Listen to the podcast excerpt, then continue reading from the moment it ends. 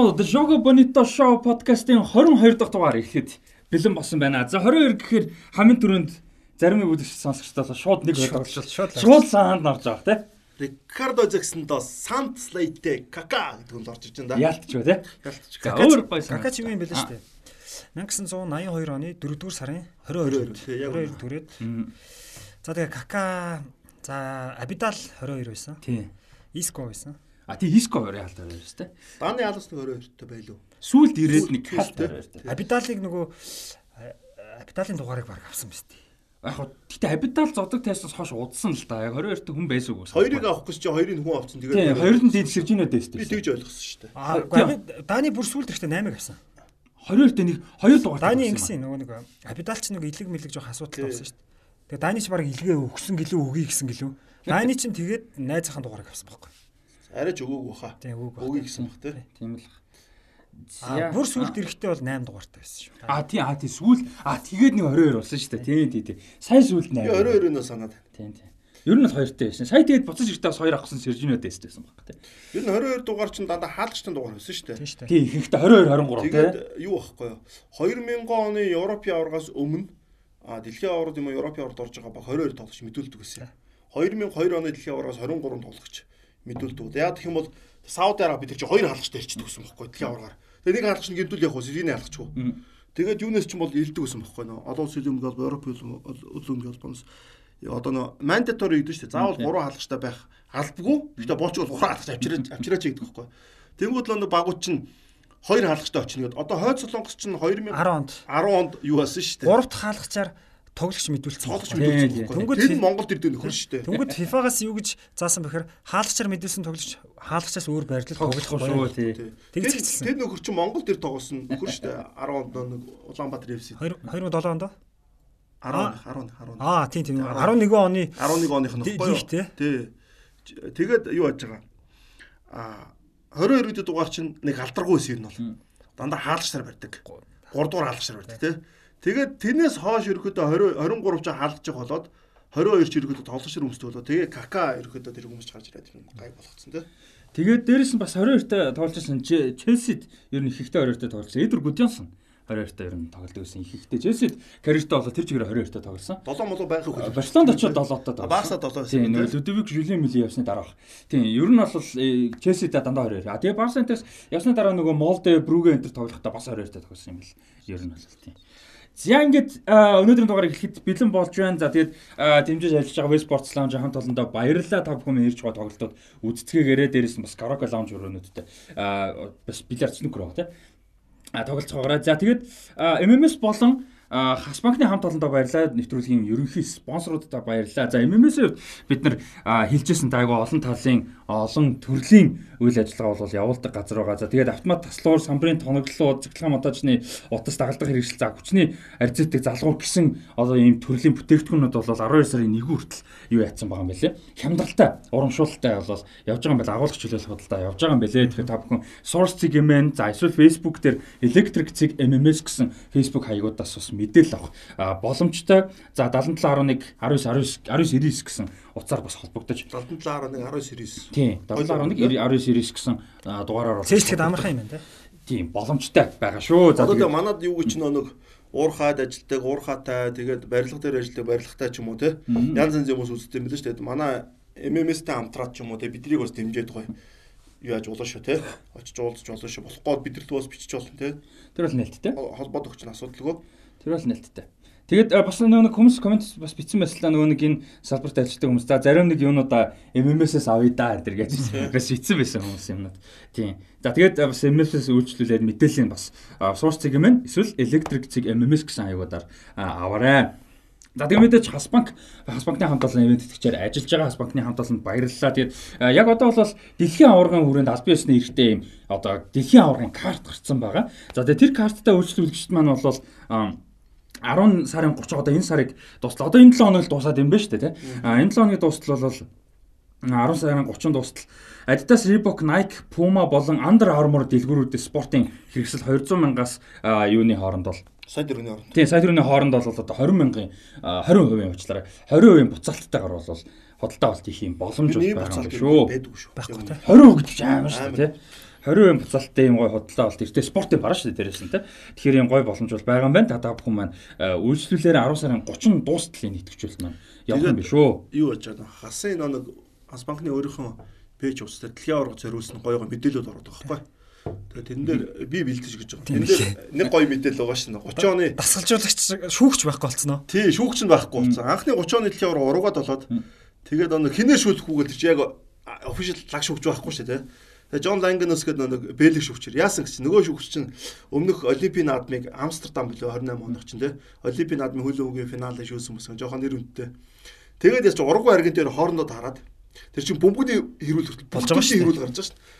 Тэгээ шүүхтэр яасан чинь нөө яг тэр тоглолтыг Монтевидод үзнэ гэгээд баг ургуучд бүгд үсчихсэн юм байна л да. Дараагийн дэж үдсэн ирээд тэгээд нөө хүмүүс чинь орох гэж 9 бусан аргасан өвчлээд шүүх чинь хуурамч өнөөлхийгээд нөө тухайн үе чинь тамга тамд гэдэг чинь хэцүү шүү дээ. Тэгээ зурчдаг те. Манай найз чөлөө нөө цуслангийн битекийг зураад цуслангийнх нь гайхдаг өссөн эрдэнтэд яагаад хоёр хүүхдүүд адилхан битек бичвэ гэдэг. Тэрнтэй адилхан нөө шүүхчийн юу зураад Тэгээ 20 нөхөр 20 нөхөр баригдаад шоронд очино. Хин жигт бүгд би жиг би жиг гэдэг нэг. Тэгээ янз янзын хэлээр яриад би бэлигээ хэлээд тэгээ. Тэгээд нөгөө тэр үчи зураг хөрөг байхгүй юм чаа. Тэгээд нөгөө тоглолт ихтгэхэд нөгөө зохион байгуулагч шүүгчээ хайсан чинь тийм шоронд баахан шүүгчлэр байна гэдэг. Тэгээ очиж нөгөө Жон Лангнаас гаргаж авч тэгээ тоглолт эхэлсэн. Амар гой гой түүхүүд бас орж ирсэн дээ. Тэгэхээр араас асуухны пэйжд аваад бас мэдээлэл аваарай те. За тэгээд итгэжүүлэлт 10 сарын 30 хүртэл 30 дуслал явж байгаа юм биш үү? Саяны хэлсэнтэй Adidas, Reebok, Nike, Puma болон Under Armour-ын дэлгүүрүүдээ судалтай болт хийгээд өнөө дүнгийн 20% буцаа авахын урамшуул бол явж байгаа. За тэгээд хэдүүлээ өнөөдөр хадугаарыг эхлүүлээ. За саяны өнгөрсөн 7 хоногт бол Европын лигийн тоглолтууд бол байгаа. Европын гэнэ аврагын лиг боёо одоо Европын хөлбөмбөгийн холбооны том тоглолтууд бол байгаагүй. А харин юу 7 хоногийн дундуур бол 2 3 том лигүүд бол тоглолт хийсэн. Тэгэхээр зарим топ лигүүд бол 2 тойрог, зарим нь 1 1 тойрог саяны өнгөрсөн 7 хугацаанд явсан байгаа. За Премьер лигээс онцлог тоглолтын шууд онцлог тоглолтуудаас тавцуун дуудаад явдаг. Тотнам хожигдсан. За Тотнам сая өчигдөр West э, юу Bucks л авчлаа. Bucks 7 оногт. Тийм. 7-8 дундор Manchester United хожигдсан. Тийм. За тэгээд Manchester United хожигдсоос сая Newcastle хожигдсан тийм. Newcastle одоо э, бүтцэний хамгийн сүүлийн тоглолт 23 30-аас. Би эхний үеийг үзээд тэгээд сүүлийн үеийг үзэж чадаагүй л те. Тэгээд эхний үедээ юу асаа? Тоттенхэм төвдөө 2-2 гараагүй. Тэгээд Skip Bentancur 900 маа гэж гарсан. Энд дээр нэг жоохон юу гарч шүү гэж харсан би нэг. Яг энэ 3 цаг тоглоогүй шүү дээ. Тий. Ер нь хой бэрээ дандаа гарч байгаа. Тэгэд 900 маа гэсэн гарааны бүртгэнд бол нэг олон гараагүй. Скипод ерөөдөө дарагдсан шүү дээ нийтдээ. Тэгж гараа. Тэгэд Emerson Royal чинь улаан утасны гимтэлтээс эргэж мэргэж ирээ. Тэгээд Tottenham тоглосон. Тэгээд Tottenham-ийн гол асуудал нь Richarlison Kulusevski-оор гимтсэн учраас сэлгээж явах асуудалтай байна. Сонг гэн хоёр л байгаа тоххой. Яг Тотнем бол тоглолтууд дээр нь гол хийж Юнайтед гол хийлүү. Хийв хоёр тийм. Таларсан шүү дээ. А Ньюкасл гол хийсэн. Гэхдээ хоёр гол алдчихад хийсэн. Тэгээд яг хамгаалтын алдаанаас болоод хаалгачийн алдаа малдаас болоод яг ихний гол мал алсан. Гэтэ энэ дээр бол би Тоттенхэмиг гэхээс илүү Ньюкасл илүү сайн байсан гэж хэлэх гээд байна л да.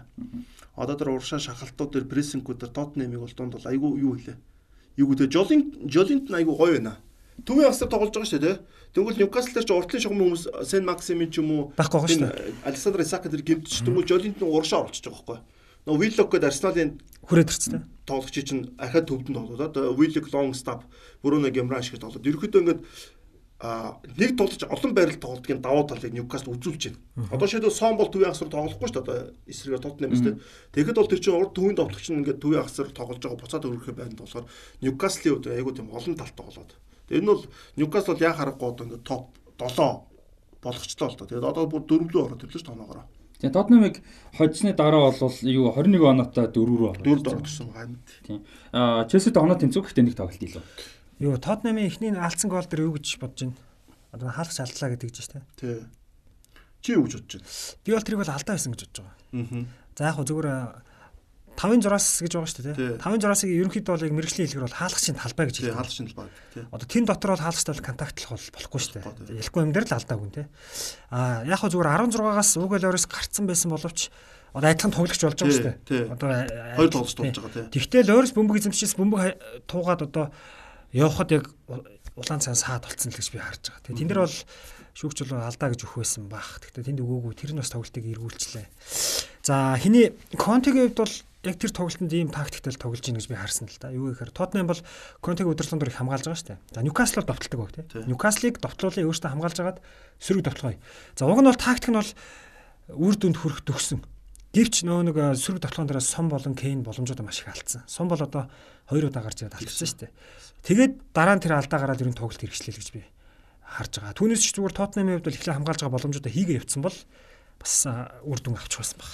Тэр гол энэ эхний үед орсон шүү дээ. Вислний бол би тэрийг болохоор хэвтээд үзчихсэн л да. Тэгээд би болохоор яг тэрийг одоо ингээд харахаар бол тухайн юу өчтөр үзэж байгаад бол юу байсан? Алдаа биш гэж харсан. Тэг алдаа биш ингээд хаалгач чи өөрийнхөө алдаанаас болоод гол орчлоод байж байгаа. Ахад ихтэлж хармаар юм байна тий. Би бол тэгж харсан. Тэгээ Тоттенхэм бол би ингэж утсан. Конте одоо ингээ топ төрөд үлдэхин л болж байгаа. Эдгэрийн хамгаалалт тоглолт. Яг зөв. Яг зөв. Аюу буруу байхгүй. Яг зөв. Яг зөв. Одоо Ньюкасл эдрийн эсрэг талбай дээр тоглож байгаа бол болж өгөл өөртөө бүхэн бицвч дотлох өөртөө ингээ юу их хэвээр байхгүй тий. Одоо санаачлалыг авах хэвээр байхгүй.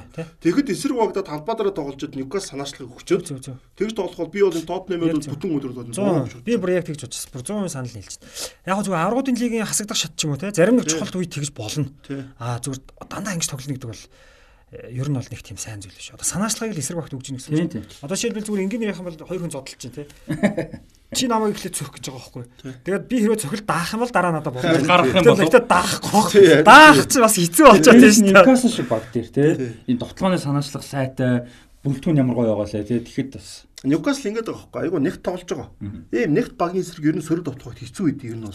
Тэрийг бол бол Конте бол мэдхийн дээр мэдж байгаа. Дээрэс нь Ньюкаслын төвийн хагасууд чинь маш сайн гүдэг асууд тахгүй юу. Одоо виллог жигүүр тогложсон. Угаасаа хурдтай. Сүрэг алтхан баг тий. Лонгстаф залуу тоглож. Угаасаа бас дажиг хурдтай сайн цогтөг. За Бруно Гемраш бол ойлгомжтой. Угаасаа Гемраш энэ тоглолч бол угаасаа өөрөө тоглохны одоо майндад болж штэ. Яг хуу хамгаалтын инстинкт жоохон муу гэж магадгүй. Гэхдээ эдгээр тамирчин чинь айгүй хурдан буцдаг байхгүй юу. Яг зөв. Айгүй хурдтай тоглошоор байгаа байхгүй юу. Тэгэхээр сүрэг алдах магадлал нь бол бага тий. Бага байхгүй юу. Дээрээс нь Ньюкаслын хоёр жигүүрийн хоёр хамгаалагч бас триплигээс тоцол бүр амар зүүн жигүүр чинь тийм гүн ордоггүй шүү дээ. Яг орн уршаага тий. Трипл яг уршаа ор тэнгүүл нөгөө төврөгөө шахав. Гурчин төврөгөө ороод 3 болчихно. 3 болчиход байгаа байхгүй. Тэгээд нэг нь үлдчихин тэгэхээр Ньюкасл руу сөрөг довтлоо явах хэцүү. Дээрээс нь Ньюкасл ойлгомжтой шүү дээ. За Сон Кейн хоёр байгаа юм чинь угаасаа илүү хүн үлдээж тоглоо. Тэгээ Ньюкаслын ямар ч тоглож ойлгож байгаа шүү дээ. Тийм шүү дээ. Тэгэхээр өрн дээр би бол энэ дэр Конте бол бүтэн өдрөл ингэ тоглол Тоттенхэм тоглож орохгүй гэж харж байна. Тэгээд одоо Тоттенхэмийн гол асуудал тийм байна шүү дээ. Одоо Почетиныг явсанаас хойш ер нь довтлогдоггүй баг болчиход байна шүү дээ. Яг үүндээ Моврино удирдаад хамгаалдаг болгосон. Тэгээд тоглогч нар бол тийм их дургүй байсан шүү дээ. Тэгээд нөгөө Кейн Мен чи явна гэдэг чинь бол ер нь бол багийн удирдлага бол бас яг тийм гоё арга барилтай Тоттенхэмыг яг тоглуулах тийм дасгалжуулагчийг авчирч чадахгүй хамгаалуулаад байгаа. Яг Контегийн хувьд нөгөө үдээс ялгаатай нь яг маш сайн хамгаалдаг гэсэн бөмбөг эзэмших үед бол сайн эзэмшдэг. Тэгтэл хамгаалдаг тий. Одоо Кейн бүр хоошоо ороод ингээд одоо бас тэр чинь нас яваад шүү дээ. Юу нь бол хүмүүс дасч штэ энэ тоглолт нэр тийм дээ. Юу нь бол дасна гэдэг чи одоо ингээд хөл өмбөг дээр сагсан дээр чи бүтэн 90 минут ингээд прессинг хийгээд тоглох юм бол эсрэг байгааг нь дасаад тэр прессингт нь бүр сан тоглодог болчдөг. Яг тэрнтэй адилхан Тоттенхэм минут болж байгаа юм чи бүхэн мэдчихэж байгаа ш. Тэгэхээр би бол Тоттенхэм бол яг том багуудын талбайд орчод хамгаалт юм байгааз. Өөрөө талбай дээр ямар ч багийг авсан юм бол тоглоод тоглож өөрсөнд илүү ашигтай болж байгаа. За Tottenham-аас United руу шилжчихье гэж бодоод энэ Tottenham United тоглолт эхний тоглолт те одоо хоёр тоглолтын эхнийх нь бол Manchester United Tottenham-ыг 2-2 хоцсон. За тэр тоглолтын дээр за тэр тоглолтын агуулгыг таяар бас нэмж яриараа United талаас нь. А тэгээ дээрэс нь тэрэн дээр нөгөө нэг хин Cristiano Ronaldo-гийн асуудал гарсан те. Сэлгээгээр орж ирээд орж ирэхээр гэсэн өөрөө сэлгээгээр орохгүй гэсэн. За тэгэл тоглолт дуусахаас өмнө шүгэлд уурхаас өмнө талбайг орхиод а тэгээд багийн тоглогчд нь хоцолдог өрөөрөө очихоос өмнө стадионыг орхиж явсан юм байлээ. За тэрийг бол одоо юу гэж үзчихээ болохгүй гэж үзчихэл Леридийн хаг бүрэлд уралд удирдлагатай ярьж одоо удирдлагын зөвшөөрлөлтөөр гэх юм уу та ерөнхий бол Роналдог одоо торгосон ч гэх юм уу те одоо саяны Челсигийн бүрэлдэхүүн Челсиг эсрэг тоглосон бүрэлдэхүүн бол байгаагүй. Нэгдүгээр тэр тоглолт United талаасаа ямар болов а тэгээ Роналдогийн асуудал дээр юу гэж бодож байна? За яг тоглолтыг бол би яг юу үзээгүй шүү. 90 минутын турш үзээгүй шүү. А Роналдогийн асуудал дээр бол Роналдо яг ингээд урд нь дийлээдсэн. Дийлээд ингэж бодсон. Гэтэ энэ бол Эрикийн аг бол би бол Тин агийн талд байгаа. Ягаад гэвэл тэр чинь баг штэ тийм үстэй нийт болж ингээд өөрөө байн гэдэг би ингээд дийлээд болохгүй. Болохгүй. Сая энэ зуны асуудлыг бид нар бүгд ярьсан шүү дээ. Тэр Таиланд тэр Таиланд дахь асуудал айгүй буруу асуудал واخгүй тийм бүдүүлэг тийм баг байгаад багтаага тийш явахгүй байна. Ямар ч одоо юу гэдэг хүндэтгэх шалтгаангүй тийм хүндэх шалтгаангүй. Австрали бас яваагүй шүү дээ. Тий. Тэгээ тэр Бангкок Австралийн үзэгч чи боо уур болсон шүү дээ. Яг тэр хүмүүс чинь Роналдог үзье гэж үзүүлж charge байгаа шүү дээ. Сайн тоглох молох нь хамаагүй тий. Роналдо гэдэг тоглогч талбайтар байгаа нь чи хараа идэг байхгүй. Тэгээ Манчестер Юнайтед клубын том давуу талгаа нэг болж явж байгаа шүү дээ. Одоо тэр чи амар ингэ шүү дээ. Манчестер Тайланд очно лөө Роналдо ирэх нь мөнгөнд төлөө. Роналдо ирэхгүй тэр хүмүүс мөнгөнд төлж авчрахгүй шүү дээ Тайландд яг үнд бол. Тийм үстэй. Тэгэхээр тэр чинь хамгийн гол юм тэнд тэрийг одоо ингээд Роналдо юу яаж яана л да. Баг угаар Эриктен агуул айгу зүв шийдвэр гараад дийлж яана л да. Одоо ингээд өөрөө бүр уучлах гоогаад бичсэн шүү дээ.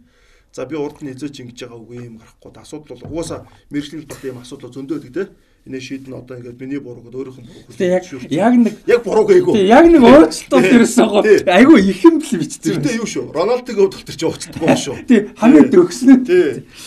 Хүмүүс хэлээд ингээд юу гэдэг тийм те ингээд Роналдо дургу анти Мориньо энэ гээд тэгээд тийм юм бол байхгүй. Тин чинь ингээд юу вэ? Роналдо дуртай дуртай явж хамаарлах байхгүй шүү дээ. Бид нар мэрэгжлийн үдээс харах хэрэгтэй байхгүй. Тэгэл ярь. Тэгэл харж байгаа шүү. Одоо тэр тоглолч ингэсэн юм аа. Би тэр тоглолт болно гэдгийг ч яг үндэ мэдээгүй байсан. Тэгээ шүн дундаг сэрээ үтсэн чинь Реал Альмерия тоглож байсан. Бараси тайлбарч. Тэгээ сууг шилсэн чинь Манчестер Юнайтед Тоттенхам яг тэг би ч гахаа ийм тоглолт болж байгаа уу гэдэг. Хуц муцсан дарж Тоттенхам ч нэг цэнхэр хувцтай. Тэгээ яг төгсгөлд яг хин 80 8 9 төгнөтөнд яг яг тэг тэрийг би үзсэн. Тэгээд одоо мань хүн одоо яаж байгаа юм бол таа гэд. Тэгээд сая манай хоёр хэллээ. Би бас яг наад өмсгтэй чинь санал нэг байгаа. Бас хэлье гэж боддог. Одоо ингээд бидний нэг юм ярингууд мэдээж Роналдо бол агуу хөл юм шүү дээ. Агуу томаас байгаа. Тэгтээ одоо ингээд бид нар ялгаас салах хэрэгтэй байхгүй. Үнэхээр Роналдог дэмжих үйдэн дэмжин. Бид нар Месси өсөн ч ингэж тийм шүү дээ. Үнэхээр одоо тэр бол одоо багийн нэг тогтсон жаяг Португал гэж байгаа шүү. Тоглогч хүн хувцал хөрөнд орох хэрэгтэй. Тоглолт дуусны дараа явах хэрэгтэй. Одоо ингээд бүх юм бас нэг тодорхой өнөөдрийн тоглолтын дээр яг тим тим хувцастай 90 шүү гэдэг нь өмнөний кодыг гаргаад өгч байгаа шүү дээ. Тэгээ тэр дагуул явах хэрэгтэй байхгүй. Тэгээ тэнд явж чадаагүй энд бол одоо тэр өмөрөх бол шалтгаан бол одоо байхгүй. Одоо бусад тоглолттой ч гэсэн ер нь л ярьж л байсан шүү дээ. Одоо Бумян тэр нөгөө тоглолтын дундуур орхиод явдаг гээл те. Гэх мэт юмнуудыг л ярьж л байсан шүү дээ. Роналдо ч өөрөө юу байсан бэлээ. Яг нь сүулт гар гисэл юм бэлээ л те. өөрөө гарахгүй гэсэн бэлээ. Тийм харин тийм сэлгээр оргсон ч байгаагүй. Тэгээ энэ бол одоо бас яг мэрэгжлийн биш чанар л да. Одоо энэ юу вэ гэхээр Яг зүгээр Роналдо өөрөө амбицтай байж болно тий. Одоо нэг бол гаруул гараанд гарна. За сэлгээр орсон ч гэсэн эрт орё гэж мэдээж хүн бол бодхол байх. За тэр бол тэр бодох нь бол яаж буруу бод чадахгүй. Тамирч үний. Гэтэ ингээд төгсгөлд орох гэхээр юм шийдэгцэн орох гээд байна гэдэг татгалзаж байгаа. Энэ бол байж болохгүй. Мэргэжлийн хөлбөмбөгчин цалин авж байгаа бол бүх зүйлийг л тасгалжуулагчийн заавар хийх ёстой.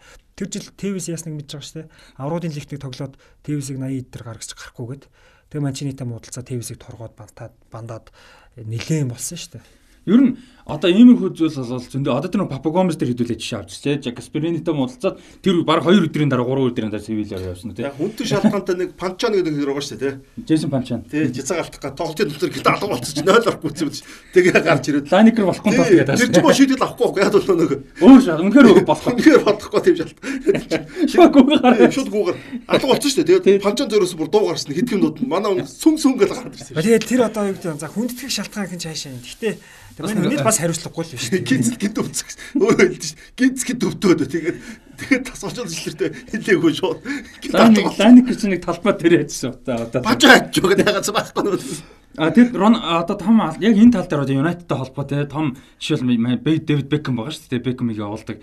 Тэр дээр бол нөгөө нэг Алекс Фергюсон хэлдэг байдаг шүү дээ. Ямар нэг тоглогч клубээсээ том болох гэдэг тэгээд тийм бол байхгүй. Фергюсон ч бүр яг хийсэн үнд нь Фергюсон ч бол орч ирээд Беккемтэй ч муудалцсан гутлж гэсэн чинь нөө гутал нь ячаад өсөрж очиод Беккемийн энэ юуг нь хөмсгийн сэтгэлээ тэгээ Беккем чинь алан талнаж босч яриад тэгээд хүмүүс солио тэгээд тэр чинь бүр урцдаг. Тийм. Хинаач Арсенал төчгдсөн шүү дээ.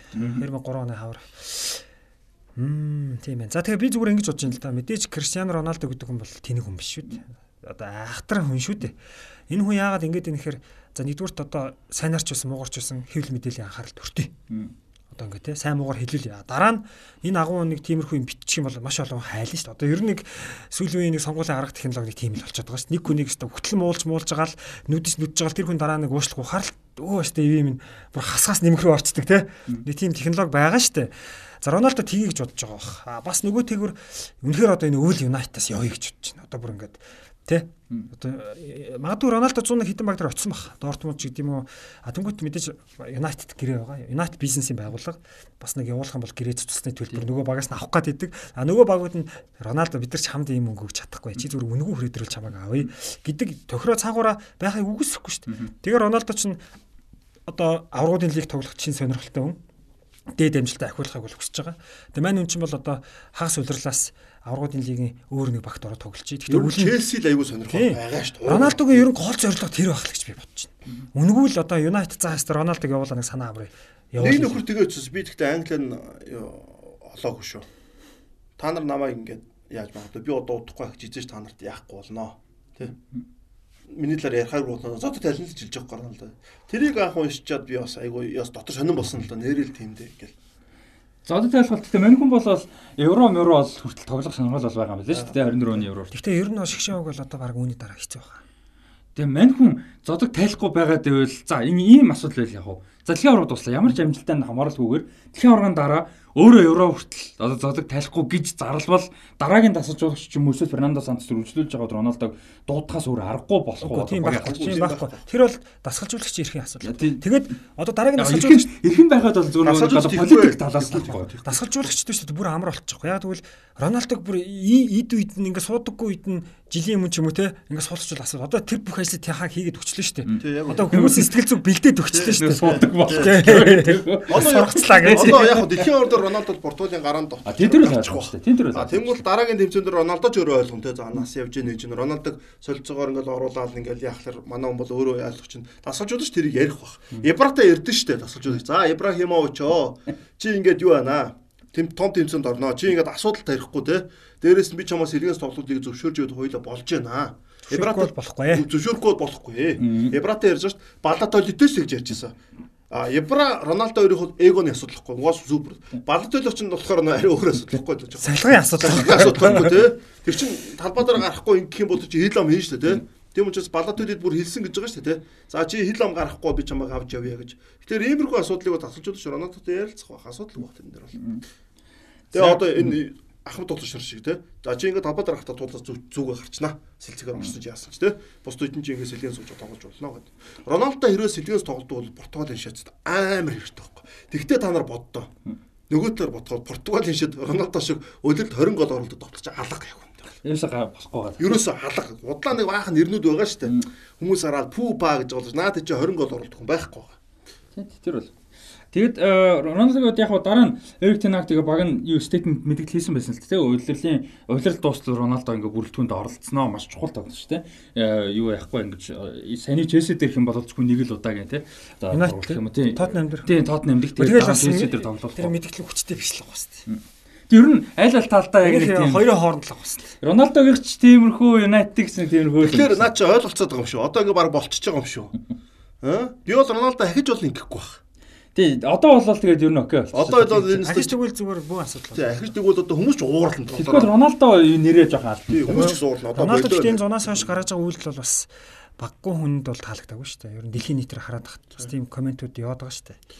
Тэгэд ялч нөгөө нэг нас нь л яригдчихээн л та. Одоо юу гэдэг 27 8 та үедээ ингэж яхад бол хүмүүс нэг тоохгүйгээр байхаас одоо 37 та юу те? Илээ 85 он шүү. 85 он шүү. Тэгээ 37 хүрч байгаа. 2 сард 37 хүрч. Тийм. Одоо ингээ удахгүй 38 хүрч байгаа хүн ийм хандлага тамирчин гаргахаар бас жоохон яг мэдээж энэ зан характерийн ачаар гайхалтай өндөртлөлт мэдээж хүрсэн үү амар чухал юм байсан. Мэдээж чухал юм. А гэхдээ мэдээж нөгөө настад настагаад бас тодорхой хэмжээний туршлага тий. Ябра чинь яг нэг 34 5 дээрээс нэг ингэсэн шүү дээ. Гэхдээ Роналдо шиг хүчтэй бичсэн. Энээс болоод Шведийн шигээс ер нь бол жоохон ер нь бол ер нь бол байсан шүү дээ. Сүүлд ингээ гайгүй болоод Ябра чинь Шведийн шиг дахиад утсан шүү дээ. Мань үн чи ер нь сүүлд буцаж Европ руу ирээд бүр гайг болсон баг. Ер нь бол Америкт одоо ойлгосон юм шиг ч юу ч хийгээд байгаа юм би гэл тээ. Тийм Америкт ингэн барин байж байгаа тий. гэж бодлоо. Миланд бол айгүй гоё шүү. Аа тэгээд United бол Tottenham-д тоглоод тэрнээс би хэдүүлээ ярьжсэн шүү дээ. Одоо ингээд Каземиро гараад эхэлнэ гэх тий. Тэгээд Tottenham-тэй хийсэн тоглолтоос ингээд Каземиро гарч ирсэн. Аа Каземиро гарч ирснээр юу байсан? Тэр чинь ингээд хүн нэг уучраа олно шүү дээ тий. Хүн юм чинь. Уучраа олд гэдэг. Яг тэр уучраа олох нь Tottenham дээр явж хагаад Челси дээр бол яг жинхэнэ юу байсан л да манай нэг тийм Реалын нэг катач занга гаргаж үзэлсэн. Тэгээд нэмэх дөрөвдөр мөргөж мөргөж оруулсан. Тэгээд Тэгээ энэ бол Каземирочийг тийм шүү дээ. Тоглолт өөрчлөлтөд тоглож байсан дээ юунд баглаа. Нэг бол цохоод хийчдэг, нэг бол мөргөөд хийчдэг тийм. Нэг бол хамгаалтаараа шийддэг. Хамгаалтаараа шийддэг тийм. Тэгсэн чинь сая Тоттенхэм дээр бол Юнайтед бол гол алдаагүй тэгэд тоглосон. Яад бодолтой. Каземиро өөрөө Реалд байхдаа эцэг байгаа бөмбөг аав гэж тоглуулж чаддаг байсан баг. Энэ тоглогч нөгөө өөртөө бид нар бөмбөг авчи. Аль аль юм чад. Реал бол хүснээр тоглолт. Тэнгүүд нөгөө огт нь Кен энэ сон хоёр багтар чинь Казимиро ойлгомжтой шүү дээ. Энэ хоёр угаасаа сөрөг довтлохын би довтлохонд нэг туслахгүйгээр энэ хоёрыг бол манай хамгаалцтай. Манай зогсчихё л гэж бодож байгаа шүү дээ. Яг л энэ тоглогч өөрөө тийм мундаг менталитет, тийм мундаг юутэй юм. Чадвартай байгаа. Тэгэл Тоттенхэм дээр тэрийг харуулж байгаа дараа нь Челси дээр өөрөө урагшаад мөргөд тоглож байгаа. За тэгээ үргэлжлүүлээ хахад лигийг Арсенал тэргүүлж байгаа өнгөрсөн тойрогт 12 дугаар тойрогт бол уул Манчестер Сититэй тоглосон. За тэр тоглолт хоёр ч удаа ер нь бол хойшилсан. Нэг нь PSG Eindhovenтэй Европа лигийн тоглолтод тааруулах гэж хойшилсан. А тэгээ сая болох хэрэгтэй байсан. Дахиад юутай холбоотой нөгөө Англи хатан Тэгээ эхлээ хатан. Эхлээ хатан лу. Дараа нь PSG. Дараа нь PSG тийм. Тэр хоёроос болоод Наад нь ч бол Сити очсон бохоо. 7-1 амарчиж байгаа юм гээд. Одоо Тийм тэгээд Арсенал бол нэг ингээд тоглолт бол юу ачиж байна л гэсэн үг тийм. Энэ тоглолт нэлээд хойшлоод юу ялж байгаа юм шиг үлээ шүү дээ. Дөрөв мөрөв сарлуу орсон гэнэ. Тиймэрхүү нэг тодорхойгүй хугацаагаар бол хойшлж байгаа. Тийм одоохондоо тодорхой. Гэхдээ нэг тийм шум яваад л нөгөө нэг хоорондоо их ойрхон тоглож магад хоёр тоглолт нь хоёулаа хариу тоглолтууд нь ойрхон. Тэр үед бол тэгтээ бас нэлээд юм шийдэгцээ байж магадгүй байхгүй. Яг энэ үед амраад идэг бол Ситигэд бол маш том давуу талчж байгаа. Тэгээ бас Арсеналыг зөвлөдөг. Яг тэгэхээр аль алинд нь л давуу тал. Бас нэг эвгүй тоглолтоо хойшлуулчлаа шүү дээ. Тий, Арсенал тий яг үнэ. Гэтэ нэг бодлын магадгүй Арсенал ийм амар гой формтой халаалттай байсан дээрээ шууд том тоглолттой үдэлцээ гэж бод байсан юм л тий. Арсенал бол яг зүгээр одоо сүүлийн үед бол тоглож жоохон аргу болж эхэлж байна. За Southampton-д тэнцсэн тий. Юу United Chelsea болцсон уу тэгээд За тийм одоо Arsenal Chelsea орчих. Дуусчих тий. Аа дуусчих. Аа United түрүү нэг United яриад байгаа болохоор дамжаад Chelsea руу орчлоо гэж бодсон хамаагүй юу? За тэгвэл өрсөлдөө ярьж орчих. Эсвэл Arsenal уу? United Chelsea-гээр дараа нь Arsenal. За За United Chelsea бол өнгөрсөн төргийн бас гол тоглолт байсан тий. За би тэр тоглолтыг бол үзлээ. Шүүн үзэж байгаа нойр хойд унтцсан байлээ. Тэгээд маргааш нь бол яг ухраагаад бүтэн үтсэн яг. За энэ бол одоо тактикийн хувьд бол бас аягүй тийм том тоглолт болж илээ. Манчестер Юнайтед Челси Челси бол 3 4 3 гэсэн хөлбөртөд гарч ирж байгаа. Байралтаа гарч ирж байгаа. За орчин үеийн хөлбөмбөгт бол ер нь зөв төгс байрлал гэж бол мэдээж байхгүй. Одоо хой тормоогоор урд тормоогоо нөхөн, урд тормоогоор хой тормоогоо нөхөн. Аль нэг хоёр байрлал нь одоо хүчтэй боллоо нэг байрлал сулардаг. Яг түүнтэй адилхан 3 4 3 гэдэг маань талбайн төвд бол үндсэндээ хоёрхан тоглогчтой болж байна гэсэн. За тэнд бол Loftus Cheek Жоржины хоёр тоглож илээ шүү дээ. А тэгвэл Манчестер Юнайтед юу гэхээр талбайн төвийн 3 хагас хамгаалагчтай. За ингээд тоглонгууд эхний үед бол яхааргүй Манчестер Юнайтед бол илүү тоглосон. Энэ тоглолт бол Челсигийн Стэнфорд Бридж сингл түрээлэнд болсон шүү дээ. За тэгээ мэрэгчлүүд бол ерөөхдөө Челсиг жоохон давмгаа мэдээж энэ хоёр баг их хүч тэнцээ ойролцоо. Гэхдээ талбай дээр болж байгаа гэдэг утгаар Челсиг жоохон давмгаалах байх гэсэн таамаг байсан боловч тоглолтын ихний үе бол Юнайтед маш том давмгай байдалд ор өнгөрсөн. За энэ юутай холбоотой гэхээр талбайн төвд Юнайтед гуруула Челси хоёлаа. Энгийн локер хэлэх юм бол. За тэгээ 35 дахь минутанд дасгалжуулагч Грэм Поттер бол үүнийг бол яг зөв мэдээд яг том нүүдэл хийсэн. Энэ юу гэхээр төвийн 3 хамгаалагч Марк Кукурея Кукуреш төвийн төвд хамгааллаа шүү дээ сая. Түүнийг суулгаад Матио Ковчич гаргаж ирж эргээд Челси яасан гэхээр дөрөв хамгаалагчтай болоод талбайн төвдөө 4 3 3 гэдэг байрлал боёд 3 хагас хамгаалагчтай болсон. За яг Ковчичийг суусны дараахан 36 минут тийм 36 минутанд орж ирсний дараа 40 минутанд нэг статистик үзүүлэлт гарч ирсэн. Энэ юу вэ гэхээр эсрэг багийн бокс буюу торгуулийн талбай дотор хэдэн удаа бөмбөг төрсөн бэ гэдэг үзүүлэлт. Челси бол Манчестер Юнайтедийн торгуулийн талбайд эхний 40 минутанд 4 удаа бөмбөг төрсөн юм байна. Манчестер Юнайтед эсрэгээрээ талбайн голд хүний давуу талтай байсан болохоор Челсигийн торгуулийн талбайд 14 удаа бөмбөг төрсөн байгаа байхгүй. Тэгээ ийм гоё стат гарч ирсэн. А гівч Ковачич орж ирснээр тоглолт шал өөрөлсөн. Эргээд одоо энэ хоёр багч эргээд 3 3 үнэтэй болж ш талбайн төвд. Гэхдээ яг үүндээ Манчестер Юнайтийн 3 хагасын нэг буюу Бруно Фернандес одоо нөгөө нэг хамгаалтандаа жоохон сул тоглолдог. За тэгэнгүүт Челси илүүрхэд гэлсэн. За одоо ингээд нэгдүгээр үед дуусах 5 минут байхад Челси зөрөөд 2 аюултай тоглох явсан. Одоо та санаж байвал нэг Стерлингийг нэг хин хамгаалж Касемеро нэг хамгаалаад унгаацсан юм шиг. Дараа нэг цохихын даваан дээр далоот хиний өмнөр үлээ гүүж орж иж ингэж бөмбөгт нь хүрээд Обамаингийн өмнөр орж идэв. Яг энэ мэтчлэн Челси нэг нүүдэл хийгээл төвдөө нэг хагас хамгаалж оруулж ирэнгүүт л давуу тоглоод эхэлж байгаа. За ингээ хоёр дахь эхэллээ. Челси давуу тоглоод эхэллээ. За тэнгуут Юнайтед одоо бас Тэн хагч бас тэнийг хүн биш шүү дээ. Бодно шүү дээ. 3 эсрэг 3 гол тоглоод байна. Бруно хамгаалахгүй байна. Тэгээ алуулаад байна. А тэнгуут Санчог суулгаад Фредиг орж ирэнгүүт Бруног зах руу гаргаж байгаа. Одоо зүүн жигүүр л. А тэнгуут Фред голд орж ирэнгүүт Фред чинь бол яг хаа тоглооны санаачлага бол сайн тоглогч бол биш. Гэхдээ мань юм чинь хамгаалтын тал дээр бол яг тэр үеэс ингээ Юнайтед бас яг одоо юу гэдэг Челси Юнайтед бол нэг алуулах нь багасаад ингээд жоохон дөгж тоглож эхэлсэн. Яг ингээд дасгалжуулагч нар бол энэ тоглолтод бол яг л нүүдлүүд л хийгээд эхэлсэн. Тэрийг бол би аягүй их анзаарах үл хичээсэн. Нэс гоё анализ байлаа. Тэгээд төгсгөлт нь хоёр галарч тэ. Аа Жоржиньо пенальт зөхөж хийгээд нандлаад тэгээд Касемиро эрдэр нэмэх төрөдөр мөрөстэй. Тэр одоо пенальт бол яа харахгүй пенальт байсан. Мактоминой бол яа харахгүй онгоц онгоц. Үгүй тэр бас арай л одоо бас тэнэг үлээ тэр бол мэдээж яг тэрх барих юм байна. Гэтэ тэр чинь бас улаан цай болчих жоох байхгүй тэр. Улаан цай шүүгчийн нүдэн дээр 10 тур тэрврээд 2 3 секунд гүйчих жоох байхгүй тэр чинь тий. Шүүгч бүр ваарч үзэхгүй шүү дээ. Тэр дээр гэхдээ Мактомино бараа цуггүй бол барах хэмчаар л байсан юм шүү дээ. Нэг сүудтэй оцорооргүйсэн шүү дээ тий. Брой дээр. Тий. За нэрээ шүүгчийн ар вар гэснээс толгой маш ирсэн байсан. Австралийн лиг юу яаж эхэлж байгаа юм бэлээ? Нөгөө шүүгчд вар шийдвэр гаргадаг штэ тий. Янз бүрийн алдаанууд дээр, янз бүрийн юм дээр. Тэгээ тэр яриаг одоо тоглолтын дараа одоо үзэгчдэд зориулж цацаж эхэлж байгаа. Зөв, ёстой зөв. Нөө тэрийг хэдүүлээ өмнө нэг нэлээд хэдэн дугаараа өмнө ярьсан шүү дээ. Тэрийг нөгөө яригдж байгаа гэдэг нөгөө шүүгчдийн холбоо хоорондоо ярьж байгаа. Тэр бол одоо яг ямар шийдвэрт яагаад үр дүнд тийм үр дүнд шийдвэр төрж байгаа юм бэ гэдгийг ярьж байгаа нь их гоё сонирхолтой. За наач үнэхээр гоё. Би сонсоогүй. Гэхдээ би бол төсөөлж байна. Одоо ингээд нэг хэдэн жилийн өмнө улсын баяр наадам болоод маа нэг телевизэд нэг засуулаад нэг гарын та засуулаад нөгөө нэг микрофон зоочихсан. Тэгээд тэгээ авар гарчлангуй ч унчаал маргалтаал хэрэлтэл үнэн бүр класс байсан шүү дээ. Бүр нэг чих дэлтийгээд яг яг тийм болсон байх гэж бодож байна. Наачид тэгсэн шүү дээ. Засуулаад чигээл янз янз барьд юм байл л да. Микрофон зүүч мангар соёл ээлд болчих гэж ерөөсөө ярьж. Хүнээс юу зов асахтаа гойж муугаал те. Ингэчгүй найцаа юм. Яа урд нь өөр байсан гэдэг байхгүй юу.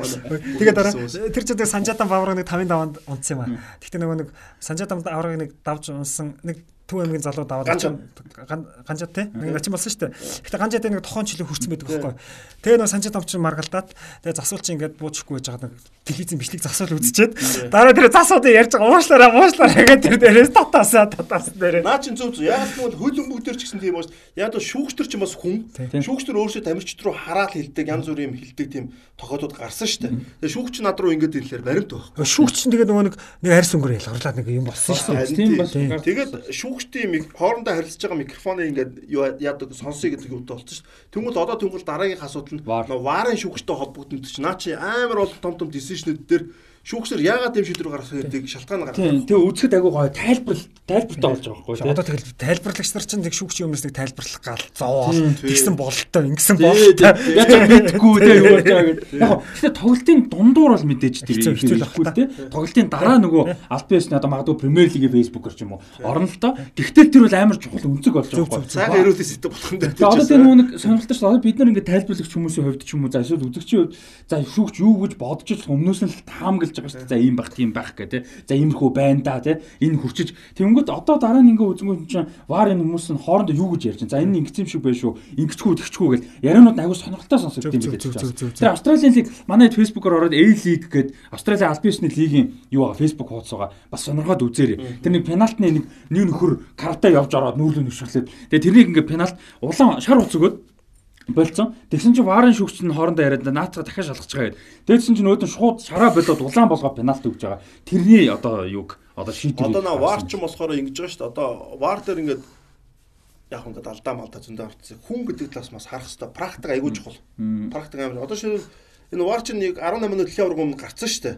Шүүгчдээ маш хурдан сургалтанд суулгаа баг практикгүй шахуу хэдэн практикт оролцсон үзүүлээд оруулсан. Тэр дэлхийн авраг хэдэн пенальт гарлаа баг 20 хэдэн өмнөх дэлхийн аваргын одоо торгуулийн цогцолт бүгдийг нийлүүлсэн шиг л бүгдийг нийлүүлсэн шиг болж байгаа хөөхгүй. Сүүлийн баг 98 оноос хойш маш чухал тий. Мангар пенальт гарцсан. Тэгээд сая Европын аваргад пенальт багтаасан байхгүй. Дэлхийн аваргад болж байгаа. Практикта. Яг л тэр шүүгчнэр чинь бид нар ингээл гадаа сараалаа өө эдгэр чи олон жил юусэн ингэж байгаа бол тэр чинь маш өндөр темптэй тоглолцоо юу дэлхийн нийтээр үзэж байгаа тоглолтод тэр хүн барьцаалдсан шүү дээ. Тэнгүүд барьцаалдан бол вар дээр барьцаалж байгаа хөөхгүй. Тэнгүүд 20 сая өнгөрсөн жилийн анч бүтээрийн тайлбарлалтад Европын орчин бол вар харж байгаа гэсэн 11 нь баг байсан. Шүүгчсэндөө вартагаа харилцаа сурцсан. Яаха мэддэг болсон. Өмнөдөр ч юм бол айгүй хэцүүс дэлхийн ордор ч тийм. Юм л бол зогсоогоо. Юм л бол зогсоогоод ерөөсөө шүүгчтэр шиг практик готосон. Тэгээ нөө нэг хэрэглэх юм аа хизээ нь хэрэглүүл зүгээр хизээ нь яах вэ гэдэг процесс бас. Процесс мэддэг. Дээрээс нь чи шүүлтэй асуудал واخхой. Гар бие түрээд ингэж хүрэх ойрхон бол одоо ингэ нэгэд амар олон төр зарим шүүгчдэр тэн дээр ингэ манараад тухайн үед хэцүүлтэй. Шин дүрмэн дээр манарсан уу яасан уу адилхан процесс төр өгөхгүй тохиол гарсан шүү дээ. Тэрнээс болоод айгүй хэрүүл гарсан байхгүй. Тэгээ Португал, Испани дээр сүүлийн эсгийн тоглолтууд дээр Монако 2-2 дээр бүх хоёр бол тий. 11 биш байсан мөн байсан ингээ гарчиж байгаа бомб нь. Ингэж хүрээд ингээ гарч байгаа хүмүүс гар урц. Тэнгүүд өмнө нь яг тэр тохиол дээр 11 өгцөн байгаа байхгүй гараад. Тэгээд энэ дээр бас бид нар тэр талаас бас харах хэрэгтэй болов шүү дээ байхгүй. Тэгээ шүүгчдэрийг буруутгаад байгаа хэдий боловч зарим шүүгчнөр бол яг үүндээ вааргуу тэмцээ шүтж хагаад ваарта тоглолтод орж байгаа шүү дээ. Тийм шүү дээ. Премьер лигийн 2 дугаар дивизионыг шүтж байгаа шүү дээ. Чемпионшип шүтэнд ваар waахгүй байх гэж би бодож байна. Тэр шүтж байгаа премьер лиг дээр гараад ирэх ваарта болцсон. Тэгэхээр тийм асуудлууд бас гараад байгаа юм. Тэгээд амжилттай болж байгаа нь зөв л дөө. Тэр өстэй нөгөө юу талаас үзэгч талаас бас давхар сонирхолтой ч болж байгаа юм тий. За тэгээд за сая Челсиг Тотнамыг биш Юнайтедыг яриад болсон тий. Арсеналыг үргэлжлүүлээ ярих уу? За Арсеналыг үзнэ үү? Арсенал юу? Саутгемптондээс Саутгемптондээс тоглолт үзсэн 3 дахь юудад тоглолоо. А PSV Айдхандад тоглосон. Тэрийг бол үзээгүй шүү. Тэн дээр 1-0 хоцсон. Тэгээ би бодчихлаа. Арсеналч яг л нэг үр дүнгээ авч эхэллээ тий. А Саутгемптон Саутгемптонтэй хийсэн тоглолт ингэсэн. А тоглолтын ихний 20 минут бол Арсенал бол нүдсэн. Зөв нүдсэн. Саутгемптон угаас Саутгемптон талбай штэ. Тэгээ би тэр тоглолтын тэр ихний 20 минутыг үзчихэд за Арсенал бол угаасаа тоглолтын хувьд сэтгэл зүйн хувьд ч бүх юмараа энэ бол яг топ зэрэглэн болцсон байна гэж харсан бөмбөг эзэмшил, живүүрийн тоглолт. Ерөөсө Саутгемптийн урагшаагаас хөрөд товтгонч оруулахгүйсэн. Айгуу сан юу ажиллаа. Төв байхсаар ажиллаж илээ. Тэгээд гол оруулж аваад энэ Бен Вайтийн дамжуулалтаар хин хийж байгаа штэ. Жака. Жака хийж байгаа штэ. Жака бүр солгоо баруунаараа цөмцгсөн. Тэгээд тэрнээс хойш тоглолт нэг жоох нэг юу тавирч гисэн. Арсенал жоохон хамгаалаа. Айгу зөв тоглож байгаа. Жоохон хамгаалаад. Тэгвэл Арсенал ахаал дотоод хүмүүс нэг сүрэг халт дуусах хгүй. Би тэгтээ тэгж бодож байна заяа. Би бол тэн дээр бол Арсеналыг жоох алдаа гаргацсан л гэж бодож байна. Юу гэхээр Арсенал ихнийг бол хийчлээ шүү дээ. Тэгээ жоохон суларцсан нэргээ Саутанд Хамптонд жоохон боломж өгсөн бол. Арсенал тэн дээрээ жоохон явчихсан болов гэж би бодод. Би бол ингэж харсан дэрэг. Эхний үе дээр яг хөө тэгж хамгаал дууссан шүү дээ. Тэгвсө хоёроос арай өөр эхлүүл. Хоёроос ахаад нэг тоглох маягтай хэлэхгүй. Хоёроо бас тэгэл явцсан. Яг нэгдүгээр үе дуусаад хоёрдугаар үеийн темп нь А нэгдүгээр энэ төгсгөлийн дэв нь 20 дугаар үед орчингоо Саутгемптончнүүдэд эхэлсэн. Тэгээд л одоо юу гэдэг энэ нэг гол гэдэг бол баталгаа биш. Тэгээд эсрэг багтаад одоо жоохон туршлага тутслаа л гэж би бодож байна. Энэ бол тий. Тасгалжуулагч. Би бол ингэж харсан ш. Нэгдүгээр үе дээр ингээд за нэг нөөс хадгалаад дуусчих шүү дээ. За тэнгуүтээ хоёрдугаар эхлэнгүүд яг нөгөө Саутгемптон ахаад нөгөө Арсеналыг нүд айгу эртөө байгаа хгүй чи. Англи дэлхийн авар дээр тэгсэн шүү дээ. Эхнийг болыг 3 томьёолд хийжтэй шүү дээ. Итали дээр. Трипер тий. Тэгээд суугаад эхэлдэг байхгүй. Тэгээд заяа битүүр ярьжсэн шүү. За ингээ эрт суuna гэдэг чинь 3 шүү. Евро дээр шүү дээ. Еврогийн финал дээр. Тэгээд сүулдэ шүү дээ. Тэр гэхдээ ингэсэндээ бүр 20-оос илүү суугаад ирсэн тий. Тэгсэн тэгсэн тэгсэн. Тэгсэн чи яг тэрэн дээр англи өмнөд тоглолтын дээр дайн дээр яг нь алдаа гаргасан байхгүй. Дайн дээр нэг гिचээ суугаад дайн нүдэд эхэлдэг байхгүй. Гэхдээ дайн хийдэг байхгүй.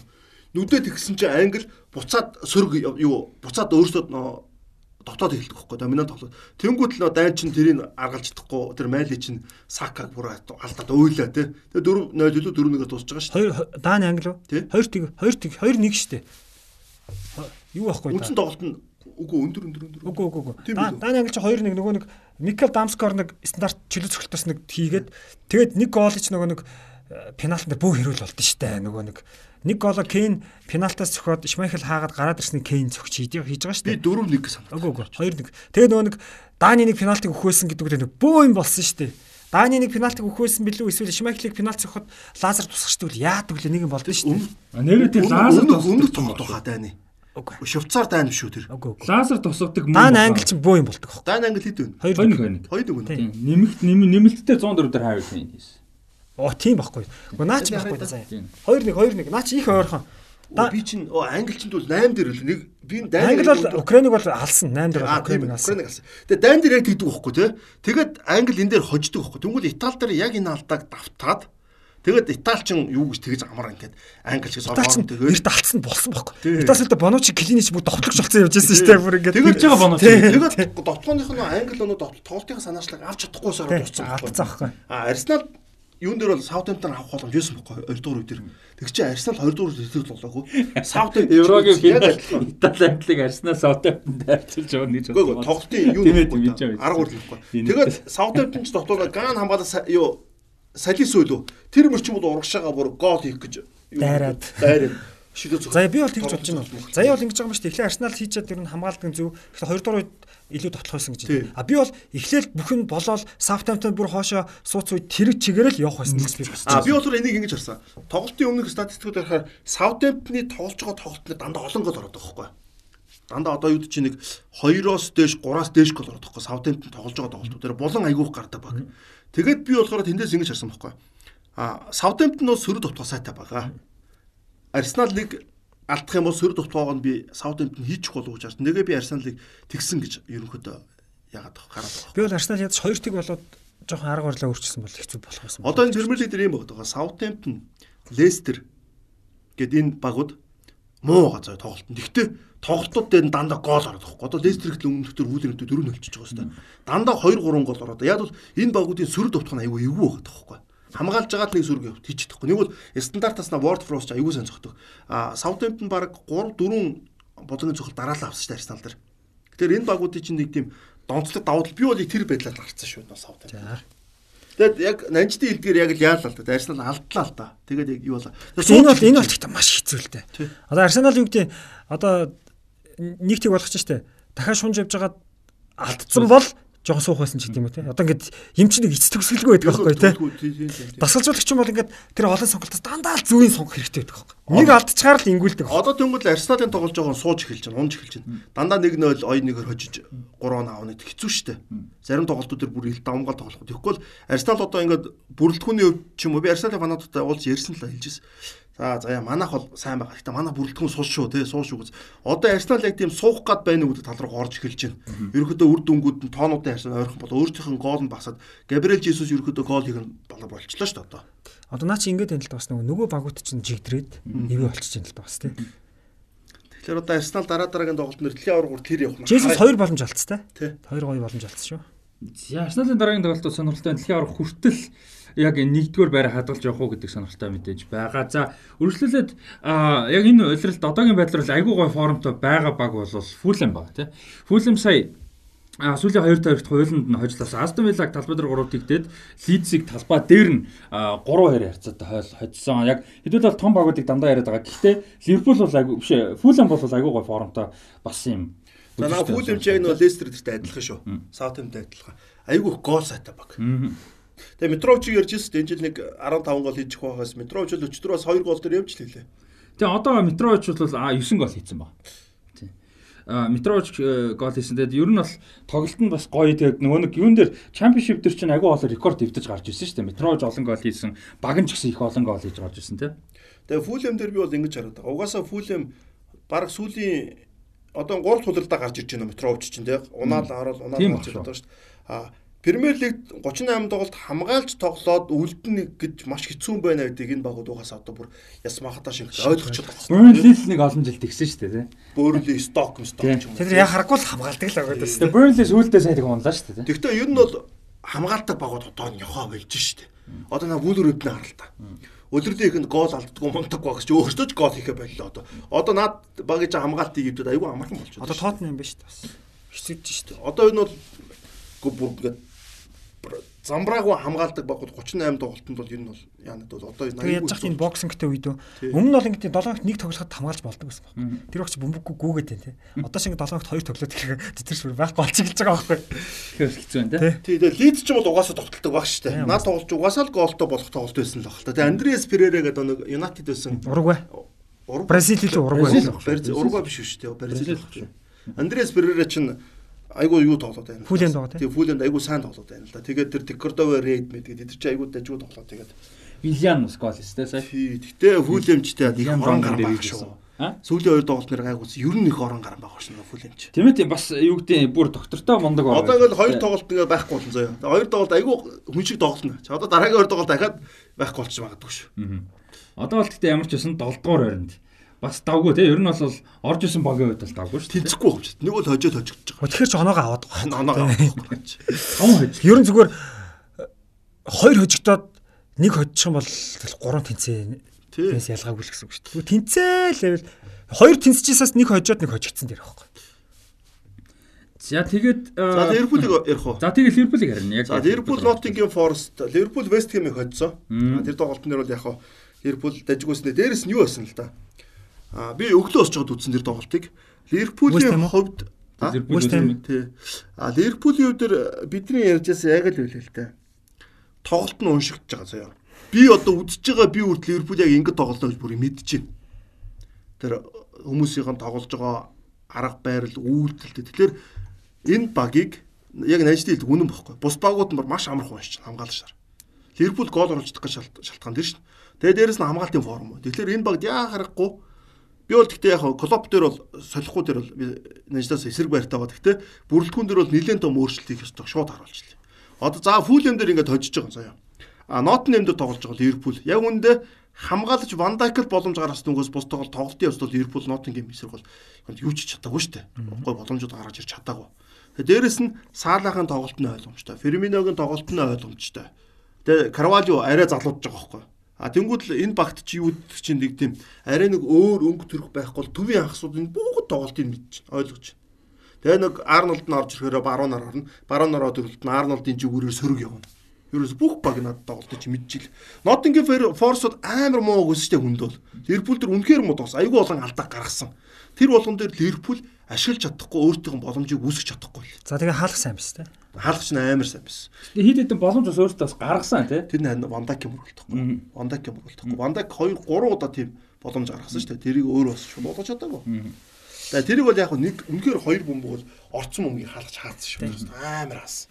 Тийм тийм хандсан тий.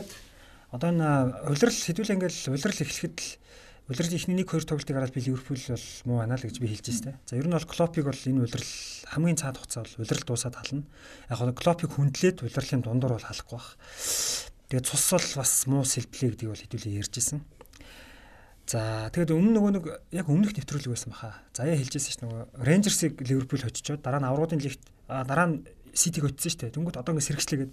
Тэгэхээр би үгүй гэдгсэн ш нь Үнэхээр Ситидээ том тоглолт байсан болохоор л нөхдүүд өөрийгөө шавхаж байгаа. Түүнээс яг л нэг ийм баг. Яг л ийм байдал бол харагдаж байгаа. А яг хөө нэг зөвтгөх шалтгаан бэрт гэмтэл амир. Дасгалжуулагч ямар сонголт алга юм бэ? Ливерпулд бол. Тэгвэл одоо зүгээр ийм л байгаа л да. Яг хөө Ливерпул бэртлэгэмтэл ихтэй мэдээж хамгийн хэцүү зүйл. Тийм байгаад одоо юу гэдэг аврагын лиг авч чадахгүй ч юм уу Премьер лиг том мөршөлдөгч хожигдж болно зүгээр. Нотингемийг хожих хэрэгтэй. Нотингемийг л хожих хэрэгтэй байхгүй. Нотингемийг л хожих хэрэгтэй байхгүй. Тэгээ тэр тоглолтын Нотингемийн гол бол бас зөв орсон. Тэр юу гэхээр та бичлэгээ бас үзээрэй. Яг бүр ингээ яг шатар тоглоод байна.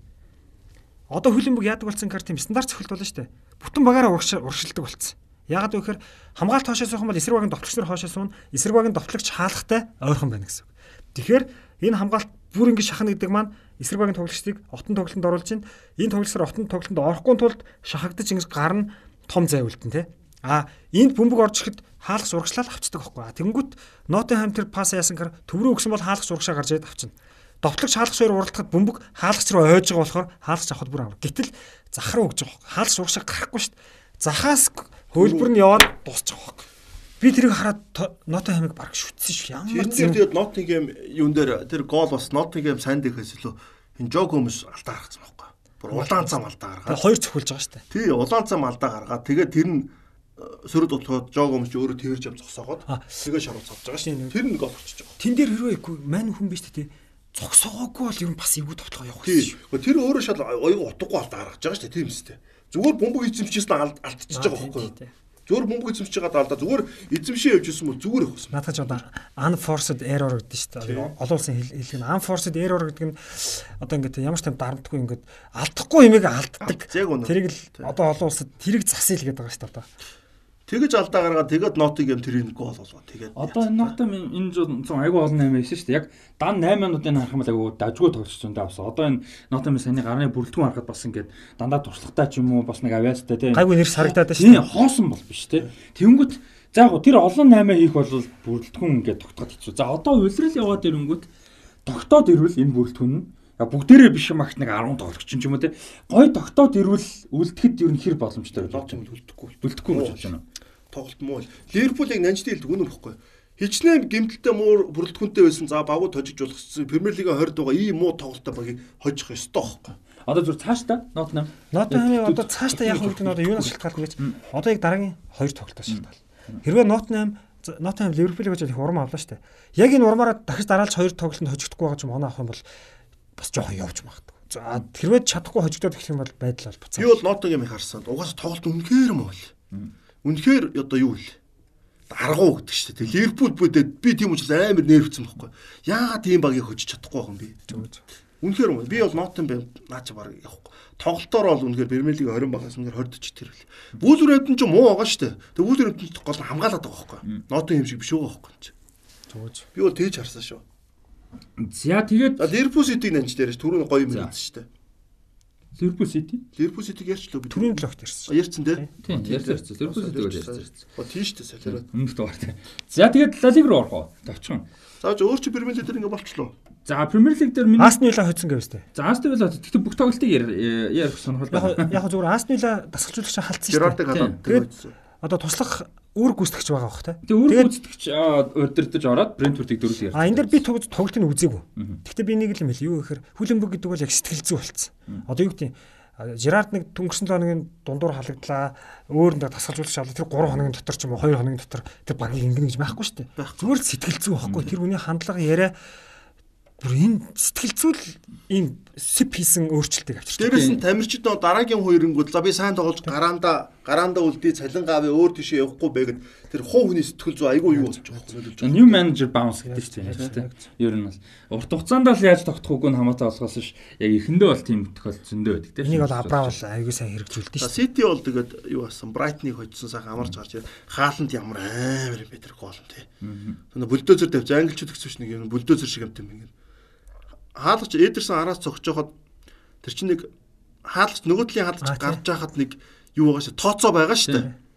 За энэ бөмбөгөрөө дэгнэхэд тэр тооцооноос нь хурдан байгаа хөөхгүй тэр хүн. Тий. Тэгээд урдууд нь ороод тэр чинь хөлөөрөж бүр ингээд хүн чинь хөлөөрөө ингэж аваад гэдэг чинь бол ингээд ам улц авч байгаа шүү дээ толгоогоороо ч юм уу. Тэгэхэд өө хаас биэрээ ингээд хаад бүр ингээд хаалгач тэрийг тооцож чадахгүй. Яг тэгэхээр тэр тоглож тийм өндөр мөртлөө айгүй хурдан байна. Тэгээд хурдан мөртлөө гараад ирэнгүүт хамгаалагчтай тулгаад хамгаалагчд өсрөө өвчөж байгаа шүү Тий. Webster Websterтэй мөрөглөө дээ. тий. Тий бас эвгүй эвгүй малч Премьер лиг хамж аваад тэгээд ерөөсөө Тэр тоглолт ихний үеийг би үзсэн. Тэгээ тэн дээр ийм зүйл болсон нөгөө а, юу бол Брайтон шүү дээ тий. А Брайтонтой тоглоо. Брайтон утгатай аягүй зөвүүн тоглолч. Юу гэхээр Брайтон бол Ситиг бүр улаан цаа шахахгүй. Гэхдээ бүр хойноо суухгүй. А Брайтон яаж нэхэр талбайн дунд хэсэгт бөөм бэл. Бөө.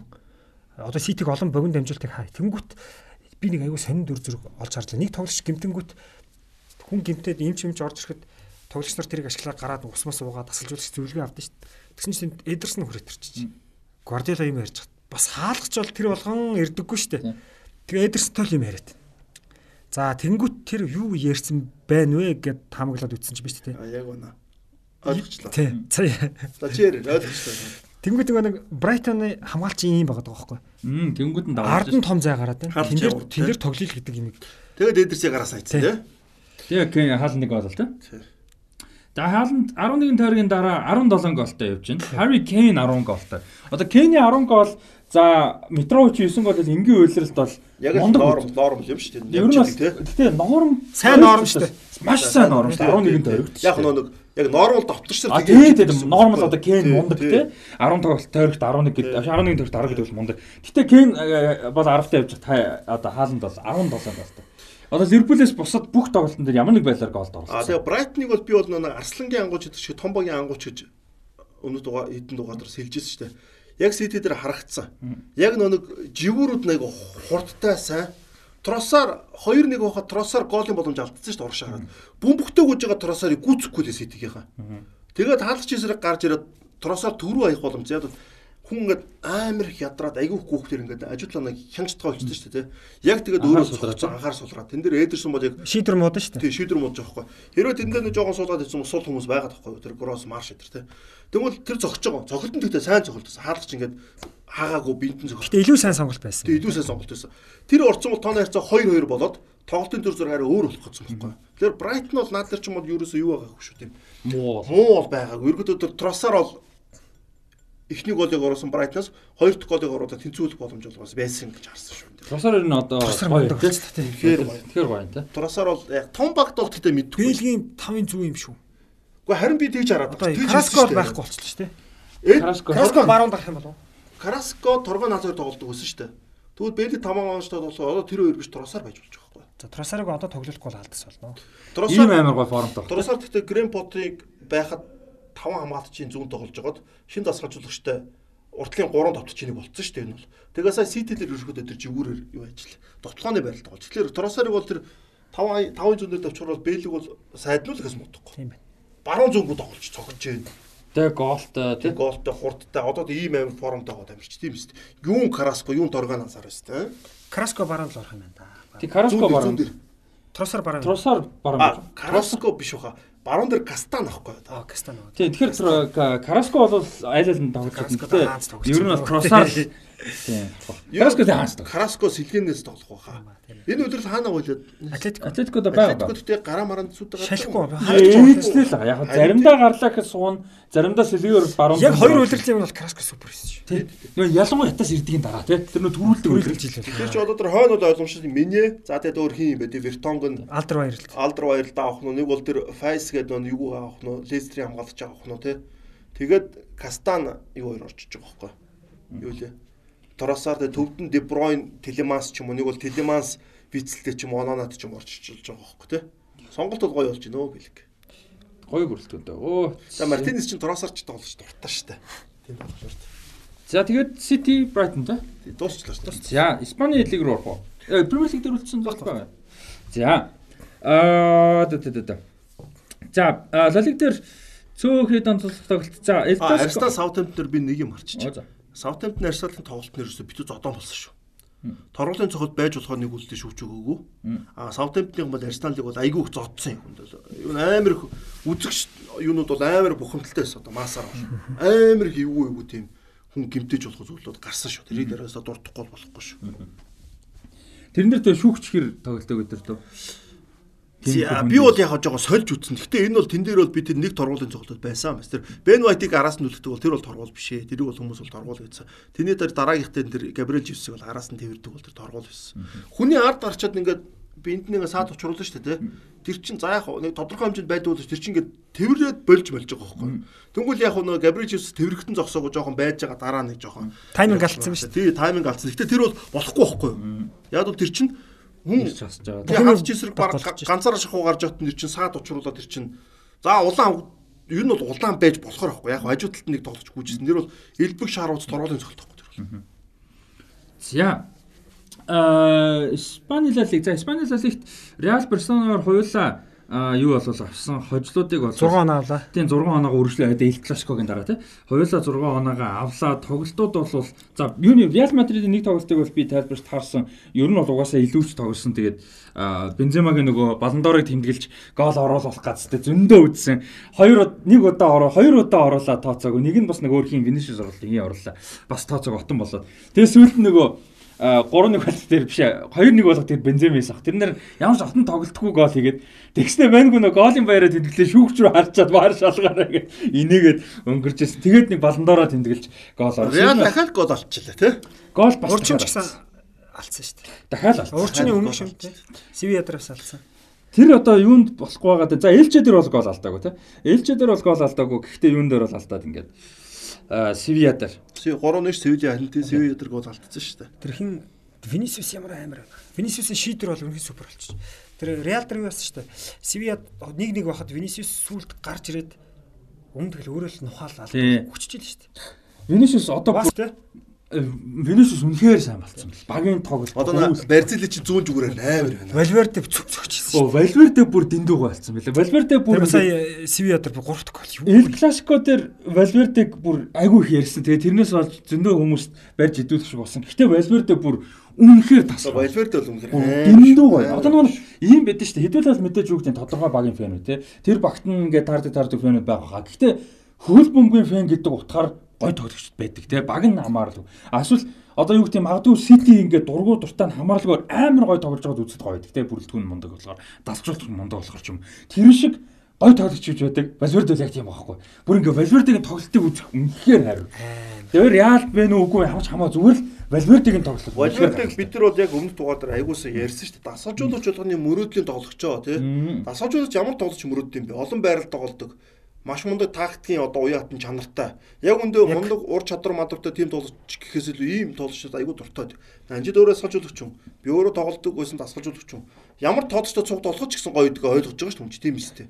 Валверде энэ ихгүй. Ямар ч өндөр түвшинд очиж тоглосон шууд юу юу байна. Ойлголцол шууд яв. Тийм. Шууд уусаад багийг өргөж тэ. Тийм байгаа. Тэгээ хоёр тоглолт дараалаад сая ингээд э, юу аачлаа. Тэгээ ийм тоглож цогтдог байх гэхэлэр амар тий. Деброн шиг байгаа байхгүй тий. Гол. Ер нь Дебройн харагдах гэдэг шүү. Харин тий. Яг Деброн шиг би он сүүл тэгж яриад байгаа. Деброн шиг байгаад байхгүй надад өгч. Гурван тоглолт дараалаад голт. Баруун солоогүй зөвхөн. Сая одоо Элче дээр болоо солоороо зөксөж зүүн хөлөөр зөксөн шүү дээ. Яг тэгээ дээрс нь тэр нэг тийм гой тухтай зохил бас биш ч ойгоод гинт ирж байгаа. Тэгэл тогтоогоол шууд зүүнээрээ зогсож байгаа. Эл классико дээр хийдэг гол нь бол 5.5% шанстай. Тийм. Тэгээд нөгөө нэг маш хурдтай л цохгүй бол Яг хамгаалж ирж. нэг тогтоогоол бүр ингээд яг байж болох хамгийн төгс гүйцэтгэл үзүүлж байгаа. Жохон удацсан бол тэгэл хаалтанд орох юм шүү. Сая Анчлоти гэж яг сая нөгөө нэг бас өнгөрсөн 7 оны би комментэд уншижсэн л та. Тэсэн ч бас ирсэн нөгөө Эл Классикод ингээд Реал Мадрид очиод байхад Реалыг ярьсангүй гэдэг яг э, яг яриад л ярьсан зүгээр тэрсэн яриаг санагдаж магадгүй. Гэтэ сая Анчлоти тэгсэн байсан л да. Энэ баг Реал Мадридын бүрэлдэхүүн миний амьдралдаа тасалж байсан хамгийн гоё бүрэлдэхүүнүүдийн нэг гэж бол ярьсан бэ лээ. Тэгээ тэрийг бас ойлгож болохоор яг мэдээж нөгөө классик гайхалтай Милан энэ байгаа л да. Гэхдээ яг үнэхээр гоё байхгүй яг тоглолтын нэг үзгээр нэг тийм юу ч заавал том тоглолт болгоныг нь биш зүгээр жижиг тоглолт дээр ээлжээ гэдэг чинь сая CV яг хөө CV жижиг баг биш ч гэсэн.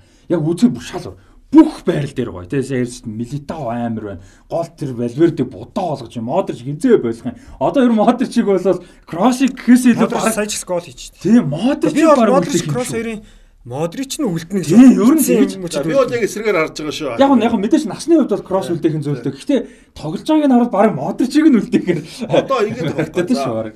Анчлотог энэ төр хэлж байгаа хоёр шалтгаантай гэж харж байна. Нэгдүгürt бол яг нөө одоо байгаа бага ингээд нэг гоё Урамшуул. урамшуулаа тий. Тэгээ дээрэс нь хүн чинь ерөнхийдөө ингээд хоёр говьны бас одоо байгаа юмдаа бас ингээд сэтгэл хөдлөрөө Илүү илүү шүү дээ. Илүү ойр. очих гадаад тий. Яг бодохоор өөртөө а тэр нь ч гайгүйсэн. Яг сэтгэл хөдлөрөө. Хоёрдугаарт Реал юм байгаа тоххой. А би бол тухайн үе Миланыг бол нанж гуруулаад айгүй хүздэг ус бүр тайлбарлаж байсан тий. Тэр үе Милан ингээд яг ингээд зарим тоглолчтой байрлал ингээд дедикэт зориулагдсан байрандаар тоглолдог Тий. ус ихгүй юу? Одоо Какао л яг найруулал дээрээ тэр тэр тий. Одоо Реал чинь энэ тоглогч нар чинь айгүй олон байрал тоглолдог. Хувирж шүү. Хувирдод тоглогч нар ихтэй. Тэгээд хувир хувирахаараа тэр байранда мууддаг.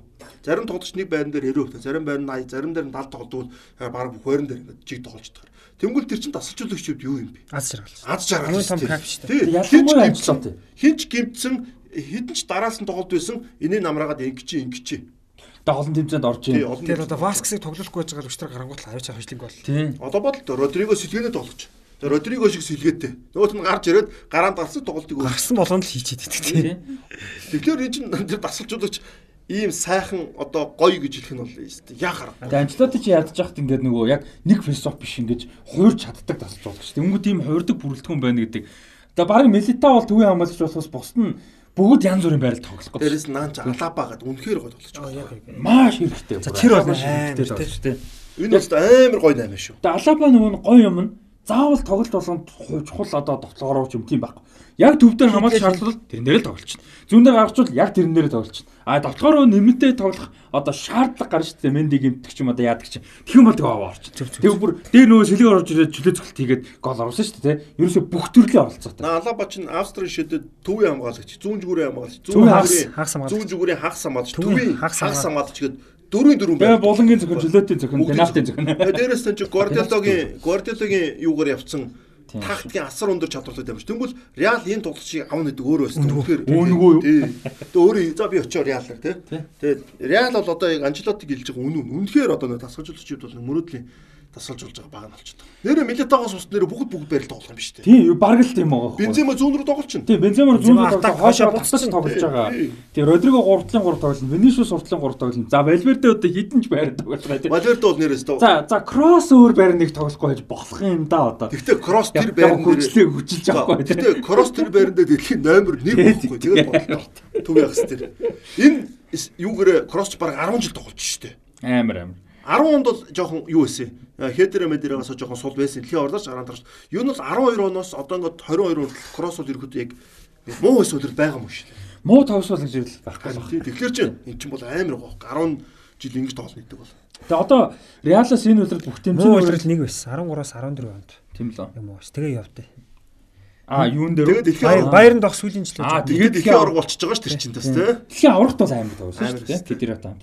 Аа за тэгээд э, юунаас Реал Мадридаас бол Бензема 6 голтой Винишиус Валверде 2 7 голтой. Тэгэхээр Валверде ямар амар оролцоотой байгаа юм чинь. хагас хамгаалагч гэж байна. Тий хагас хамгаалагч байж. Би буруу шүү. 10 онд чинь кросс гараанд гараагүй сте. 10 онд л гараагүй хаа. Шваш тагэр хэдэрэ Аа яг үнэ. Шваш Үзил- үзил шүү дээ. Харин зөв зөв зөв бодож. Гинт эргэлзлээ л дээ. Юу илээгээд. За Барселона Классикоос хойш хоёр тоглолтод оролцсон хойлонд нь хожлоо. үзлээ. Уу амар сонь тоглолтууд боллоо. Би одоо тэр Барса юуээр тоглож байгаа байхгүй юу? Барса Виарал хоёр тоглож байгаа байхгүй 7 хоногийн дундуур. Тэгээд бас нэг тоглолт энд болчихсон. Ингээд олон сууг сольж үзэж айгүй төгт ингээд солиод байгаа байхгүй. Тэгээд Барса ингээд жоохон явуулж байгаад хаяад ингэж 3-0 болчих. Тэгээд тэрээ ухраагаад үзчих Барса зүгээр бөмбөгтэй хийчлаа. Өөр чин Рома юу хоёр тоглож байна? Наполи хоёр. Наполи. Тэгсэн чинь энд Барса юу хоёр тоглож байна? Атлетик Билбао. За ингээ Барсаг аваа үзэж байгаад нэг ишээ солиод буцаа ингээс 3 0. За нанж төцөхгүй нэг 3 гол ичтэй гэж байгаа шүү. Тий. За Виарал дээр бол 39-с 38 гээд 7 минутын дотор 3 гол хийгээд за тэр дүнгээрээ дууссан байна. За Атлетик Билбао дээр бол 22-оос биш 12-оос 22 гээд 10 минутын дотор 10. Харин тоглолт эхлээд 3 орчих шиг болсон тийм. Тийм байна.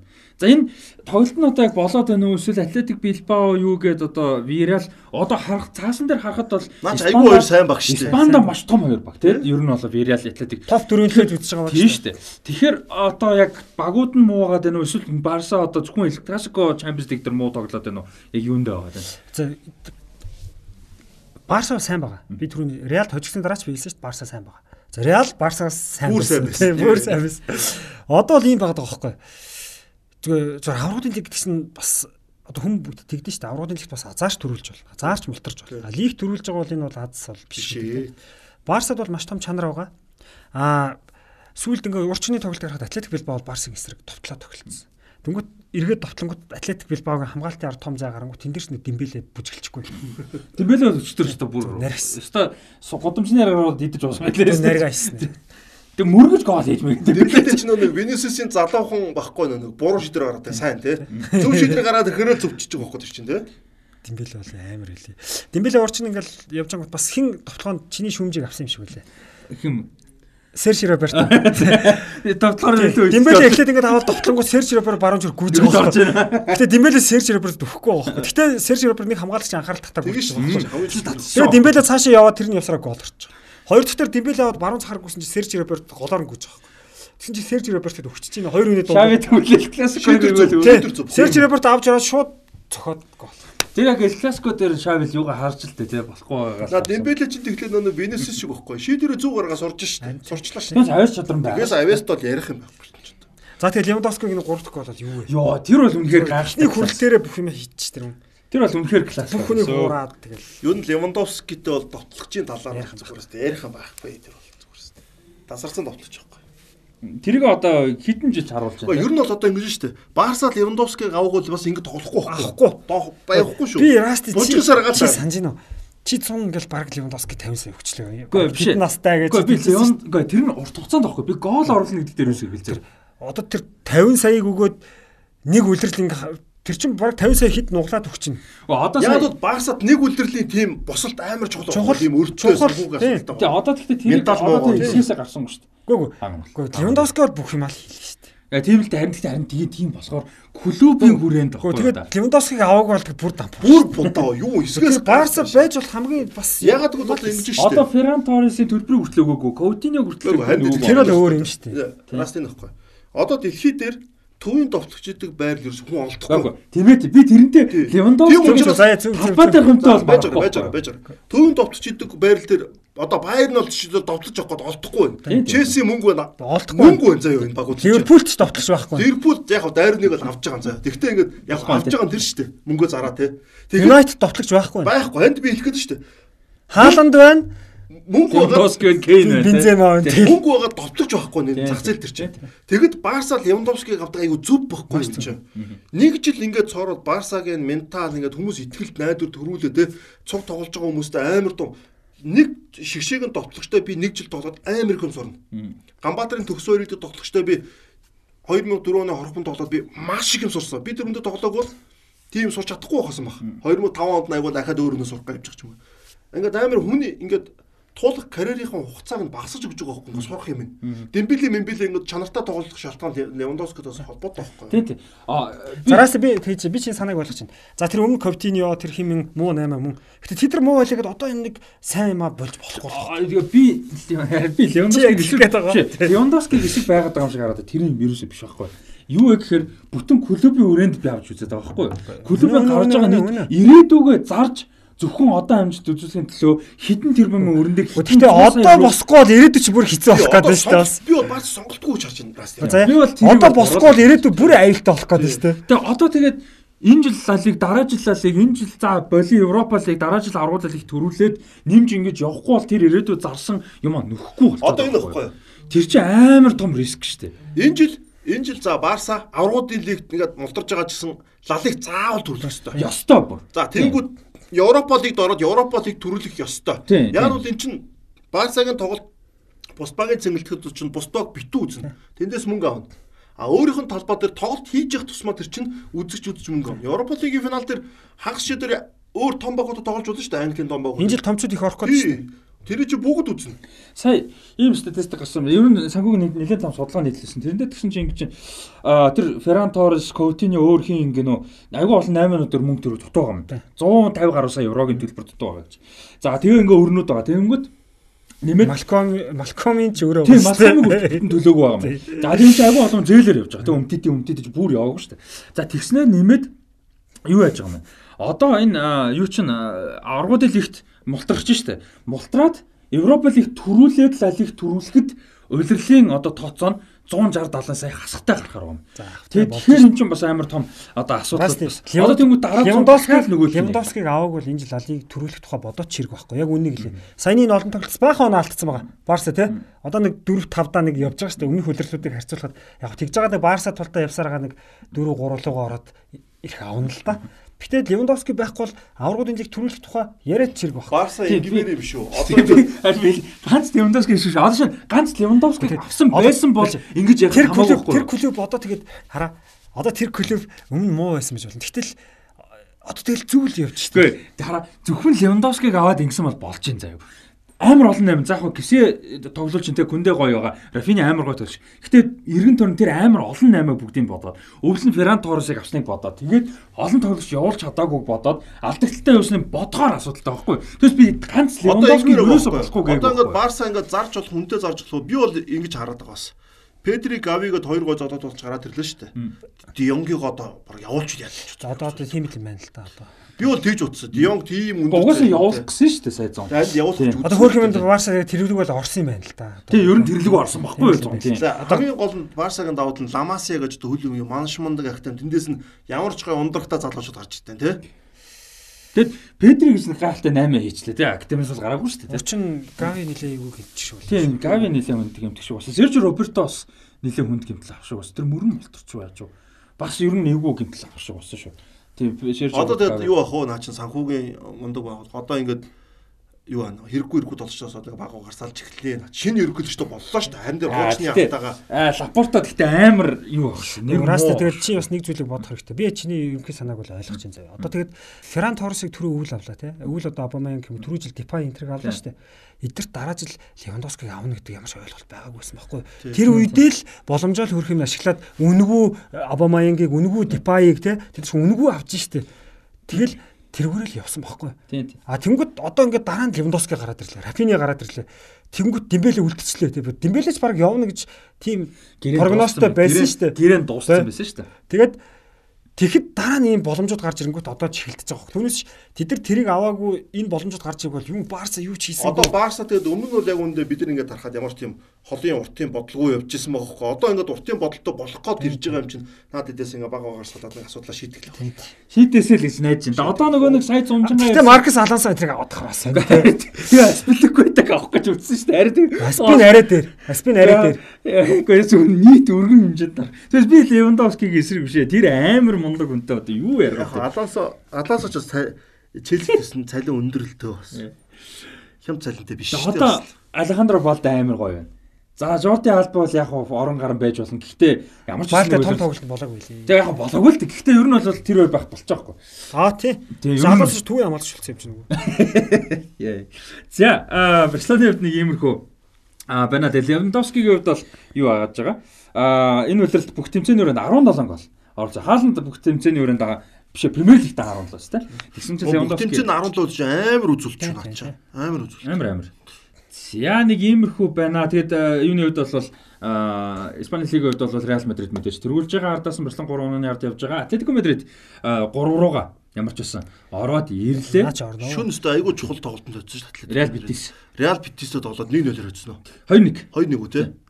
Реал Битис ч одоо 4-7 ер нь эхний 3-4 төлөө Наач айгүй чухал тоглолт. За би бол одоо энэ жил баг топ төрт Атлетик Билбао орчих واخ гэж бодлоо. Битис унж байна. Битис одоо унж байна. Одоо тийм ер нь бол сайн нөгөө нэг Битис юуны тоглолтын дээр Кадистэй тоглолтын дээр би тайлбарч таарсан. Нөгөө нэг Битисийг хэдүүлээ ярьсан шүү дээ амар гоё үзүүштэй тоглолттой хурдан тий темптэй тий байх. Тэр бол бүр таг байлаа. Ерөөсөө. Аргагүй аргагүй. Сүүлийн баг наа чин 4 5 тоглолт Европа лигийг оруулаад орох тэгэд болж байгаа. Битис айгүй таарад тоглож байна. Одоо бол ер нь унж эхэлсэн. Ямар ч павер авахгүй юм чинь. Харин Эрнесто Валверде тасчуулагчтай Билбао их гоё тий. Билбао л. Билбао ч хамгийн гол амар нэгтэй байгаа байхгүй юу. Одоо Битис чиг аль аль чидад байхгүй мөртлөө яг ингээ чухал тоглолт дээр айгүй тийм зөв үр дүн аваад байгаа. Тэгээ Эрнесто Валверде ч өөр ямар мундаг цалжуулагч лээ тий. Багийг бол яг гоё хөвлөлдөг. Анчлоти шиг тий. Яг зөв Анчлотиг бодоход Европын класс л жоохон тотно л да. Жоохон жоохон ер нь тотно л да. Тэгээ одоо бол их гоё явж байгаа. Сая сүүлийн 3 тоглолт ямар ч байсан хожилгүй дөрөв тоглолт юм байна шүү дээ. Хожлог авч байгаа Атлетик Билбаогийн хувьд. Гэхдээ гайгүй яач бах те. Нөө Битис шиг унаагүй байхгүй наач. Битис ч мөр тоглолтоор агуулгын агуулгад орчиход байгаа байхгүй наа Битис ч. Тэгэхээр бас гайгүй те.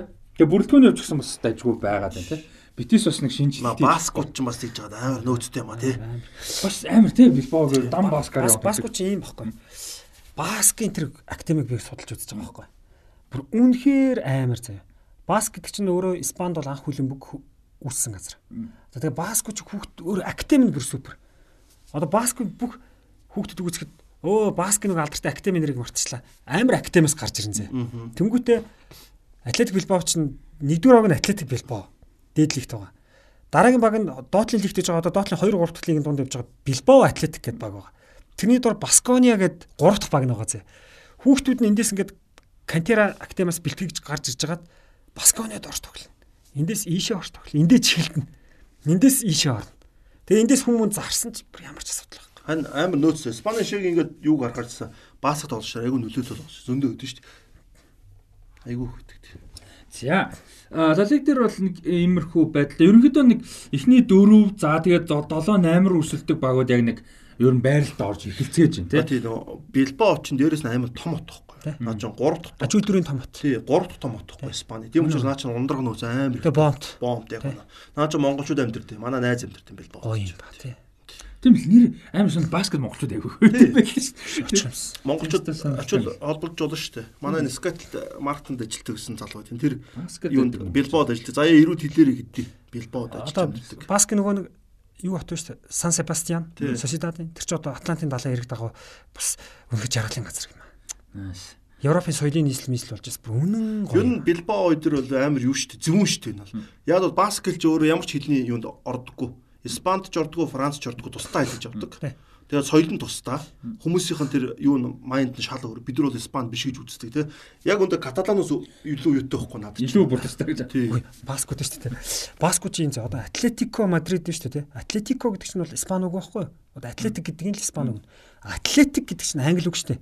Тэгэхэд Англид сурч ирсэн оюутнууд Атлетик Билбао клубыг байгуулад генерал нөө Францискогийн үеийнч дарангууллын үед Франкогийн үед Франко Франциско Франко л ямар тийм генерал Франкогийн үед бүх нэр томьёог испанчилсан. Тэгэхэд Атлетик Билбаог Атлетико Билбао болгоод дарангууллын үед тэрний дараа юу унангууд буц Атлетик Билбао болж байгаа. Тэр юу гэхээр Испаниг л авахгүй.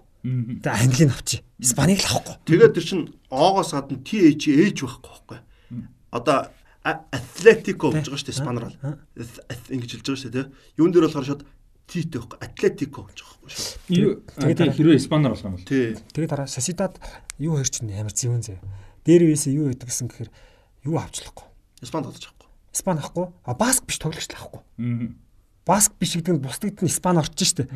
Тэгээд тэд нар зөвхөн Баск тоглогч нар Баскет төрж өссөн тоглогч нар авдаг байж байгаад 1989 онд одоо Жон Тушак юунд ирээд Уэлсийн алдар цэцэлжүүлэгч Жон Тушак Атлетик а Сосидад дэрэнгүүтээ юу яачих.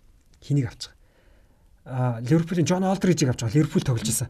Тэр нь анхны баск биш хүнийг авч байгаа. За тэнгүүтээ Реал Сосидад яасан бэ гэхээр юу авч эхэлж байгаа. Гадаа тоглогч авч эхэлж байгаа. Гэхдээ Испани авахгүй. Гадаадыг аваад байдаг. Испани авахгүй.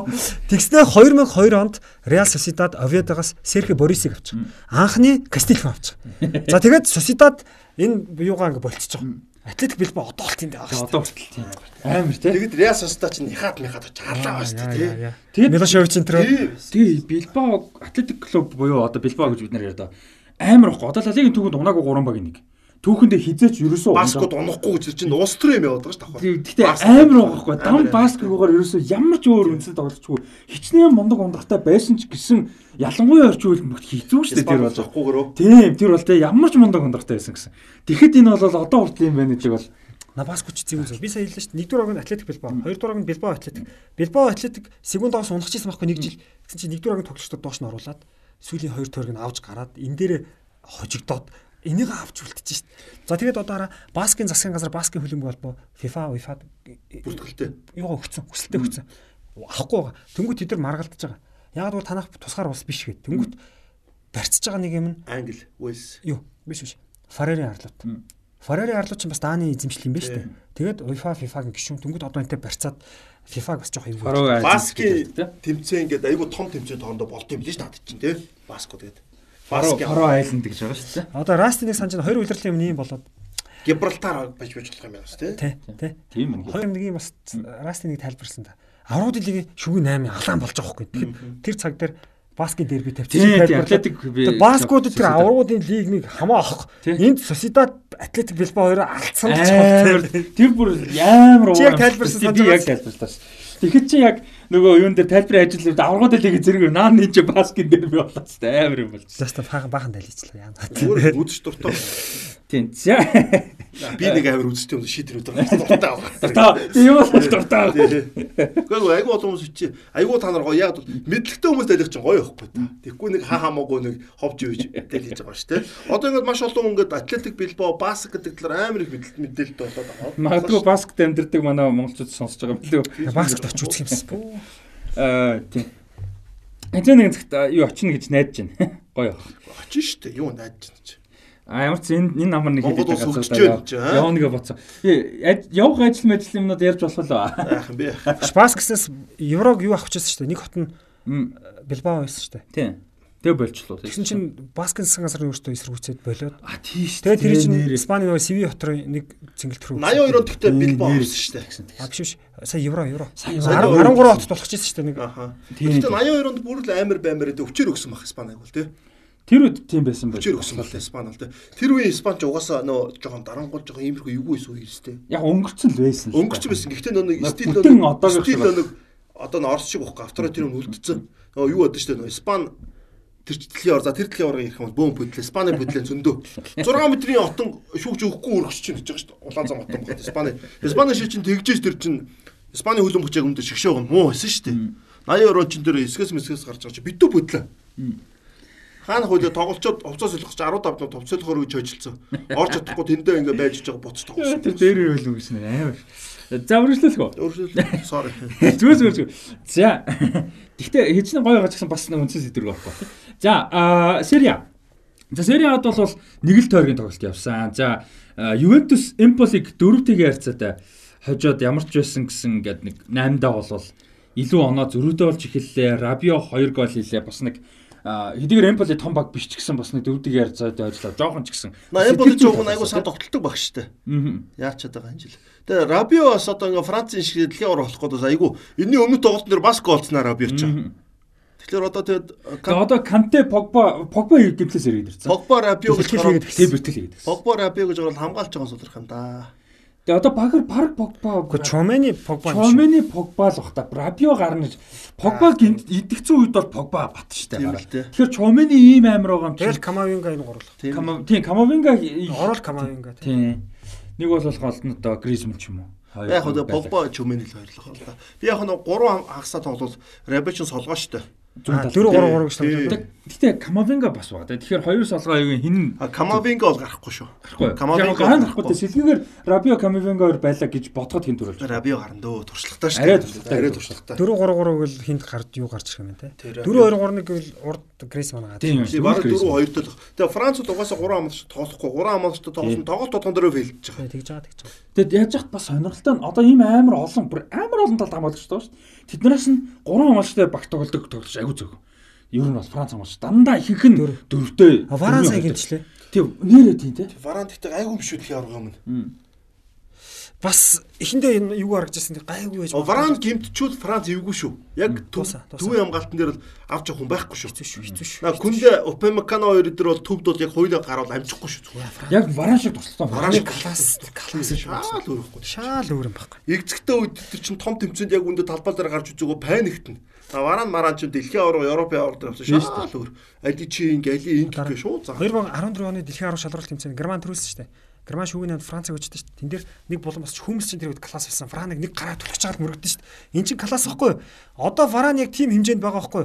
Варан байхгүй бол нөгөө залуучууд нэг түлхүүлдэг тим юунд л байгаад байгаа байхгүй? Яг одоо класс Тэгээ манайхан бас тэрийг аягүй сон. Хүн түлхүүлж идэг нэг би болдрын сул мул байгаадаа биш байхгүй чи сэтгэл зүй байхгүй Тий, тий. тий. Том тоглолтын дээр ороход хичнээн супер дамир чи сэтгэл зүйн ингээд ундаг байхгүй. Үнэхээр супер одууд тэрийг ингээд цөм цөм Давдаг байхгүй. Их их хүмүүс өөрөөсөө жижигхэн ч гэсэн дээр Байн, байн, байн, сэтгэл зүгээр ингээд ядагдсан байдаг байхгүй. Амар чухал юм. Тэр хүмүүсийн тэр бол тэг яг одоо л Франц нь бол ингэдэг л хүн байхгүй. Ингүүл чи ингэжсэн ч бараа нь бол ингүүл нь хизээж байхгүй тий. Тэр бол тийм. За эсвэл хаалт дэсрүүтэл хэцүү байж магадгүй. За аа Хаалт ч одоо юм боддгоо жоохон юу хаалт байж магадгүй. Юм бодохгүйсэн ч тийм. За тэгээд Салернитаны специйг давчхан ярих гэж бодсон. Аа Салернитаны нэг бол- специйг бодсон. За гэхдээ энэ тоглолтын ач холбогдол нь болохоор яг Франк Рибери өөрөө бүрэлдэхүүнж байгаагүй. Гэхдээ энэ тоглолтоо одоо болвол зодог тайсан. Ер нь энэ тоглолт дуусаад яг Альбиосоор Франк Рибери бол одоо хөлбөмбөс зодог тайсан. Яг нь энэ үйлрэлт Рибери гэмтэл бэртлийн асуудалтай байсан. Энэ үйлрэлт ерөөсөө л ганцхан удаа тоглолтод оролцсон. Э, Сери А-гийн эхний тойрогт Ромад талбай дээр тоглолтын дээр 20 дугаар сэлгээр орж ирсэн. Ерөөсөө тэрнээс урд тоглолтод оролцоогүй. А гэхдээ энэ тоглолтыг бол одоо юу гэдэг юм сүүлийнх нь те одоо хөлбөмбөчний хувьд бүрэлдэхүүн гэж. Рибери гэхдээ жигүүрэн тоглож ихэд 39 хүртэл тоглоно бол том амжилт жоо. Тэгээ э, одоо олон жил мундаг тоглолоо Байерн Мюнхенд домгийн хэмжээнд төрлөө. Фьорентинад сайн тоглосон. Салернитанад бас домог болцсон шүү дээ. Тэ өнгөрсөн жил Сериад унжах хөстэй байсан баг сүүлийн 6 тоглолт тоглолт тоглож таалсан шүү дээ. домог болсон шүү дээ. Амар юм болсон. Бараг докюментари хийхээр бас баримтгын амар Ер нь Салернитано ч дуртай ночдөг байсан шүү дээ. Тэр чинь одоо дуртай ночдох болцохгүй тэр сүүлийн хэдэн тоглолт нэр чинь. Тий, ерөөсөө л бүр дуртайгаас оноо авдаг гэж хэлгээд болов. Тэгээд тэрэнд бол тоо. айгуу том хувь нэмэр Тэгээд авсан. Рибери ч өөрөө тоглолтын хувьд их оройтож оройтч та 24-өөсөө л ерөөхдөө тэгээд нэг гайг болж одоо 6 нийтлэлийн орох штеп нь бол тий. Тэгээд Франк Риберигийн дөрөв. карьерийн тухай яриул ер нь хэр тоглож байв, юу нь гоё байв, ямар давуу талтай байв. Амар гоо Гоё саанд орж байгаа гоё тоглолт нь ч юм уу. Рибериг бол би шууд 2006 оны би өөрөө анх удаа дэлхийн авраг тайлбарлаж ирсэн. Тэгээд анх хараад Францын эхний хэдэн тоглолтын дээр баруунд гараад жоохон сул тоглолт нь шүү дээ. Тэгээд угаасаа бар Сайн санаж заягийн тайлбарыг. Пресс байхгүй хин шууд баруунд орж ирж тэгээд өөр сонголтч багтаа. Тэгээд зүүнд нь малуудаа төвдөн ста сонголтч багтаа. Тэгэл Рибериг угаас өсөөсөөр Доминик тоглоулдаг. Тэгээд Тэгэхдээ угаасаа ч Франц муу тоглолт шүү дээ. угаасаа мод тоогоо могоодоо тэгдэг. Солонгостой тэнцээ. Тэгээд Рибери явахгүй жоо шүгэ 16 Тоогоо хожд юм аа. Тэгээ Тоог- Солонгос Швейцараа хоёртой тэнцээд А тий, тоогоо 3 3 0. тоогоог нэг хожд. 2 0 3 0 гэж яг үнэ. Тоогоо хожихгүй бол гарахгүй шүү дээ. тэрээс чи Швейцар нэг гарчтэй тий. Тэгээд Франц ч 2-оор Испанд тоглоо. Испанийг очиход Франк Рибери чин тэр явж саргаад нэг пас өгдөн шүү. гой гол хийдэн шүү дээ Аа тий. хуурж Тий, хуурж авсан. Тэгэл ер нь Рибери гоё төглөөд эхэлсэн. Тий, тэгээд Рибериг анхаарч тэгээ Рибери бол яг тоглогчийн хувьд бол юу гэхгүй. Тийм хурд би хоёроо амар гослол тоглоод амжтай нэг. Робин бол Берихээс л урдаар айлууд тоглоод байсан шүү дээ. Риберигийн тэр би бол амар шүү Эд назар шиг бас ширээ мөрөг. Яг яг яг тий. Яг. Чулуу шиг, тий. Чулуу шиг өстө тэр хамгаалт шиг. Бахим- бахим намхан, тий. Бахим намхан. Тэр Тэгээд даал штэ. өөрөө тэрийг аягуулсаа мэддэггүй эргүүл хөлөө тавиал ингээл ингээл хөвчдөг. Тэгээд үнэхээр супер тоглож байсан. Энэ тоглолтод ярих юм байна. Тэгэхээр амар. Тэгээд Bayern Bayern München гэдэг клубч одоо хэдэн жил тоглолцсон юм ч гэдэг. 12 үлрэл. Тэгээд Bayern München-д 12 үлрэл гараа тогтмол тоглоно ч гэдэг юу гэсэн юм бэ? Дунд нь бол бэртлэгэмлээс болоод яг хуу цөөхөн тогсуудаа бол байгаа. Түүнээс бэртлэгэмлэн үедээ бол батал гарааны хос те ялангуяа Робин одоо Робери гэдэг те тэр хоёр ч одоо бодоо болоод байгаа шүү дээ. 10 жил тэр хүний байран дээр Bayern München шиг том баг тэнч орж 3 дуу орж чадахгүй гэдэг бол тэр бол тэгэл угаасаа Америк карьер гэсэн үг байхгүй. Bayern München 12 үлрэлт 425 тоглолтод оролцож 124 голыг оруулж исэн юм байна. Тэгээд Бундеслигт одоо хэд дөрүүлсэн юм бэ? Одоо бараг 10 мараа дөрүүлсэн юм байна. 8 9 дөрүүлсэн. Тэгээд хамгийн гол одоо амжилтуудынх нь нэг бол 13 тий. 2013 онд юу яагаад Бундеслиг дөрүүлээд аврагуудын лиг дөрүүлсэн. Бүх тэмцээнд төрсөн. Бүх тэмцээнд ер нь бол байж болохоор төрүүлсэн. Тэгээд юунд баландорт 3-т ордог болоо дээ тий. Тэгээд жилдээ нэлээд шүүмж болсон тий нөгөө авах хөстой байсан вэ гэж ярьдаг тий. Тэгээд Рибериг яг хувийн асуудал дээр бас нэг асуудал байгаа ш нэг асуудал гаргасан тий. Насан туршаагүй хүүхд мөхтөө бас янз янзын асуудал гаргасан манай хүн тэгээ хөрх юм 2014 оны дэлхийн аврал шалралт тэмцээн тоглоал ер нь шгшгээс болж байсан. Тэгээд яг гимтлээс болж орж чадаагүй. Тэгээд шгшгоогдоос тусал тоглож чадаагүй шүү. Яг Рибериг байх үед эд үед нөө шгшоог нь жоохон ороо бусгаа байсан. Яг 6 онд Рибери гарч 6 оны дэлхийн аврал шалралт тэмцээнд Франц тоглоод та. Тэгээд унсан шүү дээ. 8 оны евро 10 оны дэлхийн аврал шалралт тэмцээн бол бүр доошоо тий. Тэгээ 12 онд Франц үндий жамжаагүй 14 онд үндий жамжаагүй ингээл карьер нь дуусаа. Ер нь Зидан болол тэгэл Франц яг. Яг Францын ингээ уналтын үед л мань хүний шгшоогийн карьер нь тохиогоо шгшээд бол нэг хайхтар юм байна. Тэгээ яг гой шгшоог нь 16-нд боссон чинь манай шгшээ болсон одоо тийм 14 онд болцсон байсан. Тэгээ одоо түүнээс шгшээ нэг босоод идэг тийм. Азгүй юм да. Шинэ үуч гараад ирсэн л дээ яаж жагаад тийм. Би тэгээ тухайн үед нэг Квазимото гэдэг очигод 6 тайлбарлаж хагаад тэгээд яасан чи өөрийнх үнэхээр очинд Квазимото бэлсэн билээ шүү дээ. За нэг ийм гой тоглогч зодог тайлчээ. Тэгээд өөрөө бас хөлбөмбөгийн карьер хөл бөмбөгтөө өргөжлөж ажиллана гэсэн сонирхол бол байгаа гэж ярьж байсан. Нас тэг залны Баерны захирал болол гаадрын дээ харцлагаар. Аа нэг Франц нэг багийн ч юм уу те. За Баерн ч ийм хүмүүсийг авдаг шүү. явах магадлал. Сали хамаажи чи оронд гаадрах байх шүү. Харцлагаар. За нэг юм байна. За тэгээд бас нэг юуг өнгөрсөн 7 хоногт дурдъя гэж бодож байгаа. Тэгээд олон мэдээ нөө мартаагүй мартсан байлээ. Юу тоглолдог? Брайтонд тоглож исэн юу? Хагас хамгаалагч те. Инок Мвепу юу яасан бэлээ одоо удам даасан зүрхний өвчтөй болж таарад тэгээд юу яасан 24 настай 24 настай төв хагас хамгаалагч бол одоо зодог тайхсан ямар юу гоё Брайтон тоглож जैन те Премьер лигт одоо хөлбөмбөгийн оргил гэж хэлэхэд буруудахгүй шүү дээ Премьер лиг оргил оргил Премьер лиг тоглож जैन бид нар супер одуудын яриад байдаг болохоос шинэ хөлбөмбөгчдөд Премьер лиг тоглоно гэх тийм үү тийм ч одоо Монгол нэг тоглож Премьер лиг тоглолцвол бид нар ч одоо эд зүгээр өстө нэр боо юм болж байгаа тийм шүү дээ. Тэр жил баг. Тийм зам чинь зүрхний асуудал ч орчин үед яг нөө сэрээс асуудал болчиход байна л да. Яг бол яг үндэ өмнө нь хүн төрөлхтний авч исэн ачаалаа сэддэх илүү ачаалыг одооны тамирчид авдаг болсон. Нойрны асуудал, хоолны асуудал жоох алдагдгал зүрхэн дээр айгүй ачаал ирдэг те. Зүрх ер нь бол одоо ингээ насарч байгаа тамирчид их зүрх штэ. Тийм тийм. Тийм. Одоо талбайдаа насарч байгаа тамирчид те. Одоо Кристиан Эриксон байна. Тэр Марк Вивен Фо байна. Фихер Фихер байна Онгри. Тий, тэр байна. Фихер байна. Аа Дани Харк байна. Кёто байна. Зөндөө стори байна өмнө дандаа бүх зүрхний асуудал. Тэр зүрх гэдэг бол одоогоос амар том юу болчиход байна л да, фактор болчиход байна л да. Тэгэл энэ тоглолчид нэг 30 жилийн өмнө бол аюу дажгүй тоглолцох байх. Зүрхний асуудал аюу байсан баг. Тэгэхээр зөвхөн юу ч нөгөө удам дагсан зүрхний гене бас генетик байсан болж таарсан юм байна тийм. Зөвхөн нөгөө өөрөөсөө гадна. Одоо тэгэхээр ийм зүрхний асуудалтай хүүхд бол багаас ингээ мэрэгжлийн спорт сонгохгүй байх л чинь. Энд анханасаа сонгохгүй байх. Энийг бол олж нээгээгүй байсан баг. Өмнө нь тэгэхээр тэгэл харамсалтай тийм. Ийм гоё өндөр хэмжээнд хүрчээд аа Red Bull Salzburg-аас гарч ирсэн юм чинь бас гоё гарч ирээд яг ингээ хаад явж исэн. Замбын шгшөөгт зөндөө тоглолцсон байсан. Бас уул нэм тоглож байсан харамсалтай. Тэгэд өөрөө бол юу яах талаар ярьсан юм шүү гэлээ нод хөлн бөөсөөс салахгүй гэж ярьсан юм нод тусалж юу муу руу. Одоо өөр юм хийж чадахгүй шүү дээ ер нь бол. Тийш. Бас мэрэгжлийн хөлбөмбөгч ингэж бүх юм хаяал явж байгаа шүү дээ. Өдөршнөгөө бэлтгэл хийж байгаа шүү. Өөр одоо ямар бүх юм хаагдсан байгаа шүү дээ. Яг үндэ мэрэгжлийн хөлбөмбөгч бол бид нар өөртөөхөө спортороос зарим нь харж магадгүй л дээ. Манайхан ч яаж байгаад ажиллаа сурдаг тийм ш. Наад ч өглөө бэлтгэл өдөр бэлтгэл орой бэлтгэл. Тийм. Тэгээд залуугаараа карьер дуусчихсан айгүй хэцүү байдалд орж байгаа. Тэгээд өөр карьер юу хийх вэ гэдэг. За яг хоо 24 хүртэл тоглолцохлоо наа ч бас овоо цуглуулчихж байгаа л да мэрэгжлийн хөлбөмбөгөөс бол тий. Тэгэхээр одоо наа дасчлалт мол руу ороход бас тодорхой хэмжээгээр. Аа зарим нь цуглуулаагүй байгаа шүү. Бас тийм ч бас байгаль. За Аа тэгэд 2 э, Милан хоёулаа хоцсон, хоёулаа гол алдсан. Фьорентина Интерийн тоглолт бол нэлээд сонирхолтой 4-3 харьцаатаагаар Интер а Энрих Мхитариан 90 эрдэр нэмэх 5 дээр гол хийж хоцсон байна. Тэгжээж одоо Интер бол юугаа хадвал 7 дугаар байраа хадгалж ямар ч байсан үлдсэн байна. Аталанта Лацио гэж нэлээд одоо том тоглолт. Лацио ч Лацио Аталантаг талбай дээр нь хоёр тэг харьцаатай хожоод дээш нь гараад ирсэн. Яг дээр нь 3 дугаар арилга ороод ирсэн. Би наад тоглолт ч юм уу яг нэг сүдтэй бодохгүй байгаа. Атланта угаасаа ингээд Эврико ганц хоёр байр цалцсан тоглолт угаасаа болно. Сайн явж байгаа. Энэ үеийн анхны хажигдал. Тий. Байр цалцсан юм тоглолт болно. Тэгээ наа чи Лацио шүү дээ бас муу биш. А Наполи ахад 1-0 өргөцсөн. За тэглээ Рома Наполи гэж маш том тоглолт бас боллоо. Одоо юу ч чи Наполи ч иймэрхүү тоглолт Атланта шиг барь заалдаж болж тэхгүй байхгүй. Арай өөрөө гоц тий. Арай өөрөө гоц байхгүй. Арсеналыг ярьсан шүү дээ. Арсеналаас өвдөн нэгсэн сэдв байсан. Наач Наполи ч юм бол Арсеналаас илүү байгаа. Яг юугаараа бол одоо форма үр дүн авах форма. Арсенал ч одоо нэг жоох унах гэдэг шүү дээ. Наполи ч аягүй сайн байгаа. Тэгээд Рома штэ. Рома гэдэг чинь Мориньо тий. Эвгүй баг штэ. Тэгээд талбайд нь ч хожигдсон. Наполи ч юм бол биеийн жил ер нь төрүүлэх юм байна шууд харсан. Наполи тэгэхээр дээрээс нь Наполигийн тоглогч нэртлээ ураа гол гол тоглогч нь амарна. На гүрчч амарчна. Осимхэн амарчна. Тэг яг Лозана эдэргээд хэн ч амарна. Распадори ч амарчна. Ингээд харахад Ди Лоренцо амарна. Ди Лоренцо. Ди Лоренцо Италичууд амарч энэ бол те. Яг гоо Ким Минжэ дээр бол явна. Гэхдээ энэ бол Лацо ч юм бол дэлхийн аваргаар бол айгүй гол тоглогч нь хамраад ороод ирэх. Тэмэнжэ Зеленский интер бол бас хэсгээс гарахгүйгээ бас эргэлзээ тийм шүү дээ. Бас тий. Шнаа Зеленский ч одоо Польшд байна уу, Италид байна уу? Польш, Польш, Польш. Италид гэхдээ төрж өссөн юм байлээ л дээ. Италид шиг тоглолцсон шүү дээ. Тэгээ юу вэ?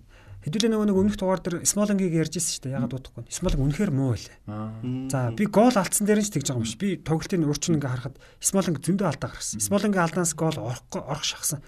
А тэгээ явж яваад хамгийн сүүлд Осимхений хийсэн гол бол цэвэр хиний алдаа.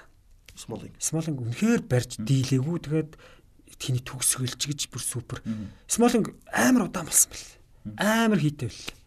Зөв Ромад л наа чин толгой хорогдож байна. Англид үнэхээр сайн байсан бол тэр хорогдож байна. Үнэхээр сайн байсан бол Джонни Эванс шиг Лестер Местер тоглож болно шүү дээ. Байхгүй мэн нэрэ. Чигшээ дуутахгүй н харахгүй.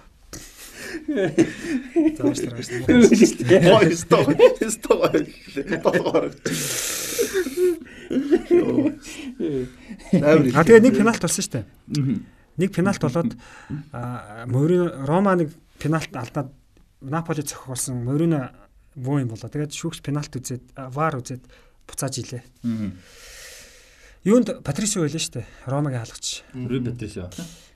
Рой Патрисио Жозе Сайл шүү дээ Португал гараад тэ. Заниоли гэж залуучин айхтар залуу шүү. Чи угаасаа хэдэн жилийн өмнө гарч ирэх гэмтсэн шүү дээ. Амар хүнд гэмтсэн. Өдөрний шигтад болсон хоёулаа тасаар тэгээд ер нь хэцүүлсэн байхгүй. Тэрс айгүй гоё шүү дээ. Залууч баруунаас бужигнуулж илээ. Одоо баруунаас тоглож байна. Баруун жигүүр цүлийн хитэн тоглож. Ер нь бол уулын төв шүү дээ. 10 10 дээр шүү дээ.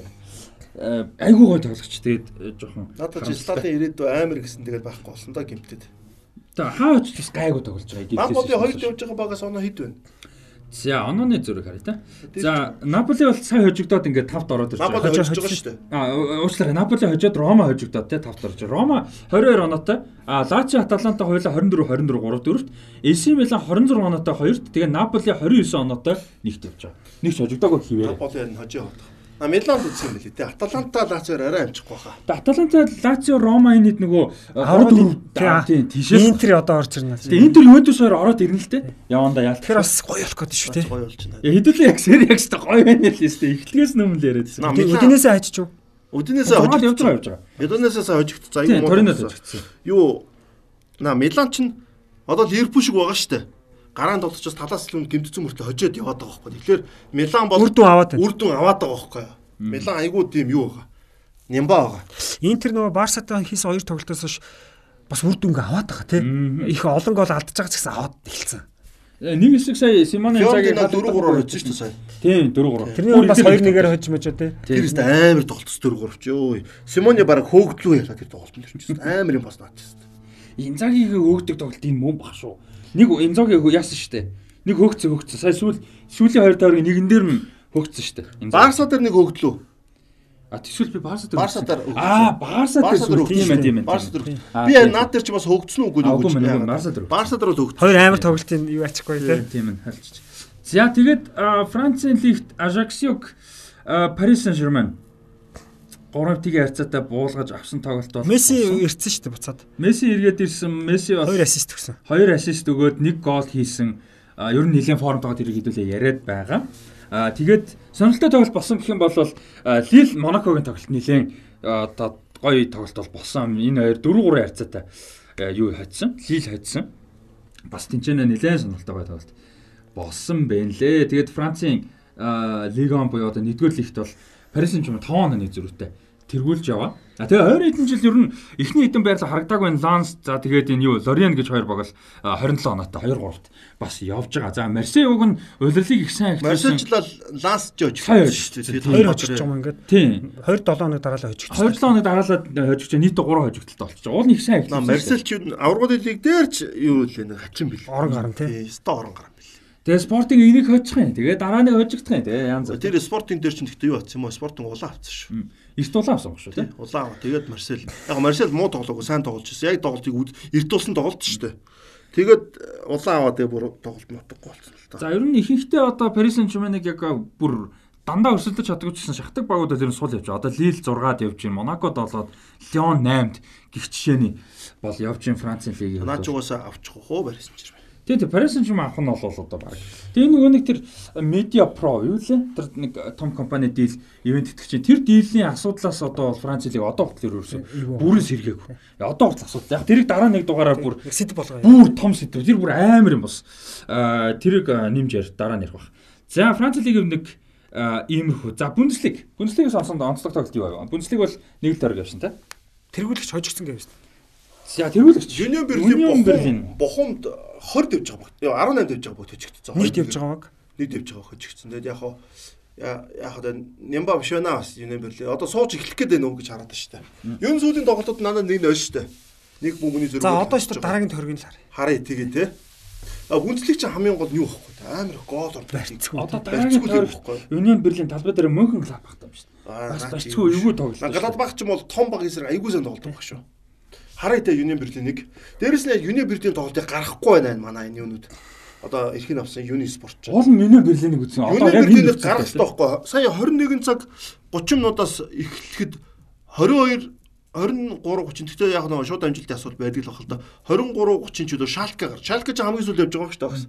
Шалкагийн тоглолтыг гаргаж байгаа байхгүй. Тэгээ би болохоор Union Berlin-ийг үзмээр байгаа байхгүй чи тэргүүлж явж байгаа шүү. Тэргүүл тэгсэн чинь Union Berlin бохомыг гаргаагүй. Тэгээд би нөө тоглолтыг үзээгүй л дээ. Хоёр нэгээр хожигчлээ. За тэгээд Дортмунд бол угаасаа тэгээд нэг орон гар баг тэгээд юг Штутгартыг 5-1-ийн харьцаад хоцсон. За тэгээд Байер Мюнхний хувьд бол Хофенхаймыг 2-1 харьцаад хожоод. За одоогийн байдлаар Хофенхайм бол оноос халж болох баг шүү дээ. Тэгээд Байер Мюнхен яаж хэлээ дожчихлээ л дээ 2-0-оор. Тоглолт эхлээд алснаа Байер Мюнхен угаасаа. Нүдсэн зүгэрсэд. Амар хэл. Одоо тэр нэг сая ярьжсэн шүү дээ. Ингээд Байер Мюнхний тоглолт ингээд тогтхоо гэдгсэн чинь за ер нь бол үгүй хитрхи ингээс савлзаад байна гэдгсэн. Тэр нь хэвээр байна. Тэр бодлоо. Манай тоглоогүй ш надад тоглолт дээр чи. Надад тоглож үзсэн. Манай тоглоагүй. Тэгээд юу байгаад яг сүлд орсон гэж байгаа. Би нөө өөр тоглолт руу орцсон. Тоглолт нь ойлгомжтой болоод ирлээ. Айгүй их тойнол болсон бохгүй. Чупомотын гараанд тоглолт. Тийм Чупомотын тоглолтоор гартаа. Манай 2 дугаар сэлгээр орсон. Тийм 2 дугаар л орсон баг. Тэгвэл эхлээ гардав. Тэгээд Баян Мюнхен дээр төвийн товтлож аавна гэдэг нь аргагүй мэл чи бодлоо Чупомотын гэжтэй.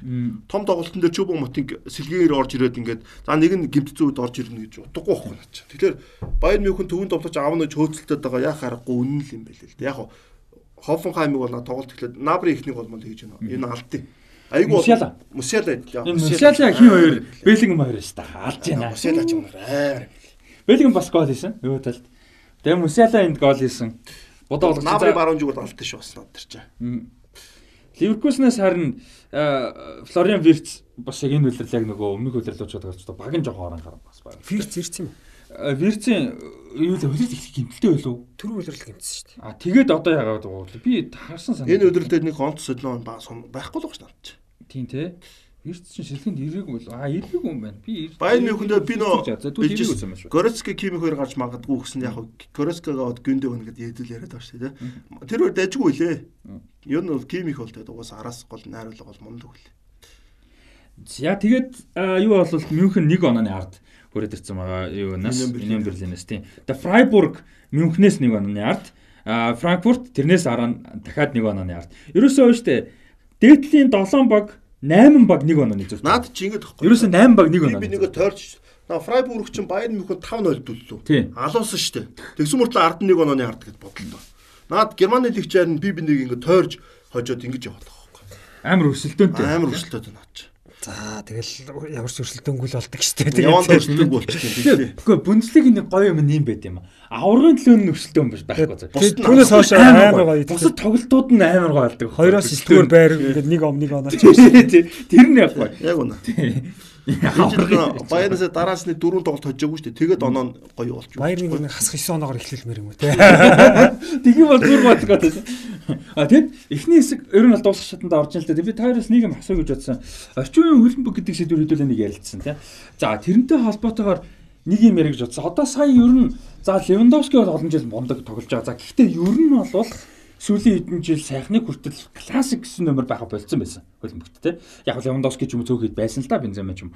Гэхдээ ер нь бол болцсон байсан. А тэгмээд одоо цагт ер нь буцаж ирэх гээд штэ хааланд байна те Левандовски мундаг мэдээж байгаа Бензема.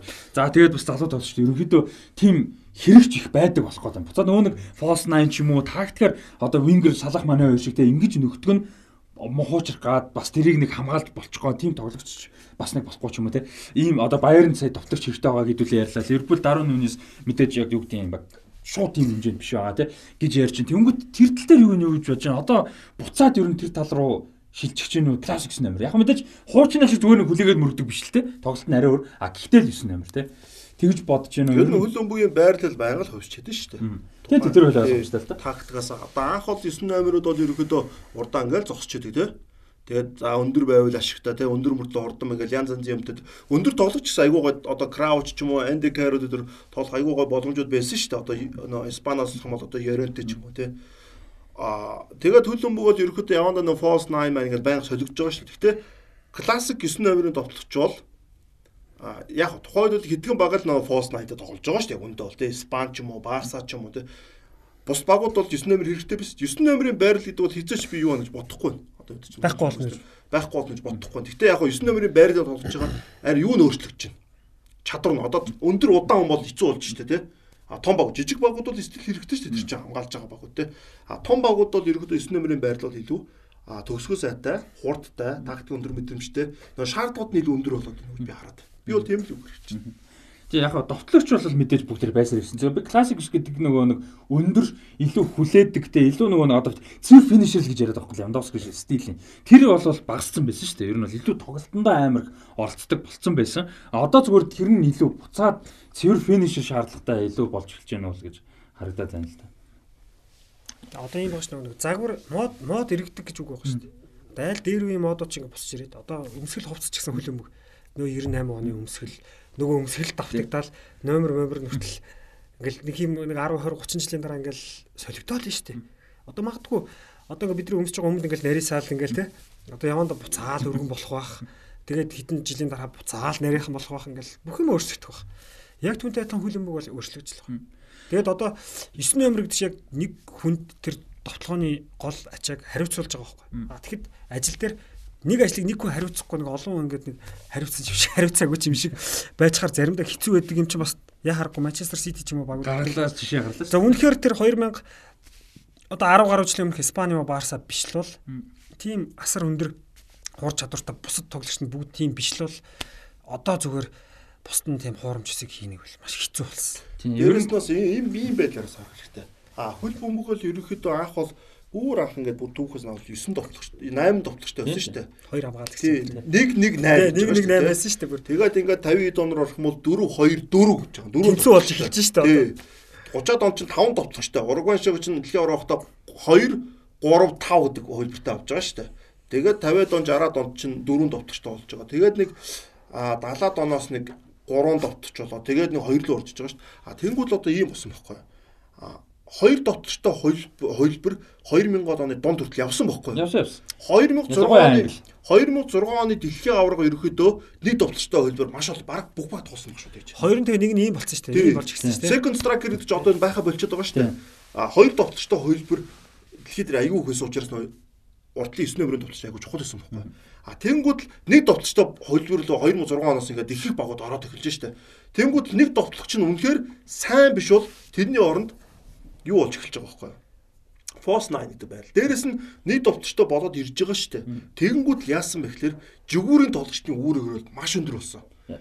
Криштиано Роналдо, Месси, Саалах эдгээр чинь жигүүр тоглодог мөртлөө товчшиг гол хийдэг болсон. Энийний хууль юу хувьсны юу гэхээр хоёр товчтой 4-4-2 урд нь бол та нар бод урдны хөлөнгөөр бодвол Криштиано Роналдо чинь 4-4-2-ын баруун жигүүр юм уу зүүн жигүүрийн хагас хамгаалагч байхгүй? Довтооны байрал биш. Тэндээс Криштиано Роналдо ямар ажлыг өгөх гэхээр Төрөө төрөө дамжуулт кросс тайм. За нэг өөрөө нэг ор цохин гэхдээ ховор. Яг тэгвэл хуучин тэр 4 4 2-ын хөлөмгөж чинь байрал дээр баруун өлтөө баруун зүгүрийн хагас дээр зүүн өлтөө зүүн зүгүрийн хагас дээр байсан. А тэнгууд л нэг довтлогчтой болоод хоёр жигүүртэй болоод тэр хоёр жигүүр нь Робин Рибери хоёр л ер нь жоохон хөвдөд байсан. Тэр хоёр. Заавал баруун өлтөд Робины санж нь 2004 оны Европын урдаар зүүн зүгээрээ Уулаас орж пас өгдөө штэ. Зүүн дээр л тоглодог ус. Тэнгүү төл өнгөч нэг довтлогчтой болгоод хоёр жигүүрийн тоглогч нь юу болж гисэн бохоо. Илүү ачаалж эхэлж. Илүү ачаалт болоо гол оруулаад тэр чинь тэнгүү энэ хоёр чинь заавал баруун баруун дэш зүүн зүүн биш яах болж байгаа байхгүй барийн сүлээд өчөж байгаа байхгүй. Тэнгүүд тэр хоёр төв рүү оронгууд хоёр жигүүрийн хамгаалагчаар яг орчин үеийн хөлбөмбөдөр 4 4 2 а би ахад гоо тайлбарлая. 4 4 2 байгаа штэ. Тэгэд Бекхэм ч юм уу Криштиано Роналдо дамжуулалтаа явуулдаг жигүүрийн хамгаалагч рушаа ордог байсан бол 4 2 3 1 болонгууд жигүүрийн хамгаалагчийн үүрэг нь хүртэл урагшаа болоод эхэлсэн байхгүй. Бүтэн талбайг дуулдаг болсон. Одоо өмнө нь Гари Невил ч юм уу Малдини одоо юу гэдэг вэ хуучны жигүүрийн хамгаалагч Урагшаа хамгаалалттай Гари бол их ордог байсан шүү. Яг Гари яг сүүлдээ ордог болсон шүү дээ. Ер нь Роберто Карлс Марс гэдэг Кафу Мафу гэдэг яг үндэ чадварлаг хитэн Гари Невил шиг сайн хүмүүс ордог. Гари Невил бас сүүлдээ тийм. Урд нь баруун жигүүрийн хамгаалагч гэдэг бол баруун жигүүрээсээ бүр нэг холоос кросс өгөн тэгээд хамгаалдаг л хүмүүс юм Тийм гол нь хамгаалах Орчин үеийн байсан, чинь хамгийн гол хөвсөн дээр довтчихоос гэсэн бохоггүй. Төвийн нэг довтчтой болонгод хоёр жигүүр нь солгоо өвтөн баруун руу Баруун баруун өвтөн, өвтөн солгоор оронгод тэр жигүүр төв рүү ордог болсон. Амар болон довтгоны хөлбөр олон талд болсон. Тэнгүүд л хоёр жигүүрийн хамгаалагч хоёр жигүүрээр ороод тоглоод эхэлцэнгүүт одоо орчин үед ерөөсө хоёр жигүүрийн жигүүрийн довтлогчийг одоо жигүүрийн хамгаалагч болно шүү дээ. Одоо Валенса байна, Эшли Янг байна. Одоо хин бид энэ Джеймс Миллер те. Васкес. Тий одоо бүгд одоо Серхи Роберто тэргээ бүгд ингээд жигүүрт малуудаа тэр чинь тийм дээ. Жигүүрт тест тоглож жигүүрийн хамгаалч болж байгаа. Тэгэхээр наад 9 номерын довтлогч тий 9 номерын довтлогч чи өөрөө ингээд хувьсаад эргэж байгаа учраас хөлөнгө төвсөл гарсан. Тэгээд нэг хэсэг яг нэг тэр голынхан байрал руу нөө мессежсээ тэр ингээд орж ирэх гурван довтлогч болгоо. Тэр байрал дээр нь заавал зогсдог хүн байх шаардлагагүй. Тэтгэн баг дээр л тэр Фоснан чин Герман, Испани гэдэг баг дээр л ихэс хөлөнгөнд 9 номерын довтлогчийн байрлал. Яг жоохон хазаачлаа. Гэхдээ ерөнхийдөө гол нэг юуг нь яалаа л да нэг түүхтэй нь холбоод ингэж байгаа шүү гэдгийг тайлбарлах гэж ичээл л дээ. Тэгээд ийм болчиход байна. Одоо л хоёр довтлогчтой тоглож байгаа бол баг байхгүй шүү дээ. Нэг довтлогч. Тэгээд э, сая Интер нөгөө төрүүлдэг жилдээ хоёр довтлогчтой тогссон шүү дээ. Тэр За сонирхолтой. тэр үед бол байсан байсан. Тэр Яг гоо тэр нэг ганц хоёр. Тийм тийм мэдээж болж байгаа. Дэлхийн түүхэнд бол одоо анхны хурамч 9 номертэй довтлогч Адольф Синдлер гэж Австрийн довтлогч 30-аад оны довтлогчийг бол авч үзтээ. Дэлхийн нийт хүлийн зөвшөөрч гэсэн. За тэр тухай бол дараа бүр тусдаа яри. А орчин үеийн бас юу гэрэмнэ? Свиперийг ярмаар юм те. Нэг 74 оны Швейцарын. тэгээд нөгөө юу байгаа. Одоо энэ орчин үеийн хөлбөмбөг чинь ягаад хурамч хэсгийг энэ хинээс үүдэлтэй вэхээр Торосоос үүдэлтэй байхгүй. Ягаад гэвэл 2010 оны дэлхийн аврах шалралт тэмцээнд Торосыг гаргаад идэг, гаргаад идэг. гол хийдгүү. Торос гол хийдэггүй. За тэгээд Торос бэлсэн шүү дээ Педро. За тэгээд дараа нь Еврод дээр орсон чинь Торос нь муутчихсан, Вильян гинтчихсэн. Тэгээ Испани өөр яах. Одоо тэнд яг хамгийн хуурамч болол хуурамч 9 номертой тогс хамгийн тод шиж чинь 2012 оны Евро байхгүй. За энийг бол тэгээд Испани шиг л баг чадна тий. Дүүс ингээд захын баг хийчихвэл тэр нь шуудлаа байхгүй. Тэгээд дээрэс нь тэр үеийн нөгөө довтлогчдын би э, та буруу ойлгох ойлгосон байхгүй гэж би л яг нэмж тайлбарлаа. Зүгээр хурамч ус зүгээр классик ус тэр чигээр бүгд хурамч ус усан гэж аамч. Зүгээр нөгөө нэг Агуэро ч юм уу, Виа ч юм уу, Суарес шиг ингээд бүрэлдэхүүн довтлооны одоо эхлэлтэй плеймейкинг ч юм уу тэр процессд ордог тоглогчтой амар их болцсон. Одоо Тэр нь амар гоё шүү дээ. Одоо тэр урд нь 4-4-2-оор тоглоод тэр товтлогч бол урд зогсчод үүсэж шүү дээ. Одоо бүдэр онолдоо ч тийм л үүсэн шүү дээ. Тэгээд яг хэрэгтэй үед ордог. Одооны 9 номерын дээр товтлогч нар ч яа Левандовски, Бензема тэр Суарес эдэр ч юм болохоор тэгээд амар юу болчиход гол нь талт болчиход. Кейн Тий. Кейн, Кейн, Бенземаар ялангуяа. Руугаар наршаага Эбара хүртэл тийм болсон шүү дээ. Найруулуур орно. Тэгэхээр тим 9 номерын товтож одоо амар хоорын бар болчиход байгаа. Яг бол тэнд байгаа 9 номерын товтож айгүй олон юм хийж шүү дээ. Тэгэхээр хамгийн гол гол орхигдуулахгүй тий тий. тэгсэн бүр гол ойрт бол. Тэгэхээр тим тодож универсал болж одоо олж байгаа гэдэг тийм амаргүй. Тийм болохоор харин яг тэр тоглол шиг Мөнгө байна тэр нь байхгүй. Мөнгө тэр нь баг. Одоо Левандовски хүртэл сая яалаа шүү дээ. Хуурлаа шүү дээ. Ер нь бол Мюнхен цэвэр финишер л хийдэг гэсэн. Ерөөсө багийн тоглолтод оролцдог. Тэгээ амар олон жил мундаг тоглосон. Германд ч аргагүй л тэр чинь. Мюнхенд тэгээд нэг репутейшн бас муутай маань чинь Тийм хүн ч тэгээд юм байхгүй. Тэгээд сүүлд нь 4 2 3 1 байхгүй. Довтлогч ард нэг атак тагаа байхгүй. Тэгэхээр үндсэндээ энэ атак мидфилдер Томас Мюллер чинь Левандовски их олон юм хийчих байгаа байхгүй. Хоёр жигүүр нь өгч чинь. Тийм гэхдээ Одоо энэ чинь ийм байхгүй. Одоо бодлоо тэнгуэл Мюллерийн оронд Бруно Фернандеш бол Бруно Фернандеш хамгаалах ажлыг хийхгүй шүү дээ. Тэгэхээр тийм асуулт. Тэгэхээр Мюллер гэдэг чинь өөр ямар тоглож тэрнээс бас айгүй тийм нөлөөлж байгаа. Тэгээ зөв нэг Левандовски өөрөө фэнүүдтэйгээ болон бас тийм харилцаанд асуудал өөр юм бас зөндөө байдаг юм байл л дээ. Тэгээд сүүлийн үйлрэл дээр нөгөө илүү тоглолтоо нэмээд илүү бүр ингээ гарч ирж мэрээд ингээ оролцоод тэгжээж бүр багийн тоглолтоо Боруссия Дортмунд ард нь Кагава тоглолт өгсөн шүү дээ. Ройс тоглолт өгсөн те. Яг артлынхын тоглогчдын юу айгүй чухал бас. Одоо Бруно Фернандештай тоглож байгаа Рашфорд бол Рашфорд нь зүг байхгүй. Жигүүр лөө орно. Аршаа татна гүүн те. За тэгээд эхний хэсэг өндөрлөх ба. За тэгээд э, эхний хэсэг өндөрлөв чинь одоо энэний дараа бол 2017-оос 10 биш 18-аас 19 оны э, хөлбөмбөгийн Европын хөлбөмбөгийн улирлын талаар ярилцсан. А тэгээд дэмжиж ажиллаж байгаа Westport Lounge хамт олондоо баярлалаа. Тэгээд ерөн ерөнхий ивент тэтгэгчид болох MMS болон Хас банкны хамт олондоо баярлалаа. А бид нар хэлжсэн MMS дээр бол юу яаж байгаа агуулгач хөлөөлөх хямдалтай худалдаа бол явагдаж байгаа шүү. 12 сарын 1 хүртэл явагдаж байгаа. За энд нь одоо түр хэлжсэндээ автомат таслуур, самбарын тоноглол, за цахилгаан монтажны хэрэгсэл, дагалдах хэрэгслүүд утаснууд те хүчний арзетик гэх мэт ийм төрлийн бүтээгдэхүүнүүд бол агүй олон төрлийн бүтээгдэхүүн 12 сарын 1 хүртэл хямдалтай явагдаж байгаа юм билээ. Тэгэхээр source цэг юм эсвэл э, electric цэг MMS Facebook хуудасаар ороод мэдээллүүдийг авах боломжтой байгаа шүү. Тэгээд 77.19 99 дугаараар холбогдож бас мэдээлэл авах боломжтой. За тэгэд Хас банкны хувьд бол түрүү хийсэн мөн хийсэн 10 сарын 30 хүртэл бас айгүй гоо идэвхжүүлэлт явж байгаа 20% буцаалттай идэвхжүүлэлт явж байгаа. Хас банкны дэлхийн аваргын картыг захиалж авсан та бол аппликейшнээр захиалал болоо. Тий, аппликейшнээр шууд захиалжуулсан Asmag-ны данстай бол тий. Тэгээд Adidas, Reebok, Nike, Puma, Under Armour гэсэн бүх брэндүүдийн одоо дэлгүүрүүдээс бол сая 1 сая төгрөг хүртэл худалдаа авалт хийхэд бол юу юм бэлээ? 20% буцаалт авах юм бэлээ шүү. Тэгээд 10 сарын 30 хүртэл юм юу маань явах нь бид нар тэгээд нэг Asmag-тай хамтраад нэг азтан тодруулаад дэлхийн аваргын бөмбөг бөмбөг өгөх тийм бас хийш юм анахан тий. Аа Тэгэхээр сонирхолтой авах гэж бодож байна. Тэгээд дэлхийн аварга төгсөж байгаа. Тэгээд дэлхийн аварга төгөөд ирэхээр бидэд бас мэдээж хувийн ажлууд за тэгээд мэдээж дэлхийн аваргын юмнууд Дэлхийн аварга үеэр шоуга бүрнэтэй яаж явах уу те ямар хуу төрлийн контент гарах уу гэдэг дээр ер нь төхөөд бол мэдээлэл ямар ч байсан орно. За ямар ч байсан одоохондоо бол дэлхийн аваргын 7 хоног хүртэл шоуга бүрнэтэй энгийн эпизод гардгаараа гарна.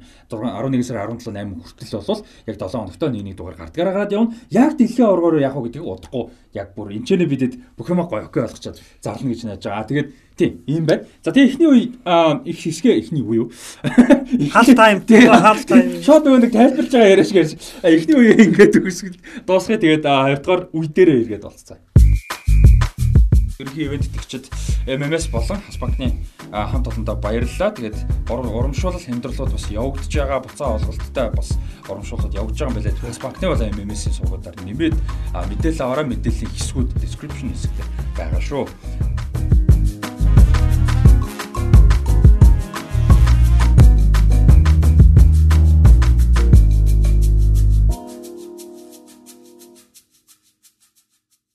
Яг бодож байгаа дататай байна үзэгчтэй. Гэхдээ амар тийм юу шиг нэвтрүүлэг шиг хөтөлж мэтлээ да. Уул нь подкаст. Аа юу Одоо хэдүүлээ 2018-аас 19 оны Европын хөлбөмбөгийн улирлын талаар ярилцээ. Тэгэд сайн үсэн чи бидэд ярьжсэн. Одоо ингэ нөө улирлын төхөөд ирсэн манай үзэгчдээс яг ялангуяа залуу үзэгч сонсогчдод маань ингээд илүү сайн мэддэг юм орж ирээд бид хэдий мэдгүй юм дотор илүү орж ирээ бас сонирхолтой гоё байгаа. Тэг комментууд бол сонирхолтой байгаа. За тэгээд 18-аас залуучууд гой гой юмуд ярьж цаашаа хийж надруу хийх. Сая ярих юм ярьчихсан болохоор тий. За за заашаа нэг за за.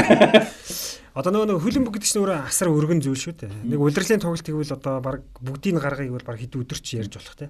А бид хэд бол ерөнхийдөө нэг гол гол зүйлүүдээ л ярьж байгаа. Тэгээ бид хэдийн дурдаагүй өчнөө олон гой бичээр юм аа. Тийм зүйлүүд бол байгаа. Тэгээ бүгдийг нь бол мэдээж ярьж амжихгүй. Тийм болохоор гол гол зүйлүүдээ ярья. За 18-аас 19 оны удирдал энэ удаа юу яана Европын хөлбөмбөгийн лиг гэхээс илүү нэг сонин үйл явдлаар эхэлнэ. Европын хөлбөмбөгийн холбооноос 2018 оны дэлхийн аврал шалралт тэмцээний дараа одоо нэг шгшөөгдийн нөхөрсөг тоглолтууд шүү дээ. Нөхөрсөг тоглолтуудыг бас нэг жоохон ач холбогдолтой болгоё гэдэг үндсэн дээр UEFA-гийн үндэсний лиг гэдэг тэмцээнийг санаачилсан. За энэ нь бол одоо нэг FIFA Days буюу шгшөөгдийн тоглолтын үеэр багууд хоорондоо тоглол лиг маягтай тоглож одоо хоёр он дамж явах юм тэмцээнийг бол санаачилсан. За тэгээд анхны үлрэл бол 2018 оны намар эхлээд 2019 оны хавар өндөрлсөн. За энд бол багууд AB чансаагаараа ABCD гэсэн дөрвөн ангилалд хуваагдаад нэг ангилалтаа бол 12 орчим баг ороод одоо 3 3-аараа дөрөв хэсэгт хуваагддаг тий. За тэгээд ингээд нэг тухайн хэсэгтээ эхний байр эзэлсэн багууд хэсгээсээ гараад аврагын төлөө хагас шигшээд үлдээд тоглоно. А хэсэгтээ хамгийн сүүлийн байр эзэлсэн багууд дараагийн улиралд нь одоо доод лиг рүүгээ орж тоглох ийм одоо зүйлийг санаачилсан байгаа. За тэгээ анхны улирал бол Португал, Нидерланд, Англи, Швейцар гэсэн дөрвөн баг одоо Европын А хэсэгт хэсэг хэсгээс гараад хаг шигшээ тоглолт болсон. Ингээд эцсийн дүнд Португалийн шигшээг анхны Европын үндэсний лиг төрүүлж одоо Криштиано Роналдо ба түүний нөхөд одоо хоёр дахь шигшээгийнхэн цомыг бол авч байла. За Нидерланд бол хоёр дуураар эзэлсэн. Тэгээд Англи, Швейцар хаг шигшээ тожигдоод хүрлийн төлөө Англи, Швейцарыг тургуулийн цогцолтоор хоцж ингэж байр эзэлж байсан. Ийм зүйл байгаа. За та хоёрын хувьд одоо энэ Nations League дээр юу анх одоо хэрхэн хүлээж авч ив яг одоо нэг хөрсөг тоглолтуудыг учир утгатай болгоё гэдэг дээр нь бол яг бас ойлгож болохоор тий. А гэхдээ орчин цагт одоо ингээд маш олон тоглолтууд байдаг болсон тий. Сая юу вэ 22 он гэхэд Ван Дайк ч юу баг 60 морон тоглолт тоглолцсон гэж юу яач? Арай ажаар хүрхгүй бах. Тэгээ бүр ингээд тоглогчид бол бүр ингээд утгагүй олон тоглолтод оролцдог болсон топ багуудын тоглогч. Тэгээд энэ топ багуудын тоглогч, топ шигшээнүүдийн тоглогчд бол сая нөгөө нэг Деброн яриадсэн лөө Nations League залхаж чинь те. Би одоо баг West-тэй 60 70 тоглолоо тоглоомоор уурлаа бухимдаа явжсан.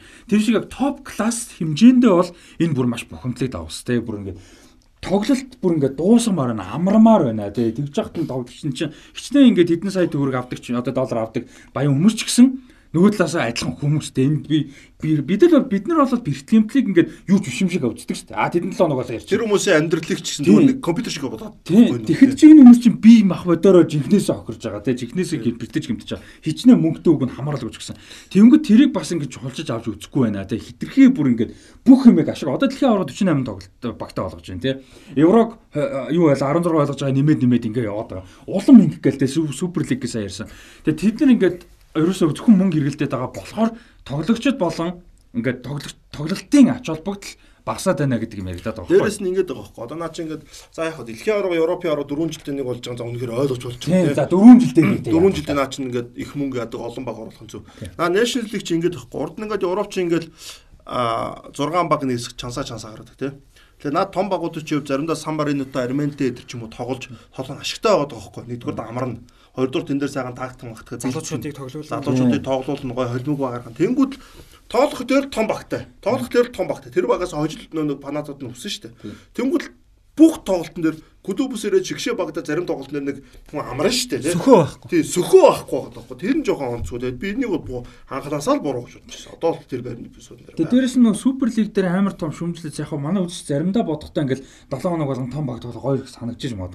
7 хоног болгон том багт болоод өдөр чинь том тоглолт байхаа байхаа болчихж байгаа. Тэрнтэй л адилхан. Одоо сая Nations League-ийн тоглолт яг мэдээж Англи фэнүү зарим нэг тоглолтоо үзээд ингэсэн юм байгаал бах. Гэхдээ л ач холбогдол баглах байхгүй. Тэгээд том багууд тогсон юм шиг мөртлөө. Тэгээд тоглолт нь бухимдаал те дасалжуулагчд нь бухимдаал. Өндөр томцоо чи хаяал гоё тааруул гоё те. Тийм шүү дээ. Ач холбогдол дэлхийн евро дээр таараад эсвэл нэг сонгон шалгаруулалтын нэг плей офф ч юм уу нэг нэг онцлох нэг гол тоглолт дээр таардаг шүү дээ. Яг гэхдээ бас яг тэр чигээр 100% бомоо гэж хэлж бас болохгүй л да. Одоо юу гэдэг энэ нөгөө нэг ABCD гэлэг байгаа те. Одоо тэр C ч юм уу B ч юм уу D лиг рүү н орж байгаа багууд бас яг хоорондоо чансаа ойрхон багууд бас гоё. Бас тийм. Тийм чансаа хоорондоо ойрхон багуудад тоглох боломж гарч байна. Аа тэгээд цом авах боломж гарч байна. Тэ Сан Марино яг яг авахгүй л гэхдээ зүгээр үгдийн ойрхон багуудаа тоглоод одоо авах боломж арай их байна тийм. Дээрээс наа чи ингэж байгаа нөө Европын аврууд ороход ABC гэж байгаа шүү дээ. D гэж байгаа шүү дээ. Тэр C M гэж хоорондоо нэг ялсан нь Европын авраг руу нэг орох нэг ирэх мэрэг байгаа. Дид нь бол байхгүй байх шиг байгаа. Тий, дид бол арай байхгүй. Сид нь бол гарч ирээд байгаа. Тийгч Мактон авсан шүү. Сигээс сигээс. Гэтэ арай сэр дээр орохгүй. Би ч нөгөө Сан Марино. Сан Марино, Гибралтар, Андорра гэдэг байхгүй.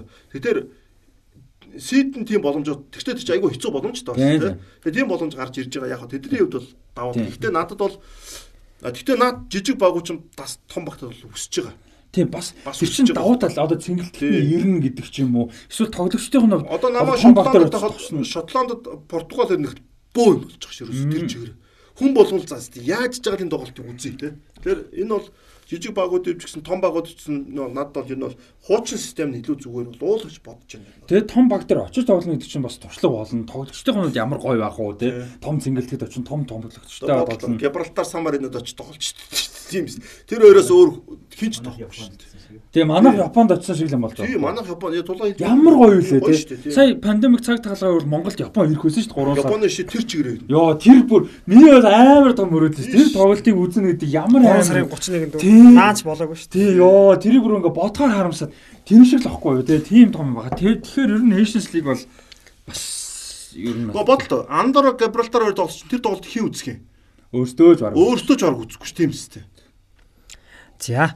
За тэгээд 2000 Nations League тавшимж байна. За Nations League гэснээс одоо шгшөөгт холбоотой бас хүмүүсийн их анзаараагүй нэг гоё юм болж ирсэн. Гоёч юу бах тий. 2018 оны намар маань бэлгүүнээ надад хэлж ирсэн. Тэгээ би нэг тэр үед нь судлаад үтсэн. За тухайн үед юм байсан юм. Дааны шгшөөг нэг Словактаас сонирхож тоглодог. За тэнд юу болвоо гэдгсэн чинь Дааны тоглогчдын холбоо, Дааны хүлэмжийн холбоо гэдэг хоёр байгууллага хоорондоо гэрээ байгуулт юм байна. Дааны тоглогчдын холбоо гэдэг нь ер нь жоохон үйлдвэрчний хэвлэл маягийн За энэ хоёр холбооны хооронд байгуулсан гэрээ 2018 оны 7 дугаар сарын 31-нд дууссан байсан байна. Тэгээ энэ хоёр эргээ гэрээгээ сунгая гэсэн боловч одоо тоглогчтой холбоотой арилжааны эрхийн зарим нэг асуудлаас болж шийдэл төрөхгүйсээр гэрээгээ сунгаж чадаагүй. Генга 9 дугаар сар эхэлсэн. Шгшоогдын тоглолт эхэлсэн. Дааны хөлбөмбөгийн холбоо, Словакийн хөлбөмбөгийн холбоот айл эрт гэрээ байгуулад 9 дугаар сарын 5-ны өдөр нөхрөшиг тоглолт товолцсон. Нөхрөшиг тоглолтод цуслах нь бол алуул маш их торгуул ирнэ. За тэгээд Евро болон дараагийн том тэмцээнд орох оноо хасна. УЕФА-гийн дүрм гэж нь амар штэ. Үнэхээр хүнддэг шалтгаан тэр өвчин одоо байгалийн гам шиг юмнаас болоогүй л бол энэ байж л. Тэгээд даанчуд бүр хачин болсон. Тоглогчтойгоо яаж чадаагүй. За ингээд нөхрөсөг тоглолтыг бол цуцлах аргагүй боллоо гэд даанчуд шигшээ байгаа бүрдүүлсэн. За энэ тэнгуү Дааны хүлэмбгийн одоо дээрээсээ 3 4 5 дахь лигийн тоглогчд болон футзалын тоглогч нар орж ирж нэг шигшээ бүрдээд Словактай тоглоо 3 тэгэр очигдсан. За Словак сайн тоглосон биш үү? Бүр амар зэ. Футзалын хаалгач Кристофер Хаг гэдэг тоглогч 7 цохилт хааж иж бүр ичгвтер байдлаас бүр бага аварсан гэж. За энэ тоглолтын дараа яг Даны одоо нэг Йенс гэж одоо менежер тэр тоглолтод яг жигшээг нэг удаа өдөрцсөн байна. Баатрууд хэлсэн тамир та. Даан улс даяар тэдрэг бол ингээд ерөөсө 48 хан цагийн юм цуглаад бүрдсэн байгаа бол баатрууд гэж. 48 хан цаг. Тий. Тэгээд тэдрэг бол одоо ингээд нэг одоо этик гэх юм одоо ёс зүйн одоо баатрууд гэдэг зүйл тэр үед гарсан юм бэл. Дааны хөлбөмбөгийг аварсан агуу тийм нэг тийм их сони юм болсон. Наач ч сонсоогүй. Сонсч ирсэн. Яг тэр үед нь бол би бүр яг гард сонсч ирсэн сайн санаж. Тэр тоглолт тэр чинь 3-0 гэдэг чинь бүр айгүй тэгээд Словак баг бүтэн бүрэлдэхүүнээр тоглосон санагдаж шүү. Словак л ойлгоо Скрителийн бүгд тоглож байгаа. Словак буруу байхгүй шүү дээ. А даан тэнгуут юм байна. Тухайд FIFA-гийн чансааны 9-9 юм байна. Тэгээ дааны шиг шогч нь хожигдоогүй нэг 18 оны дэлхийн аврах шалралт тэмцээнд орохдоо бахан хожигдоогүй байна л та. Тэгээд дэлхийн аврах шалралт тэмцээндээ бас хожигдоогүй. Оросд бол торгуулийн цогтөр очигдсан шүү дээ. Тэгээ дааны нэг олон хожигдлогоо цовруулж явж байгааг энэ зогсцсон юм байна л дээ бас их сони юм болчихсон тий. Тэгээ эдгээр чинь нөгөө нэг Скандинави орнууд чинь нөгөө нэг ажилчдын ирэх мэрх гэдэг тийм тэр тал дээр ер нь ерөн социалист демократ улсууд шүү дээ. Тийм тал дээр ялангуяа тэр тал дээр бол бүр амар мундаг. Тэгээд наад чинь тоглогчдын нөгөө ирэх ирэх мэрх гэдэг юм дээр бол айгүй дээгүүр тавьдаг. Тэгээ манайхны нөгөө ойлгоод социалист төрөөс өөр шүү. Тий тэр тий би орос юуны бол биш тий. Шал өөр наад. Скандинави манайхан социалистлэр бид нар ингээ шивэд чиг дайн шиг шал өөр англи ч гэсэн социалистууд байгаа. Эмнэлгийн үйлчлэгээ мөлөө сургууль мөрөнд өнгөө Шотланд ихтэй зургуул үнэгүй. Тиймэрхүүнүүд байгаа. Гэтэ тэдний чинь менежмент зохион байгуулалт юунууд нь шал өөр шүү манайхаа. Бидний ойлгодог биш шүү. Тийм тэр бол. За. За клуб өдрөг орё.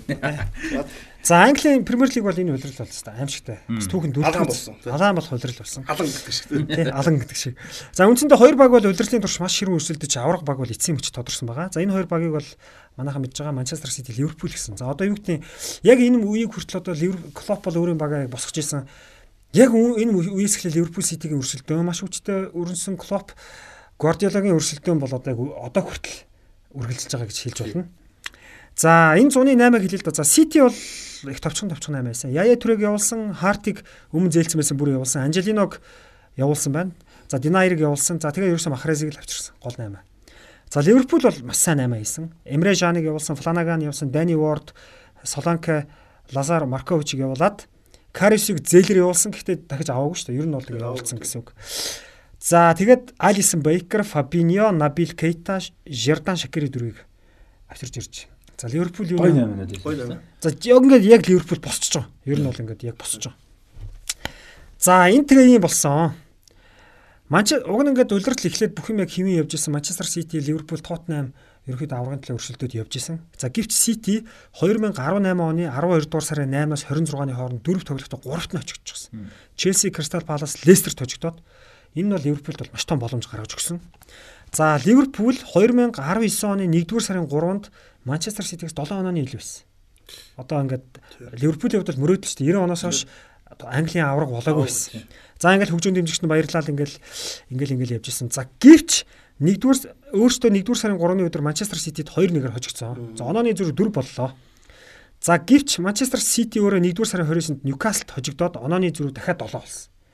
За гэвч үүнээс хойш яасан бэ гэхээр Ливерпул одоо үлдсэн 14 төргийн тоглолт байгаа шүү дээ. 2019 оны 1-р сарын 30-наас 3-р сарын 30-нд 6 тоглолтоо 2 хожид 4 тэнцээд 8 оноогоо салхинд хийсгэсэн. За 7 онооны илүү байсан баг ингээ 8 оноо салхинд хийсгээр хасахныг болж шít.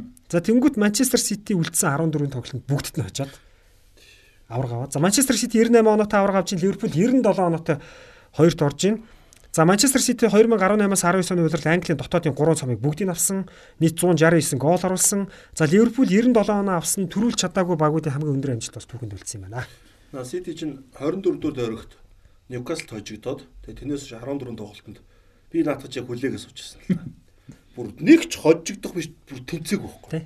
Тэнцэг тоглолт. Бүх тоглолт тавьсан. А Ливерпулад 24 дөрөв торгоос ч хойш дөрөв тэнцэж байгаа юм. Яг нэг ойрхон дөрөв тэнцэж байгаа. Цагаан сарын үеэр тий. Дөрөв тэнцээд тэгээд Ливерпул ерөөдөө Ситигийн ард нэг оноо ард ирээ. Тэгээд тэр нэг оноо уун боломжтой. Тэнгүүл Сити ч ерөө тэнцэхгүй байдаг. Тэгээд энэ тоглолт чинь Челси Месси чинь 6-0 мод байгаа ш бас 5-0 ч лөө. Тэгж мөч очиж байгаа юм. Манчестерын дерби мэр бид очиж байгаа. Тоттенхэмийг очиж байгаа. Сити бол амар гэсэн. Тэгэл дөрүүлсэн шууд. Яг юун дээр Ситиг нөгөө нэг мэдээж Ситиг ингээл юу яачаасаа эсвэл оноо алдчихсан гэж найдал явж байгаа шүү дээ. Ливерпул төрүүлсэн гэл те. Тэг ингээ явж Сити бол угаасаа бүр ингээ тийс ондоо тоглолттой бүр угаасаа илүү машин болсон байсан. Тий бүр ингээ нэг тийм урамгүй угаасаа найдлага тавиах чинь. Тэгээ ганц сүүлийн найдар би яг сайн сандаг байхгүй. Сүүлийн найдар нөгөө 37 дугаар төргийн Лестер байсан. За бас нэг Лестер юм да гээл те. Лестер чи Ситид эвгүй шүү дээ. Бас нэг те нэг яг амархан бол хожих зүгээр нэг жоохон найдар. Тэгээ тэр товч бас тийм амар бол байгаагүй. Лестер тийм амархан бол хожигдав шүү дээ. Тэгээ ингээл за за Лестер нэг нэг тусаад тэгээ контр атак яваад ч юм уу те сөрөг татлаа хийчүүл гэжсэн чинь компани зоодог. Бэ. За тэгэл за за үнэхээр Ливерпул уг нь бол амар сайн байсан. Одоо юу ч Ливерпул яг Ситидээс нэг л хожигдсон шүү дээ энэ бол. Энэ үлрэл дээр Ситид нэг хожигдсон шүү дээ. Ситид нэг хожигдож байгаа. Тэгээ Ситидээ нэг тоглолтын дээр нөөц дээр тэнцэж байгаа. Хоорны тоглолтын дээр асуудлаа шийдсэн бол Ливерпул Ерөнхийдөө төрүүлэх боломж. Гэхдээ яг өөр л байх. 7 тэнцсэн. 7 тэнцсэн Челси, Манчестер Сити, Арсенал, Лестер, Вест Хэм, Манчестер Юнайтед, Эвертон. А тэр доошоо багуудаас бүгднгээс 6 гоо авсан Ливерпул. Тэгээд энэ үед Ливерпул нэг ингэдэг байсан. Яг нэг Клопын ер нь бүтэн ингээд сезонд ихснээс хойш амар анзаардаг байсан юм. За одоо яг сүүлийн нэг сезон ясна үгүй санахгүй. Гэхдээ яг ингээд намар хүртэл Крисмас хүртэл амар явж байгаад он гараад ундаг. Яг 1 сар 2 сард бол За бүтэн биш юмаа гэхэд ер нь бол нэлээд Тэгээд төсөлөө сайн байдаг. Барай барайгаа сайн байдаг. Бүрэлдэхүүний зузаан биш учраас надад. Тэгээ нөгөө маш нөгөө нөгөө нэг металл рок хөлбөмбөг гэдэг чинь маш их ирчүүчтэй ингэж тоглолдог. Зузаан биш. Тэгээ тэр тоглогч чинь ундаг яалчгүй ядрал нөлөөлн форм сэтгэл зүй маш олон талаар. Тэгэхээр тэр нөгөө нэг бүрэлдэхүүн гэдэг юм л гарч ирж байгаа. Одоо ингэж байгаа шүү дээ 12 сар гэдэг бол за бус лигууд бол гайгүй тий. Премьер лигууд бол амар хүнд сар байдаг. Яг бол ер нь бол 5-аас 6 тоглолт багадаа байна. 5-аас 6 тоглолт. 12 дугаар сар уу? 12 дугаар сар. Боксинг дэй шүү дээ. Тий. Зөвхөн Премьер лиг дээр шүү дээ. А тэгвэл тэр 12 сарын ихэнх мэгж аврууд лигийн мэгийн нэг тоглолт Монголд орж ирнэ байхгүй. Тэгэхэд энэ удирдал Ливерпул 7 тоглолт хийсэн байна. 12 сард хэлж байгаа харин тий. Тэгээд яг энэ 7 тоглолтоос ингээд янз янз гарч ирнэ шүү дээ. Тэнгүүд наад нэг сар дээр чинь Ливерпул чинь зүгээр баа Англи чинь зүгээр өгдөг. Нэг сарын 1 2 тоглолтон заяа тоглонгууд 14 хоног нэг завсарлаж байгаа юм шиг болсон. Завсарлаг биш. Тэр 14 хоногийн дундахны 7 хоног байгаа шүү дээ, тий. Тэр 7 хоногт юу ороод иртээ? Лигийн зам. Лигийн зам ороод иртээ. Тэгээд ерөөсөө ямар завсаргүй. Тэр нэг уг нь юун дээр би бол юуг амраачих хэрэгтэй гэж боддог байхгүй. Нэг сарын 1 2 3 тоглож байгаа шүү дээ, тий. Тэгээд 14 хүртэл бо ердөө дундаа 1 7 хоногийн тоглохгүй байхад амарч байгаа. Энэ бол Премьер лигийн багууд тоглолт айгүй гоо сэргэлт өгөх байхгүй тоглохгүй гэдэг чинь. Бундеслиг бол сар амарч байгаа шүү дээ. А Испани лиг миг ч гэсэнтэй юу амарч байгаа. Бас нэг 2 7 хоног. 2 7 хоног. 10 хоног манаг амарч шүү дээ. Тэнгүүд Премьер лигийг нь 10 хоног дээр амрах нөө нэг лигийн зам яваа. Лигийн замдэр нөгөө чинь ингээд тал бүртгэн тоглодог байхгүй. Надад дасгалжуудад чи стил ажилтаа байгаа шүү дээ. Нөгөө багчаа. Тэгэхээр би бол наач мол өөрөө нэг бас амар шавхдаг те. Нэг тоглолт ямар чухал байдаг. Тэгээд яг энэс болоод Ливерпул дандаа бүрэлдэхүүн зузаа байдаг мөнгө бүрэлдэхүүн нэмгэн мэдэг мөнгө баг байдаг учраас энэ нөлөөлөл Сититэй харьцуулахад те харьцуулахад одоо бодлоо Салах Фермино манай гуравч нь бараг юу тоглож байгаа шүү дээ. Сэлгээгүй тоглож байгаа шүү дээ гуравч. Энэ гурвын нэгээс Шакирийг л авчирсан болохоос Шакир өөрийгөө байн гол биш. Байн гарах. Өнөө чи гарахаараа класс нь зөрдөг байхгүй. Тийм. Бүр хитргээ зөрдөг яаж. Тийм. Хитргээ зөрдөг байхгүй. А Ситигийнхэн чинь нэгээс сухад нөгөөт нь Бернардо Силва сухад ард нь Махрез шүү дээ. Бернардо Силвагийн сайн тоглолтын сүүлийн өдрлөн шүү. Дараа нэг хоёр өдөр фейлддээ шүү дээ манай хэмжээ. Байрлал солихгүй. За яа би нэг юм асуух гэдэг юм л да. Растич Ливерпулийг бол сайн мэдж байгаа. Би яг ингэж бодож байсан байхгүй. 2017-оос 18 оны улиралд Ливерпулийн товтлогоос гайхамшигтай байсан. Нөгөө шидэт 3 те уртлын 3. Тэгээ хамгаалт жоон сул байгаад яг энэ улирал хамгаалтан жоон сайжирсан товтлогоо жоон суларчлаа гэж би харчихсан байхгүй тэр үед. Аа нь сулрах гэхээс үл энэ энэ улирал дээр чинь манай Салах хоёр чи 22 22 болж байгаа шүү дээ. А яг би болохоор Манегийн гол нь ихсэн бол Салахын гол нь жоохон багассан байхгүй. А дээрэс нь Ливерпулийн нэг дутагт нь төвийн хасуудын гол айгүй баг. Одоо Манчестер Ситигээс чи төвийн хасаас Кевин Де Бройн ч юм уу те голчдаг. Тэг ингээд чухал тоглолтууд голддог. Одоо энэ өлөр дээр чи Ван Дайк 4 билүү 5 гол оруулж байгаа хөөхгүй Премьер лиг дээр. Хамгаалагчаас өгж байгаа гол бол болчихж байгаа. Хоёр баг адилхан. Ситич адилхан одоо Стоунс ч юм уу одоо компани ч юм ингээд гол хийж штэ тэ. Тэнгүүд Ливерпулийн дутагдал энэ дэр Төвийн хагас. төвийн хагасууд нь дандаа нураадаг хагасууд. Одоо ч гэсэн энэ асуудал явсаар байна. яг Голтой төв байхгүй шүү Голтой дээ. төв байхгүй. Тэнгүүд энэ үуч Виналдум хамгийн голтой төв хагас байсан байхгүй.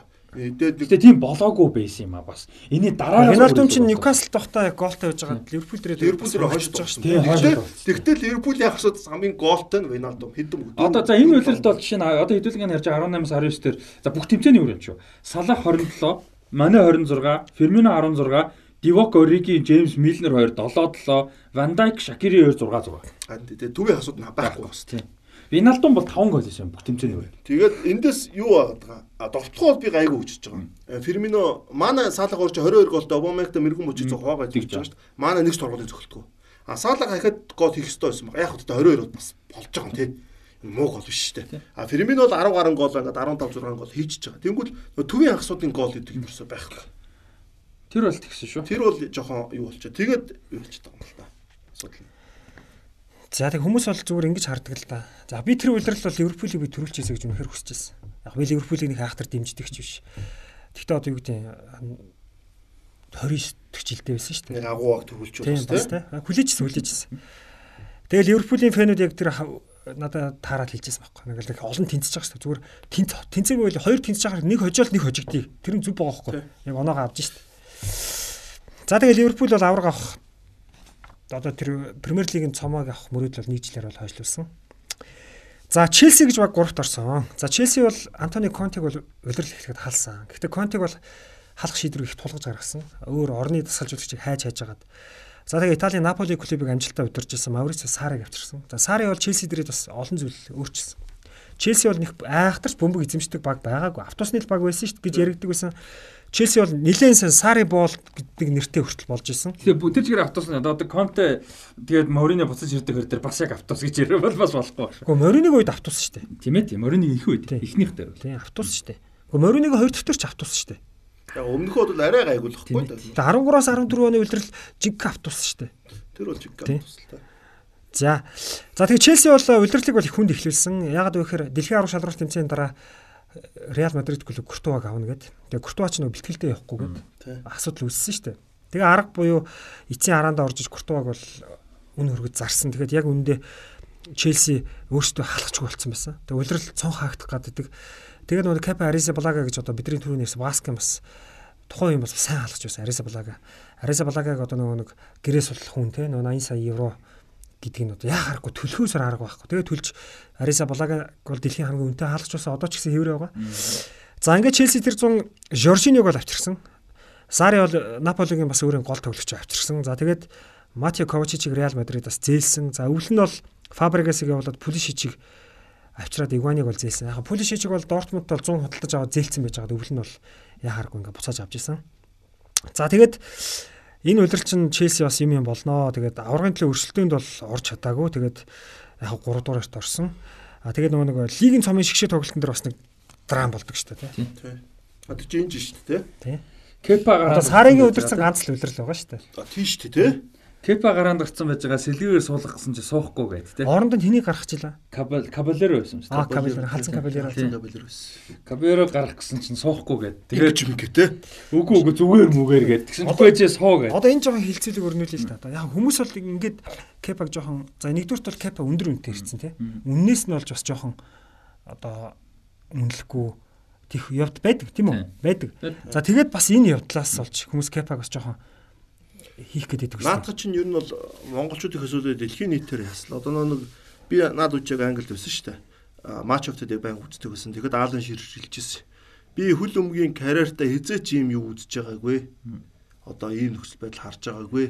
Энэ бол одоо маш буруу шийдвэрээ. Энэ бол Кепаресе Балага гэдэг тамирч ямар том одоо бүдүүлэг үйлдэл гаргаж байгааг бол бид дэлхийн нийтээр харлаа гэж. I have never seen this kind of thing гэдэг байхгүй энэ ч юм бол аалан ширхэж. Тэгэхээр бол бид нар биш зөвхөн дэлхийн нийтээр энийг яаж байгаа. Тэг Сари бүр яг боож өгч байдаг шүү Гоо боож боож Тэхгүйгээ яах вэ? боож өгөх нөхөд дасгалжууд ч бол тэгнь. Яг л дасгалжууд төлөвлөсөн байгаа шүү дээ. Төлөвлөсөн мэдээ нөхөр байж байж гэдэг ингэх чинь бол ер нь бол анжтай тийм шүү дээ. Тэр дасгалжууд ч бас хэцүү шүү дээ. Лөлийн тэрэнд төвсгөлт байсан яг Кепаг зөрөвдөх юм бол биш шүү. Тэр яаж утсан тамирчин үнэ болохгүй юм. А гэхдээ зүгээр яг хаанаас яг яагаад ингэв гэдгийг бодох юм бол яг нөө Кепа тулгамдаж ирсэн тий айгүй үнэтэй ирсэн. За өвгөн нь бол юу гэдэг за Испанд бол хүмүүс мэддэг байсан. А гэхдээ дэлхийн нэвтрүүлэг бол нэг тийм сайн мэддэг бол байгаагүй. А тэгээ шууд дэлхийн хамгийн үнэтэй хаалгач болоод Челси шиг том багт тий ийм үнэтэй ирчингүүт шууд төрөний хэлдэг юм том хүлээлт, том дарамт, том шахалт, том юмнууд ирчихэж байгаа. А тэр бол тийм амар сайн тоглосног бол бас үгүй ер нь бол тий нэг мундаг гахалтай бол тоглог. А нэг амар муу бол байгаагүй ерөөхдөө нэг хэсгээд өнгөрсөн. А тэгэнгүүт яг зүгээр нэг финалд гараад ирсэн. Тэгээд яг ингээд пенальт пенальт болох гээд тэ чухал юм болж байгаа. Өөрөө хаанаг бодсон багтана. Өөрийгөө батлах нэг юм хүсэл юм байсан баг. Тэ яг яг зөвтгөж байгаа бол биш үү л тийм. А гэтээ дотроо бас тийм бол тэрийгэл одоо контролдож чадаагүй байна. Тэг гол нь. Тэрийг контролдож дуусах. Суугвал За за сууя кабелеро ууралж болон бөхөндөж болон гэтээ суугал. Суугаад кабелеро нь фейлдчүүл тэр үн чинь за би байсан бол шал өөрөөхөөс юм а гэдэг юм бас өөрөө харуулж болно те. Кабелеро хаачих юм бол яг баг хожиж чинь те. Тэг яг тухайн үеийн юу нь яагаад хүлдээ цайлвал. Тэгээ бас дэндүү залуутсан л да. Баскууд бас жоохон амбицтай магадгүй л бах те. Яг гоо. Тэр бол залуутсан, туршлагагүйсэн. За тэгээд бас Тэг ер нь контрол алдчихж байгаа юм. Гэхдээ энэ бас энэ талаас нарах штэ. Мэргэжлийн хөлбөмбөг нэгдүгээр хаалгачийг солидох бол энэ баг штэ. 14 оны тэр Силесний Крул хоёр тэр бол тэгтээ ойролцоо ойлгочихгүй. Крул тэр Мишель Ворм гээд Селиндого хаалгаж байгаа штэ. Тэр чинь бол пенальти киллер гэдэг нэртэй хаалгаж штэ. 11 бүр саадаг. Тэгэхэд хоёр туга Крулийг Силесний ороод гаргах гэж байгаа шүү дээ энэ чинь. А луу ингаалч те. А тэр бол хоёр ойролцоо олж байгаа. Тэнгүүл бараг бүтүүлрэл гардаггүй. Кабелероч нэг хэдэн тоглолтод орж байгаа шүү дээ те. Кабелерог ингээд солино гэдэг бол бас тоглогчид бол айгүй сонирн байсан баг л та. Тийм үстэй те. Нэгдүгээр алгач солино гэдэг бол. Гэтэ Кабелер бол 11 үнэхээр сайн хадгалж идэх бол бид нар мэдж байгаа шүү дээ. Тэгэд баг гэтэ юу байсан баг те лигийн цомд Кабелеро баг гараа тогсон баг те. Ер нь яг хөтлөө. Ер нь бол тэгдэг шүү дээ. Хоёр таалагч та бол. Тэгэд энэ Сари бас хилчүүл те. За Капа хэрвээ ингүүл ингэ шүү гэдээ одоо хилжсэн болоо яасан бол. Тэг хилсэн л байлгүй те. Бодвол хилээгүй болоод хилээгүй болоод тэгээ болох юм байна те. Хилсэн бол наа чи ойлгоно шүү дээ. Мэдж явах шүү дээ те. За нэг байна шүү дээ. За Тоттенхэм бол дөрөвт орсон. Тоттенхэм бол 101 хид хідэн яг тийм айхтар алдартай биш тоглогчийг явуулсан бол нэг тоглогч худалдаж аваагүй. Одоо нэг цэнгэл түрээлэнгийн барилгын ажлаа шалтгаалж мөнгө төгрөх юм уу байсан. Ер нь Тоттенхэм бас цаашаа ундаг шалтгаанд наас ч эхэлж байгаа шүү. Ер нь Тоттенхэм ч бараг 3 цонх дараалаад өвөл 100 оруулаад бараг хүн авд. Нэг хүн авдаг ч илүү нэг. Тийм. Тэгжсэн дом байлаг авдаг л яадаг үлээ нэг хэлдэг баг. Тийм фэлтдэг. Тий. За тэгээд энэ жил Тоттенхэм уг нь бол юу яасан юм бэ? Удирлыг давгүй эхлүүлсэн юм байна аврагын төлөө өршөлтөнд яг нөгөө хоёр ч нэг хайхтар тасарчаагүйсэн артхан талд нь ер нь боломж бол байна гэж байсан явж исэн юм байна. За гівч тэгээ Тоттенхэм 2 дугаар сард нэг бөөрнлийг тожигдоод түүнээс хойш муу амжилтууд нь эхлээд. Тэгээ удирдлийн сүүлд бол маш муу тоглосон. Одоо энэ дээрээс 3 баг удирдлийн төгсгөлийг асар тааруу хийж байгаа. За Тоттенхэм удирдлийн сүүлийн 12 тоглолтод 3 хон хожоод 2 тэнцээд 7 хожигдсон. Наач харахгүй аврагуудын лиг дээр финалаар гарчихсан. За тэгээд аврагуудын лиг бол арай гэж ирэх нэг онооны илүү тавж үлдэж байгаа. За энэ удирдал бол бас өөр гой гой багууд байна. За Арсенал одоо агуу Арсен Венгер 22 жилийн багийг удирдсан хэвээр ажиллаа өгöd. Унаа Имэрэ бол анх удирдсан. За тэр зам бол Санти Касарло, Мертезакер, Уилшир, Хойл Кемпл нарыг бол явуулаад Лихтенштайнер, Берн Лено, Папастатопулос. За тэгээд Торера, Гүндэзи За өвөл нь бол Денис Суаресыг зээлэр авч ирсэн. Өөс битүү фейл шүү дээ. Та хүмүүс одоо энэ гүндээсийг их давгуул гээд би одоо удирдлын айгүй айгүй жоохон шүү дээ наач. Бас нь гүндээсээ зүүндээ л алдаа гаргачихсан. Одоо Мерсед айгүй сайн байна. Одоо л наач нөө нанжда баг 20 хүрээгүй ирдэг байхгүй. 18 л 19-тод ирдэг. Тэгэхээр нөө Арсенал чинь төв дээр нөө хүмүүс нөлөгтэй байхгүйсэн шүү дээ. Гүндээсийг гаргадаг байсан байхгүй. Арай жоохон байсан юм аа зайлал. 19-тэй. Тий, жоохон байсан. 19 20 хүрээгүй байсан байхгүй. За тэгээ нөгөө Арсеналыг бол улирлын эхний тойргууд их хүн таардаг байсан шүү дээ. Эхний тойрогт авчиад Ситид авчиад таардаг. За хоёр дахь тойрогт Челсид авчиад таарч байгаа. Ингээ хоёр очиж байгаа. За гэхдээ үүнээс хойш Унаа Эмеригийн баг дорог 7 дараалж хожиж байгаа. За бүр 14 тоглолтод дараалж хожигдоогүй. За ингээд яг за түүнээс хойш яг хожил хожигдол ээлжлээд явж байгаа. За ингээд 2019 оны 4-р сар эхлэхэд Арсенал 3 дугаар хожиж тавьчихсан. Аврагын лиг ирэх маш өндөр боломжтой байсан боловч сүүлийн 7 тоглолтонд ердөө 2 хожоод нэг тэнцээ 4 хожигдоод аврагын лиг ирэх байхгүй 5 дугаар орсон. Төгсглийг бол бас их тав. Тоттенхэм уужих дага муучдаг тий. Тэгээ Арсеналын хувьд бол гол шанс нь тэгээ руу орчих юм бол та. Европа лиг рүү орчих. За энэ үлрэлт нэг айхтар баг байна. За Жосе Мориног Манчестер Юнайтед таа гэж. За үлрэл эхлэхийн өмнө Карикийг явууллаа, Блиндийг явууллаа. За Далотыг авлаа, Фредийг авлаа. Яг Морино өөрийн туртай хоёр тоглогч авч байна. За өвлийн цонхоор бол Филани явсан сошиал ирсэн. За Мовриногийн удирдлаганд ор сүүлийн 28 жил байгаагүй муу эхлэлийг тавьсан гэж байна. Удирдлын эхний 17 тоглолтод 7 хожоод 5 тэнцээ 5 очигдсан. 17 тоглолтын 10-т нь хожиж чадаагүй. За тэгээд Ливерпулд бол 17 дахь тойрогт бол хожигдож байгаа. Тэгээд 2018 оны 12 дугаар сарын 16-нд Мориног халаад Сүүлшарыг бол түр дасгалжуулагчаар томилсон. За Сүүлшарын удирдлагын дор Манчестер Юнайтед 12 тоглолт дараалж Премьер лигт хожигдог. Алдсан шүү дээ. 10 хожоод 2 тэнцэж байгаа. За ингээд нөгөө нэг одоо аврагуудын лигийн байр маяр чи айгу боттой болоод эхлэв шүү дээ. Гэвч Юнайтед муу форм эргээд орж ирсэн. Одоо дахиад боддоо.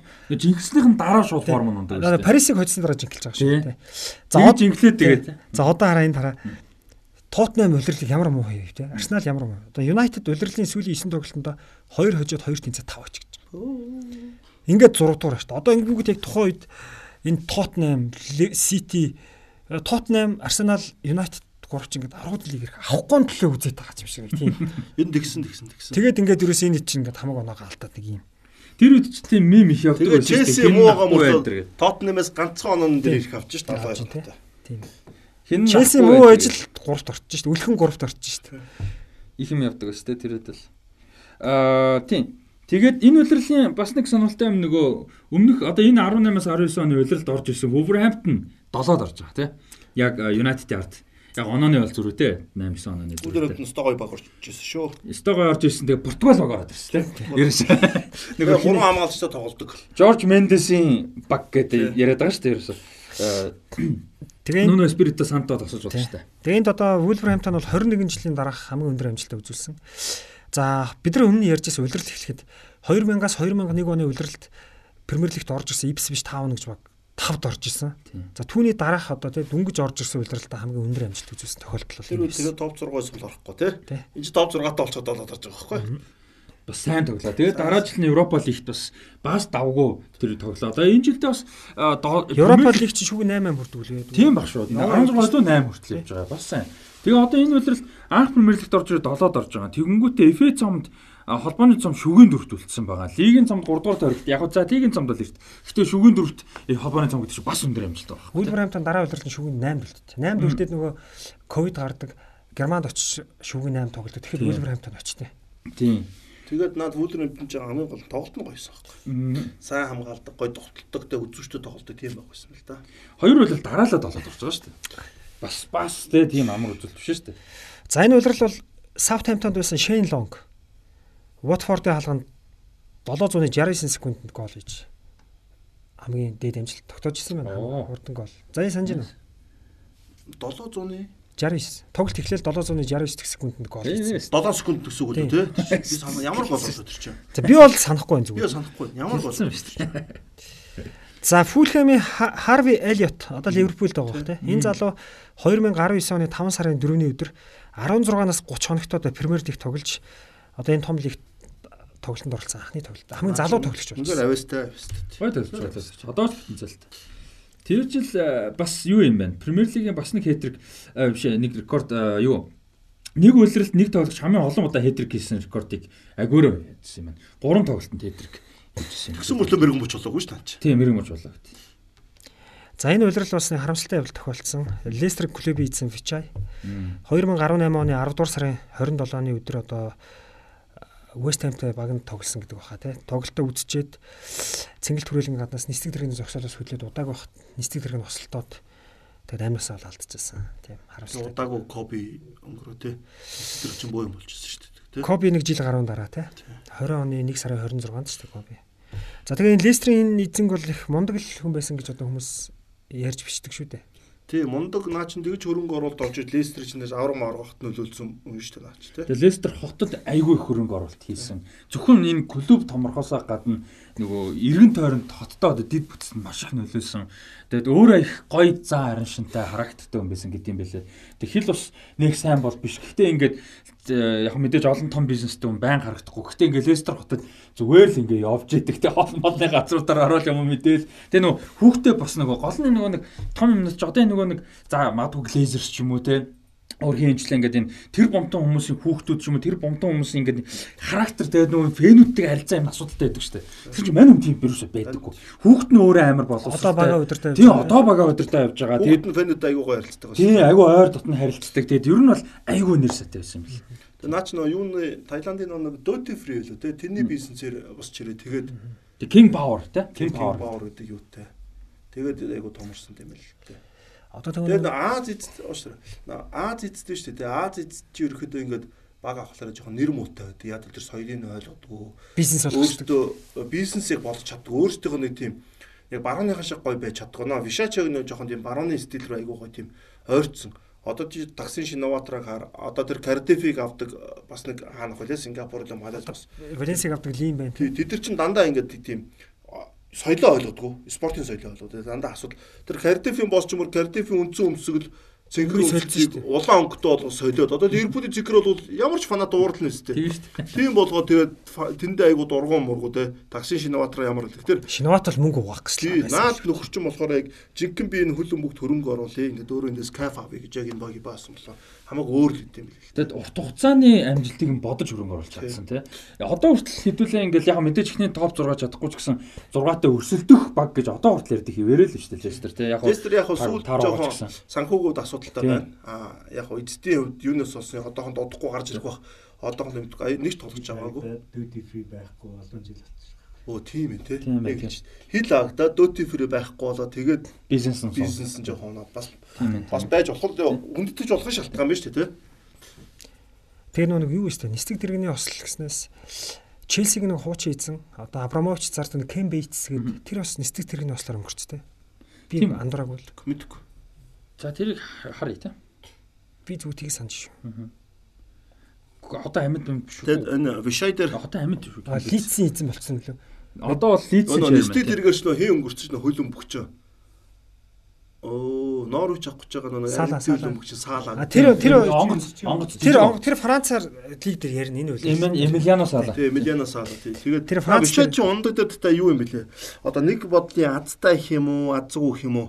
Унахад нэг бүгд тараа явцсан. Наач машин зогсолоор унж байгаа штэ. Тий, яг цэнгэлхийн гадаа. Тий. Тэгэхээр хэрвээ тэр үед ингээд хүмүүс ингээд бужигнаад жоохон оройтж явсан байхгүй.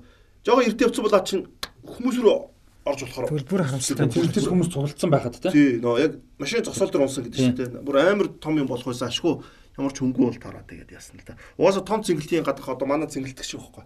Зогсоолууд нэг хөнгөө болчихдог хүмүүс яваад. Тэг өөрөө бол тоглолт болгоныхоо дараа талбайдаа усан тоглолт болгоны дараа өөрөө нэстэ тэргээр явдаг байсан. Тэгээд тийм тиймэрхүү байсан. За англи хөлбөмбөг болсон ба. Биш нэмэх юм. За болсон болсон. За Испани хөлбөмбөр орно. Мэргэн а тавч мэргэн болж байгаа ярьсан шүү дээ. Мохаммед Салах, Садио Мане, Pierre-Emerick Aubameyang гурав. На Салах 20 22 болтой. Aubameyang чинь 20 адилхан юу сүүлийн тойргийн өмнө гэж бодоод тань л 22 байдаг хүлээ. Тэгээд манай ч 20 тэй байсан. Тэгээд за манайг үзэхгүй Салах энэ тоглолтын дээр бараг голдно голдохгүй тэгээд ингээд яахан бахан. Бараг Салах нэг гол оруулаад 23 таа авч магадгүй гэж. Манай манай тэр сүүлийн тоглолтын дээр Ливерпул 2-0 2 гол хоёулыг нь байхгүй чичрээд. Тэгээд 22 голтой болоод манай анх удаага Премьер лигийн мэрэгэн бучиг авч үзэж байгаа. Гурал авч гинөө. Гурал. Тэнд амар гоё байсан. Ингээд гурван тоглолт хувааж авч байгаа. Африкийн гурван өөрөөсөн гурван тоглолт тоглож байгаа бас амар өмнө. Тэгээд Садиа манай нэг ч торгуулын зөхөл зөхөөгүй. Тэгээд дандаа саалаа зөхөж байгаа шүү дээ. Дандаа саалаа зөхөж байгаа. Тэгээд аваад тэгээд яг бол хүмүүс манайг авчаас ч айгүй бодож ш дандаа манай авдаггүй. Тэгээд дандаа саалаа авдаг. Тэгвэл манай яг саалахтайгаа цуг авч байгаа байхгүй. Тэгээд Обамян хамт тий. Обамян гоё байсан гоё. Гурван Африк авч байгаа. Содон шүү энэ бол. Ховор те. Ард нь агөөрө 21 гол та. Тэгээ энэ улс чинь гуруула хөл өмгөөрөө бас Европт э, дэлхийн орчинд гавж байгаа улсууд Сенегал нэг 2002 онд л гос 18 онд л гэхээс те. Габон дэлхийн орд орж үзээгүй. Египт 2 хуудаа орсон. Тэг өмнөх жил муу тоглолцсон. Сенегалч баг 2 хонд орсон юм шүү дээ. Тэгээ ийм багаас нэгээр Камерун биш байгаа байхгүй ч те. За. За 2018 оны зам бол Испани хөлбөмбөгт маш их зүйл болсон. За Испани Зидан бол аврагуудын лигт 3 дараалж төрүүлсэн эцэст бага орхисон. Гахалтай юм шүү дээ. Тэрийг юу гэж хүмүүс тодорхойлдог вэ гэхээр Зидан бол Флорентино Перестэй жоохон санал зөрсөн. Перес бол Криштиано Роналдог явуулна гэдэг тэр шийдсэн байсан. Зидан бол авч үлдэх хэрэгтэй гэсэн байсан. Зидан эсрэгээр Гарет Бейл болон зарим хүмүүсийг явуулах хэрэгтэй гэдэг тэр байсан боловч клубын удирдлага арай өөр байр суурьтай байсан. Тэгээ Зидан бол асар джентльмен зан гаргасан. Одоо яг энэ өнөөдрийн ажил хэргийн маргаан байж болно. Гэхдээ цаагаараа Зидан, Реал, Зидан, Перес хоёрын хооронд ямар амар харилцаа байлаа. Зидан бол асар их ухаалаг шийдвэр гаргаж багийг өргөсөн. За тэгэнгүүт Реал дасгалжуулагч амгүй өргөсөн юм тийм. Реал дасгалжуулагч боллоо. Реал Испаний шиг шогийг дэлхийн аврах шалралт тэмцээнд өдөрж орох гэж Лопетиги тэгэрээ байгууллаа. За энэ бол ёс зүйн алдаа болсныг бид өмнө ярьсан. Лопетиги бол бас жоохон грин дээр жоохон алдаа гаргасан. Ингээд Испани хүлэмжийн холбоо шууд халаад тэгээ Лопетиги Реал дээр л ирж байгаа шууд. За гэвч Лопетигийн авс Реал бол үнэхээр хэцүү баг байсан. Яг гэвэл 2018 оны 100 Реал Мадрид Криштиану Роналдог Ювентус руу 117 сая еврогоор явууллаа.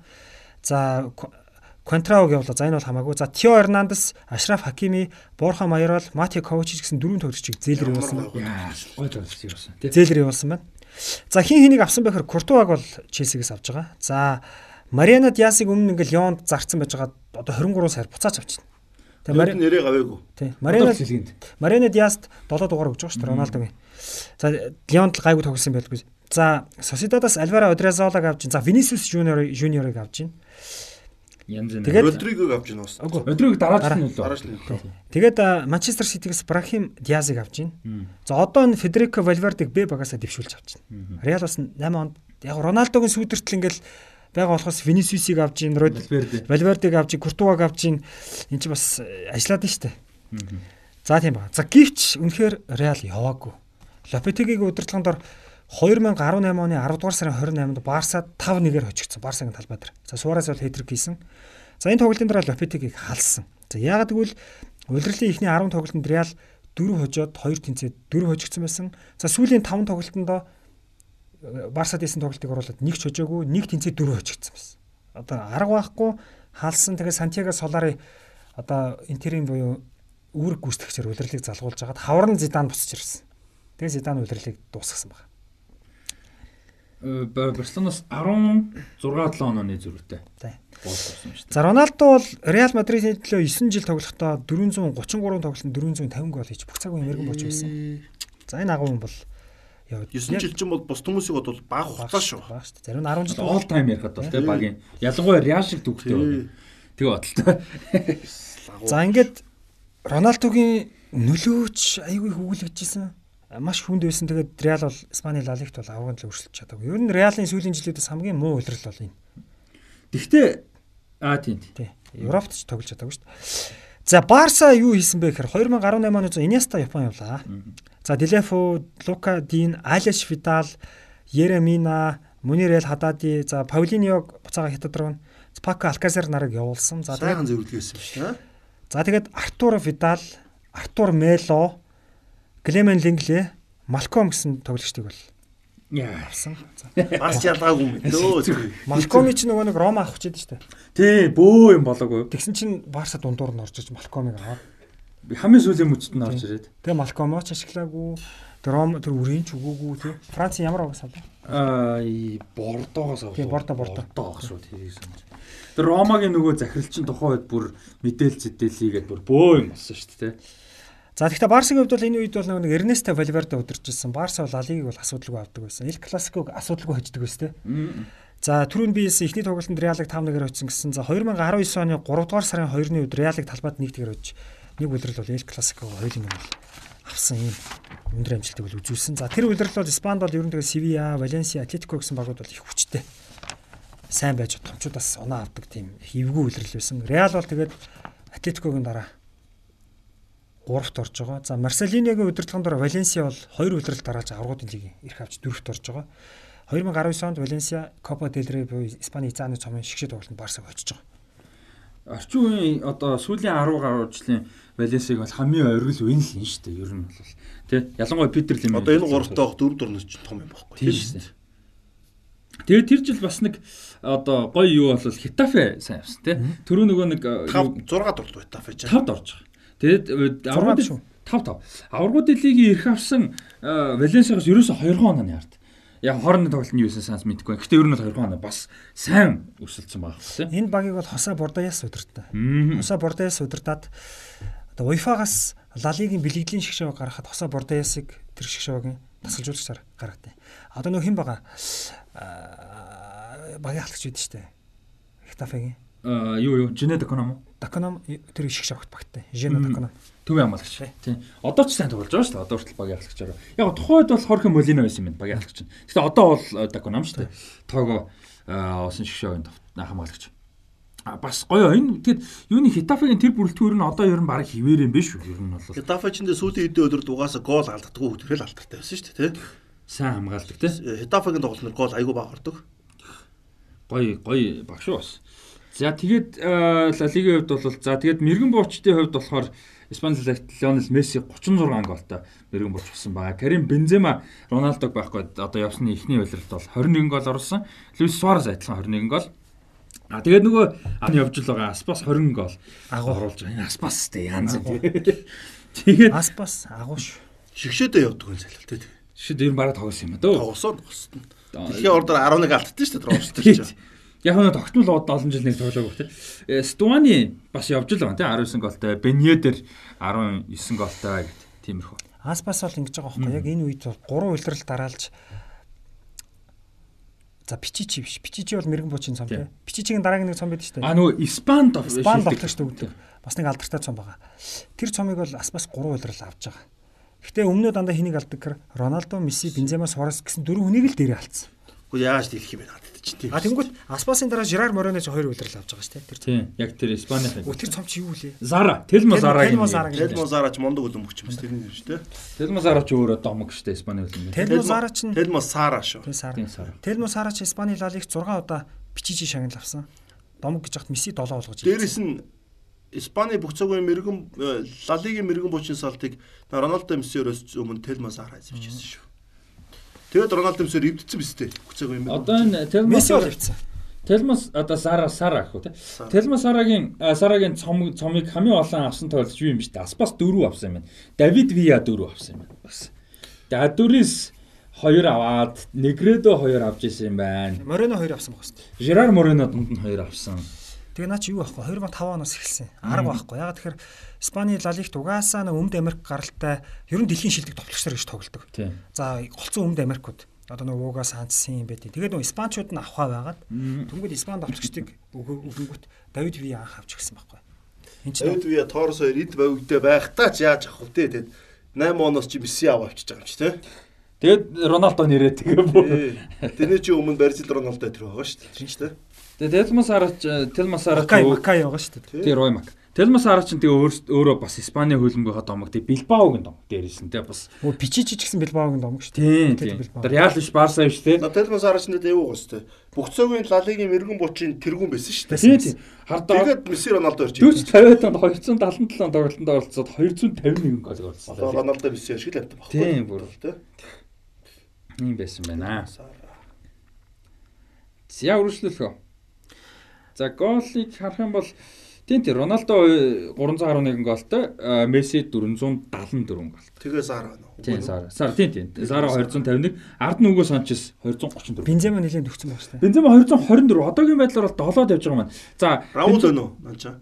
Раулаас 4 голын ард байгаа маань. Альфредо Ди Стефаногоос 3 голын ард байгаа маань. Бензема тэгэхээр одоо шууд хоёр урагшлах гэдэг шүү дээ. Одоо Одоо Одоо дөрөвд орж ирж Ер нь бол 4 рүү орох боломж бол байна. Одоо Уго Санчес 234 10 гол юм. Нь Тэгэхээр ер нь бол 4 рүү бол орно. За 3 рүү бол жоохон хэцүү байна. Бензема тэгэл ингээд их чимээгүйж аврагуудын лигт ч гэсэн ингээд баг дөрөвт байгаа шүү дээ. Тийм яг Ла лигт ингээд дөрөвт ингээд чимээгүй агуу юм хийгээд байгаа. Олон жил байгаас нь юу вэ? Өөр дүн те. Маш чимээгүй те. 15 жил бараг. Тийм шүү дээ. Тийм 15 хангалттай 15 ч те. Тэгээд аврагууд чинь Леонд гарч залуудаа гарч ирэхдээ аврагууд лиг тоглолдог байсан байхгүй. Тэгэхээр ч бас амар том нэмэр болж байгаа. За Испани нэг юм. Аа. За үргэлжлэв. За Италийн лигт бол Ювентус 8 дахь дараалсан төрөлөг төрүүлж байна. За тэгээд э, нийт бол 35 дахь төрөө нь болж байгаа. Аа. За Ювентус энэ удирал яасан бэ гэхээр э, бас тэгтээ зөвүүн э, шилжилт хийж байгаа шүү. За Хөөдс явсан, Лихтенштайнер явсан, Буфоныг Парис руу явуулсан, Игуайныг Милан руу явуулаад Миланаас өвлөн Челси рүү зээлж байгаа. За Маркизио явсан, хин ирсэн бэ гэхээр Роналдо ирсэн. Хөгчүүд явуулсан биз дээ. Энэ бол Роналдо ирсэн. Кансело ирсэн. Улийн сагс. Бонучиг Миланаас буцааж авсан. За тэгээ Спинасола, Мойски гэсэн 8 минутыг хийж. Ювентус бол эргэж бүр одоо Европт бүр ална гэсэн тийм амбицтай баг болсон. За тэгээ Роналдо ирснээр юу вэ? Инстаграм дээр Ювентусын дагагч нар эдгээр айгүй бол юу гарсан дээ нөө. Тий. Тэгээ нөгөө нэг Роналдо ирсэн чинь юуны Реал Мадридийн сошиал суугаад нэг нөгөө юу буураад тий. Ювентус ч хідэн саяар нэмэгддэг ч. Барса Реал хоёр л үздэг байсан шүү дээ тэр сошиал сууг дээр. Тэгэж Ювентус шууд амар орж ирээд тий. Тэгээ Ювентусих ч үлээ бусад 19 багийн бүгднийг нийлүүлснээс нь чих болчлоо яалаа. Тийм тийм. Тийм. Тэгэж чи Роналдо ирж Роналдо Италийн бүх багуудаа бүгднгээс нийхмэгч боллоо яалаа. Тэгээ нөгөө энэ үлрэл чи бас нөгөө юу яас. Италийн клубүүдийн нөгөө тоглолтын үзэгчийн тоо нэмэгдсэн. Тий. Роналдо ирсэн. Тий, Роналдо зочлох болгонд үзнэ, талбай дээрээ болгонд нь үзнэ. Тэгэж амар нэмэгдсэн. Италийн хөлбөмбөгт бол яг эдийн засаг талаасаа хүмүүс төрөх талаас бол айгүй ашигтай тийм үлрэл бас. За тэгээд Карло Анчелотиг Наполи дид эзэлсэн. Аталанта бол анх удаа аврагын лиг ирэх авч байгаа. Жиг одоо босч байгаа байгаа шүү дээ. За тэг Ромад 18 улирал дарааж тоглосон Дероси энэ улирлыг дуусгаад Роматайгаа салах ус хийсэн. За тэгээд дараа нь Бока хүний ярт очиж нэг 5 хон тоглолтод ороод зодог тайлсан. Гэтэ сонирхолтой дээ Боко руу явдаг нь айгүй. Өөрөө хэлдэн шүү дээ. Би юу Аргентинд очиж тоглосон. Мөрөөдөл нэсэн. Мөрөөдөл нэсэн гэсэн. сонирхолтой гоё шийдвэр байсан. Миний мөрөөдөл гэж тэгээд Аргентинд явдаг шүү дээ. Түрүү нэг сошиалгаа ярьсан шүү дээ. Месси нэг шгшогийн цогцолтын хоёр нэг Анхел Димариатай зураг авахулаад Instagram дээр тагилцсан байна л. Тэгсэн чинь Instagram Димариаг тэрхэн хооронд 1 сая фоллоу нэмэгдсэн гэж.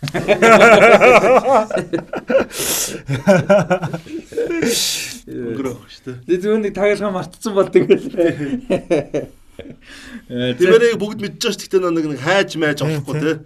Мессиг бол өө Димэригийн хоогом шиг Тэгэхээр татчихсан. Месси Роналдо хоёрын сувг бол амар. Өө би тэр сүүлд Сая бичсэн шүү дээ, сая. харсан байсан юм шүү дээ.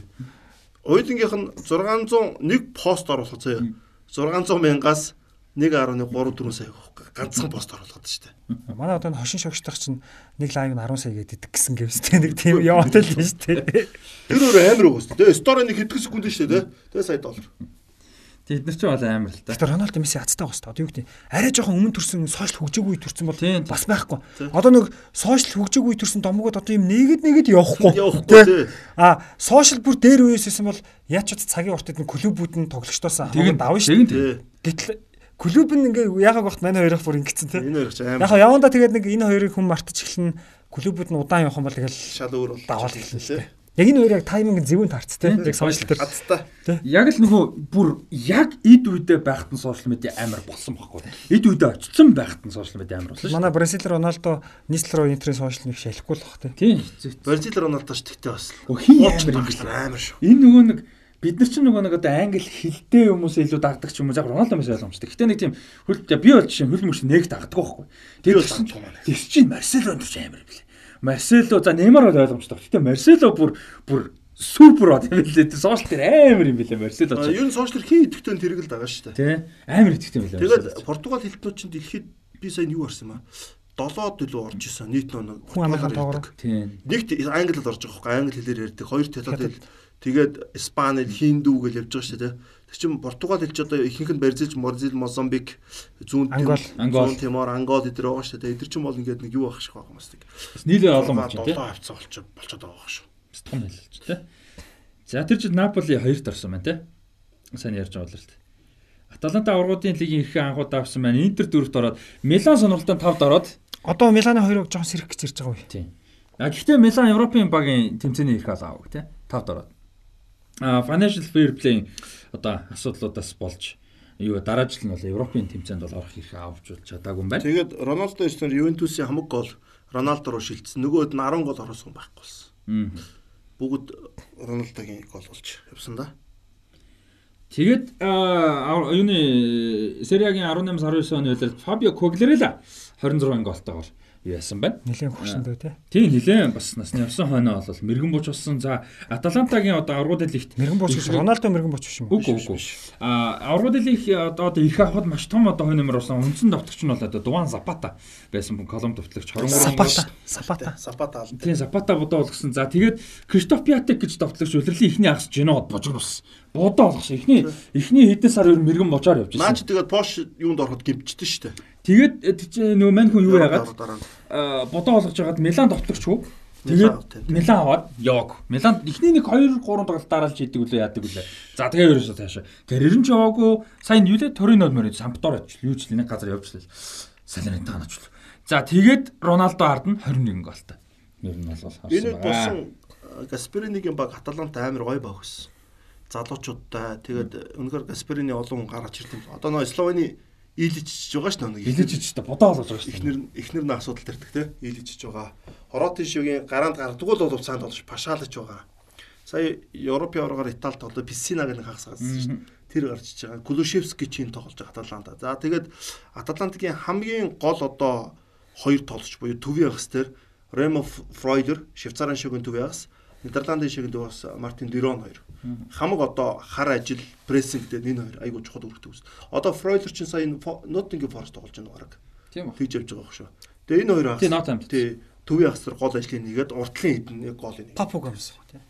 Тэгээ Папа Гомс тэ энэ үдирэлт тэр байсан юм тий. Сайн биш шүү. Сайн байсан. Юусе гол тоглогч нэг байсан шүү. Ер нь явтлаа л гол тоглогч шүү. Папу гомс багийн ахлагч 10 дугаартай. Аруудын лигээр авах гол үүрэг гүйцэтгэсэн юм шүү. Энэ Кулусевски бас дараагийнх нь үлрэлч юу? 19-оос 20 Энэ үдирэлт биш үү? Биш, Тэгвэл биш. зээлэр явуулсан байсан байна заа. Үгүй байхгүй л. Яг тэрний дараагийн үлрэлт андуурч байна. Тэгээд тэн Дуан Сапата Илич ч юм бол гол оруулмш бороо оруулалт ерөөсөө. Тий. Тэгээ Илич ч нэг ихнэр нэг асуудал тарьдсан шүү дээ.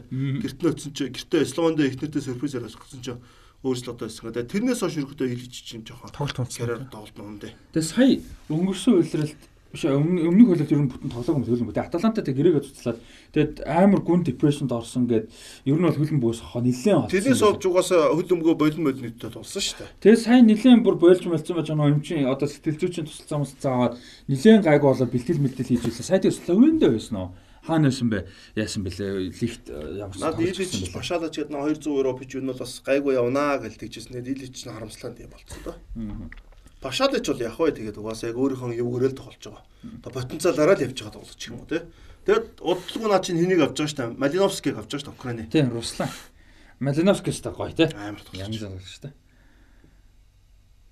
Яа тэгээд Аталантагийн тэр үлрэлт бол сая хэлдгээр яг Дуан Сапата 28 гол хийж байгаа бүх тэмцээнд. Иличич 13, тэгээ Папагомес 11. Басалич а юу 8. Тэгээд башаалч угаас тэгдэ. Гэхдээ айгүй чухал чухал тоглолтод башаалч гол хийдэг. Тэнчэнс амар гоё нөгөө нэг энэ гурван хамааштай хоёр wing wing back-тай тоглолтын юм гарч байгаа. Одоо Хата Боер, Жалука Манчинет, Кастани 3 дундаа нийлээд 17 гол хийсэн баг. Наа Кастан ч нэг Атланта ч над үлэрч зүүн мөнд баруун дээлж тоглох. Тийм. Хатибор ч баруун штэ. Нидерландын шигээ. Тэгээд хамгийн гол нь төвийн хоёр хасна байхгүй юу? Яг ингэ тоглоход Ремо Фройдер Дерон гэд гол хийхгүй занаад ирч. Гэтэ зүгээр хар ажилтаа зүгээр мангас. Швейцарын шигийн одоо амжилт юуны амжилт жин хоёртой холбоотой ш Нидерландын шигийн амжилт төвөө асууч. Швейцарчиг хүндээ Гранат Чака санд болдог. Гранат Чакагийн хамгийн сайн хажууд нь тоглодог хүн чинь Ремо Фройдер байхгүй? Европын ордоор харагдсан штэ. Тэгээд Зак Денис Закаря Макаря гарч ич чаддгүй ш над Фройдер чи хажуунаас Дарагдаа те. тий дараа дараа гарч чаддгүй байхгүй? Яг Дерон шиг тим тоглож байгаа гэдэг юм. Дефенсив мэдээлэл юм гэх юм одоо юу гэх юм хар ажилцаа. Nice.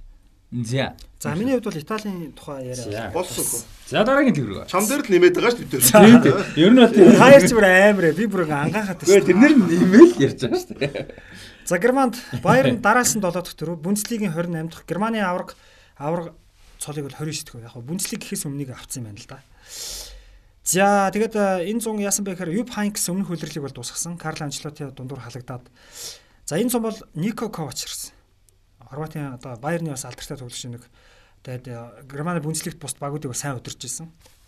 За арай Марио Götze явсан. Артура Видал, Хуан Бернат нарыг бол явуулсан. За Горецка, Альфонсо Дэвизийг аваад Дуглас Коста, Гнабри, Ренато Санчес нарыг зээлцсэн байсан буцааж авчирсан юм байна. Далсан байна. За энэ үлрэл бол нөгөө Робин Риберогийн сүүлийн үлрэл та. За тэгээд ингээд тоглосон. Гэхдээ энэ үлрэл бол Нико Ковач маш асуудалтай багийг өдөрцөн. Ер нь бол одоо ингээд Баерн ч одоо ингээд хитгэж дараас төрүүлж байна одоо хүртэл. Ерөөсөө Баерны хувьд ганц төрөг алдчихсан үлрэл юм. За энэ үлрэл бол Боруси Дортмунд Лусиан Фаврагийн удирдсан баг бол их сайн байсан.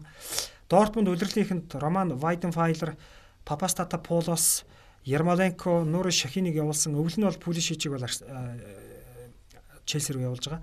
За 100 нь бол Марвин Хитц, Аксел Вицел, Пако Алказерыг авч Хакимиг Реалаас зээлсэн. За Алказер бол гоолор бол Санчо ирсэн байл одоо энэ ч тий. Жэдэн Санчо ирээгүй байсан юм шиг шүү. За үндсэн бүрэлдэхүүн л аваалга. Ямар ч байсан. За Алказерыг бол ирсэн юм sorry. Ирсэн тийм. Алказарыг бол зээлэр авсан гэдэг Алказар бол гоолоор бол бороо оруулсан. Тэгээд 10 дугаар сарын 23-нд бол яг жинклэж яг худалдаж авсан юм байгаа. За ин- Жинхлээд нэг яваагүй тий. Дараа. Тийм. За тэгээд ингээд Bayern Dortmund бол яг ста удирдлагын турш маш ширүүн өрсөлдөөн өрнөсөн. Тэгээд хамгийн гол тоглолт бол 2019 оны 4-р сарын 6-нд болж дээр классикер болоо. Тэгээд Bayern Dortmund-ыг 5 тэгэр хожоод. Тэгээ ер нь таван хэмжээ шийдсэн. шүү дээ. Гэхдээ яг гоё явжсан Дортмунд тэгэл очиод Мюнхенд байгаа юм. Уул нь энэ жил яг Лесен Фавортай яг юун дээр Дортмунд бол төрүүлэх. Талбадаар хожиждаг үстэй Bayern ч. 2-1-ээр хожиж хожоогүй хаа. 2-1-ээр хожиждаг санагдаж байна. Тийм үү. Ер нь бол Bayern л бадар хожидгүй байхгүй на Дортмунд ч. Ер нь Dortmund энэ үед ер нь хаанч тоглосон хожиж байгаа юм байна. Өөрийнх нь талбадаар наа чи нэг хожид юм аа. Би тийг санаад. Тийм ээ 3-2-аар. Тий хожид тий нэг 2-1 3-2 гэх хожиддаг. 3-2. Bayern л бадар ер нь хожих За болчихсон. тэгвэл түүнээс хойш хожоогүй юм. Түүнээс хойш магадгүй тий. Тийм бах. Хэвста бараг сүүл явах шүү те. Тэгэд э, энэ дээр бол нөгөө нэг сая Санчо гэдэг би энийг дараах гэж бодсон. Санчо энэ удирлын том нээлтүүд юм бас нэг байсан те. Манчестер Ситигээс Ирдэ, тий. ирээд шууд одоо үндсэн бүрэлдэхүүнээ. Тэгээд Марко Ройс, Алкасер, Санчо тэгээд Гоце эргээ ирсэн.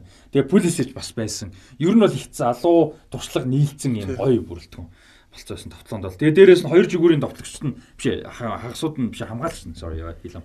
Хоёр, Хакими хоёр бүр товтлоонд амар их ордог. Ч дэмждэг. амар тоглож Шүү дээ. Реалдаг яагаад ийм гоё тоглож явуулт юм. Тэгээ хоёр наандас Хакими те.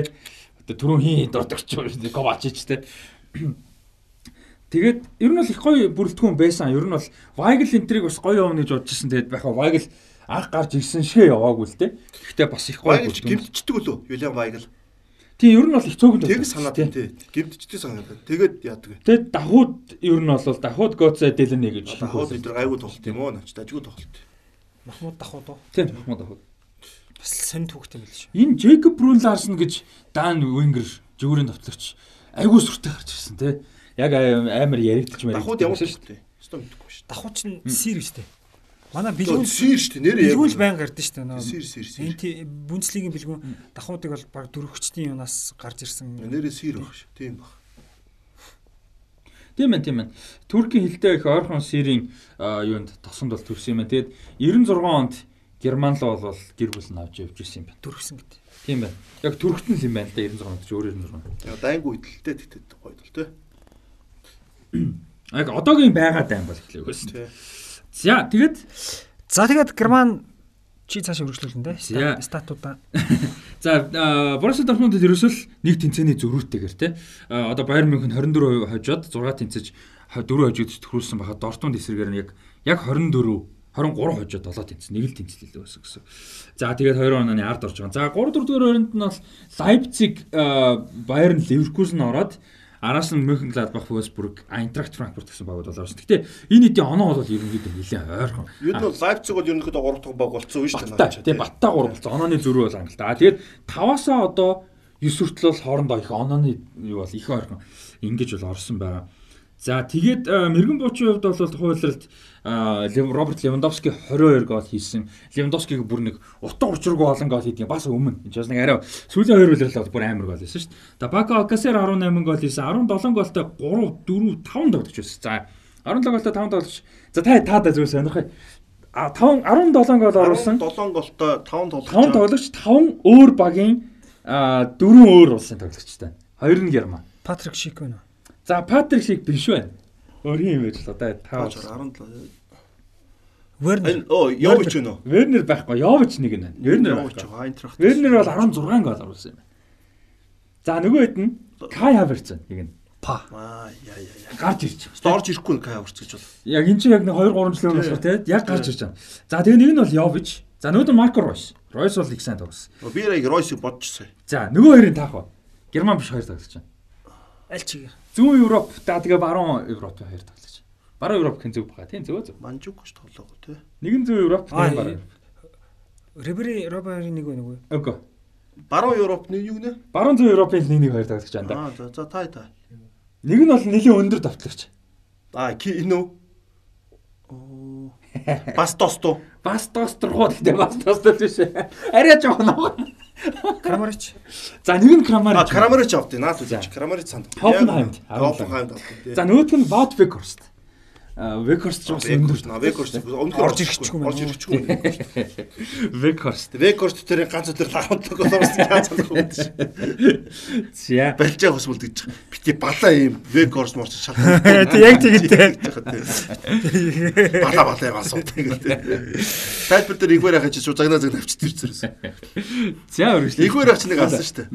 Балжаахта тайлбарчсан. Тэр тэр гэсэн. Балжаах манай доргоч өнгөрч хэдэг гол оруулаа гэж балжаах уурлаа. Хаашаа би одоо Челсигийн доргобаг бүх тоглолтыг хэдэн гол оруулах яа сан тий. Чи өөрөө Челсиг одоо санахгүй байхаас тэгээд загнаад тэр тэр шиг юм болж шүү дээ. За тэгээд энэ удирдлагын төгсгөлийн тоглолтыг би санаж байна. Байерн өрсөлдөгчөө ялаад авраг аваад Рибери Робин хоёрын сүүлийн тоглолт байгаад тэгээд энэ хоёр хүнтэл үзүүлээд ингээд германчууд тэгдэж шүү дээ ер нь э, сүүлийн тоглолт хийж байгаа яг маш гоё хүнтэл үзүүлдэг те зингэлтгтэй. Энэ хоёр юм чи тий. Яа тэгээд нөө би яриад байгаа Левандовски тэгж яваагүй чинь бас амар шалтгаантай байхгүй. За. Тэр яриад та. Хөө Левандовски ч тэгээд юу штэ. Яг дуусгаас өмнө Байерн явуулахгүй л гэж хэлсэн шүү дээ. А Тэр яриа яриа. За за. За тийм байна. Тэгэхгүй одоо энэ өдөр чи бараад 4 цаг. Харин энэ одоо өнөөдөр дугаар амар. За тэгээд дараагийн толгойд ингэж Ер нь ер нь олон тоглолт үзэх юм юм байна. Амралтын өдрөө. Тэрээгээ ярьсаар байна шүү дээ. За. За Герман болсон. За Франц. За Франц түүхлийн өдөрцөн. Тэгвэл одоо аврагуудын нэг дотор. Тий. За түүхлийн өдөрцөн Челси байна. Чи Парис байна. Эсвэл Түүхэл Хурдын доллар шиг л юм Түүхэл бол яг хурдын доллар шиг л юм байна. За түүхэл бол ингээ Парист ирсэн анхны удирдал. За Тиаго Мата явсан, Бен Арфа явсан, Пастера явсан, Гэдиш явсан, Трапер явсан. За Эмбапег өмнө өмнөх жил нь Монакоос зээлсэн байсан. Одоо ингээ жинкэлж байгаа 180 сая евро. За Буфоныг ордер алдсан юм жарахгүй бас тий. авч. Буфоныг авч ийн. Керерийг 37 сая евроор авч ийн. За Хуан Бернат, Чупомотинг, за Леандро Парадисыг Зенитээс 40 сая евроор авч ийн. За Парис бол ингээ мөнгийг асгацсан. Тийм байна. Барайд ч яах вэ? Дажгүй тий тоглолт юм уу зайлвал. Үүрэндээ бол баттай. А, Керэр ямар авир үнэтэй явсан бэ тий. Керэр Одоо Германы баруун зүгрийн хамгаалч байгаа ш. Түнгүй бол тоглож ш манай Монголыг үндэ бол. тий баруун дээр хүн байхгүй шүү. Бас яг үндэ сайн даач биш шүү дээ. Тий. За Paris Saint-Germain 91 оноотой төрүүлсэн. А Lille 75 оноотой 2, Lyon 72 оноотой 3. Тэгээ бас нэг сонирхолтой юм болсон байна. Сенетен 66 оноотой 3-т ороод одоо аргууд Европа лигийн хэсний шатны ирэх авчиж байгаа. За яг зүүн ёсоор бол 5-т орсон Марсей дараа жилийнх нь Европа лигийн хэсгийн шат 6-т орсон Монпелье дараагийн жилийн а, аргуудын шоучлаараа Европа лигийн одоо урьдчилан сартын 20 дугаар шатанд бол орох хэрэгтэй байсан. А гэхдээ аваагүй ирэхээ. Хоёулаа аваагүй. Яасан гэсэн чинь 10-т орсон Рен юу төрүүлж байгаа. А юуны цомт Францын цомт төрүүлж байгаа. 11-т орсон Страсбург одоо Францын лигийн цом гэж байдаг. Одоо Англи шиг хоёр цомтой. Тэрэнд нь төрүүлж байгаа. Тэгээ тэр хоёр нь ирэхэд энэ аваад нөгөө 5 6-ад орсон Монпелье, Марсе хоёр Европ Тэр ирсэн. лигийн цомыг бол болох хэрэгтэй шүү дээ. Эрх нь бол. Тэр 5 6-ад орно гэдэг чинь том юм байна. Уул нь бол үнэ, тий. Яг нөө лигийн цомоо жоо нэр үнэтэй байх гал гэж Ганц ковот үгүй юм л тий. Тийм. Тэгээд одоо 5 6-ад орсон Марсе Монпелье хоёр байхгүй ирэх байхгүй.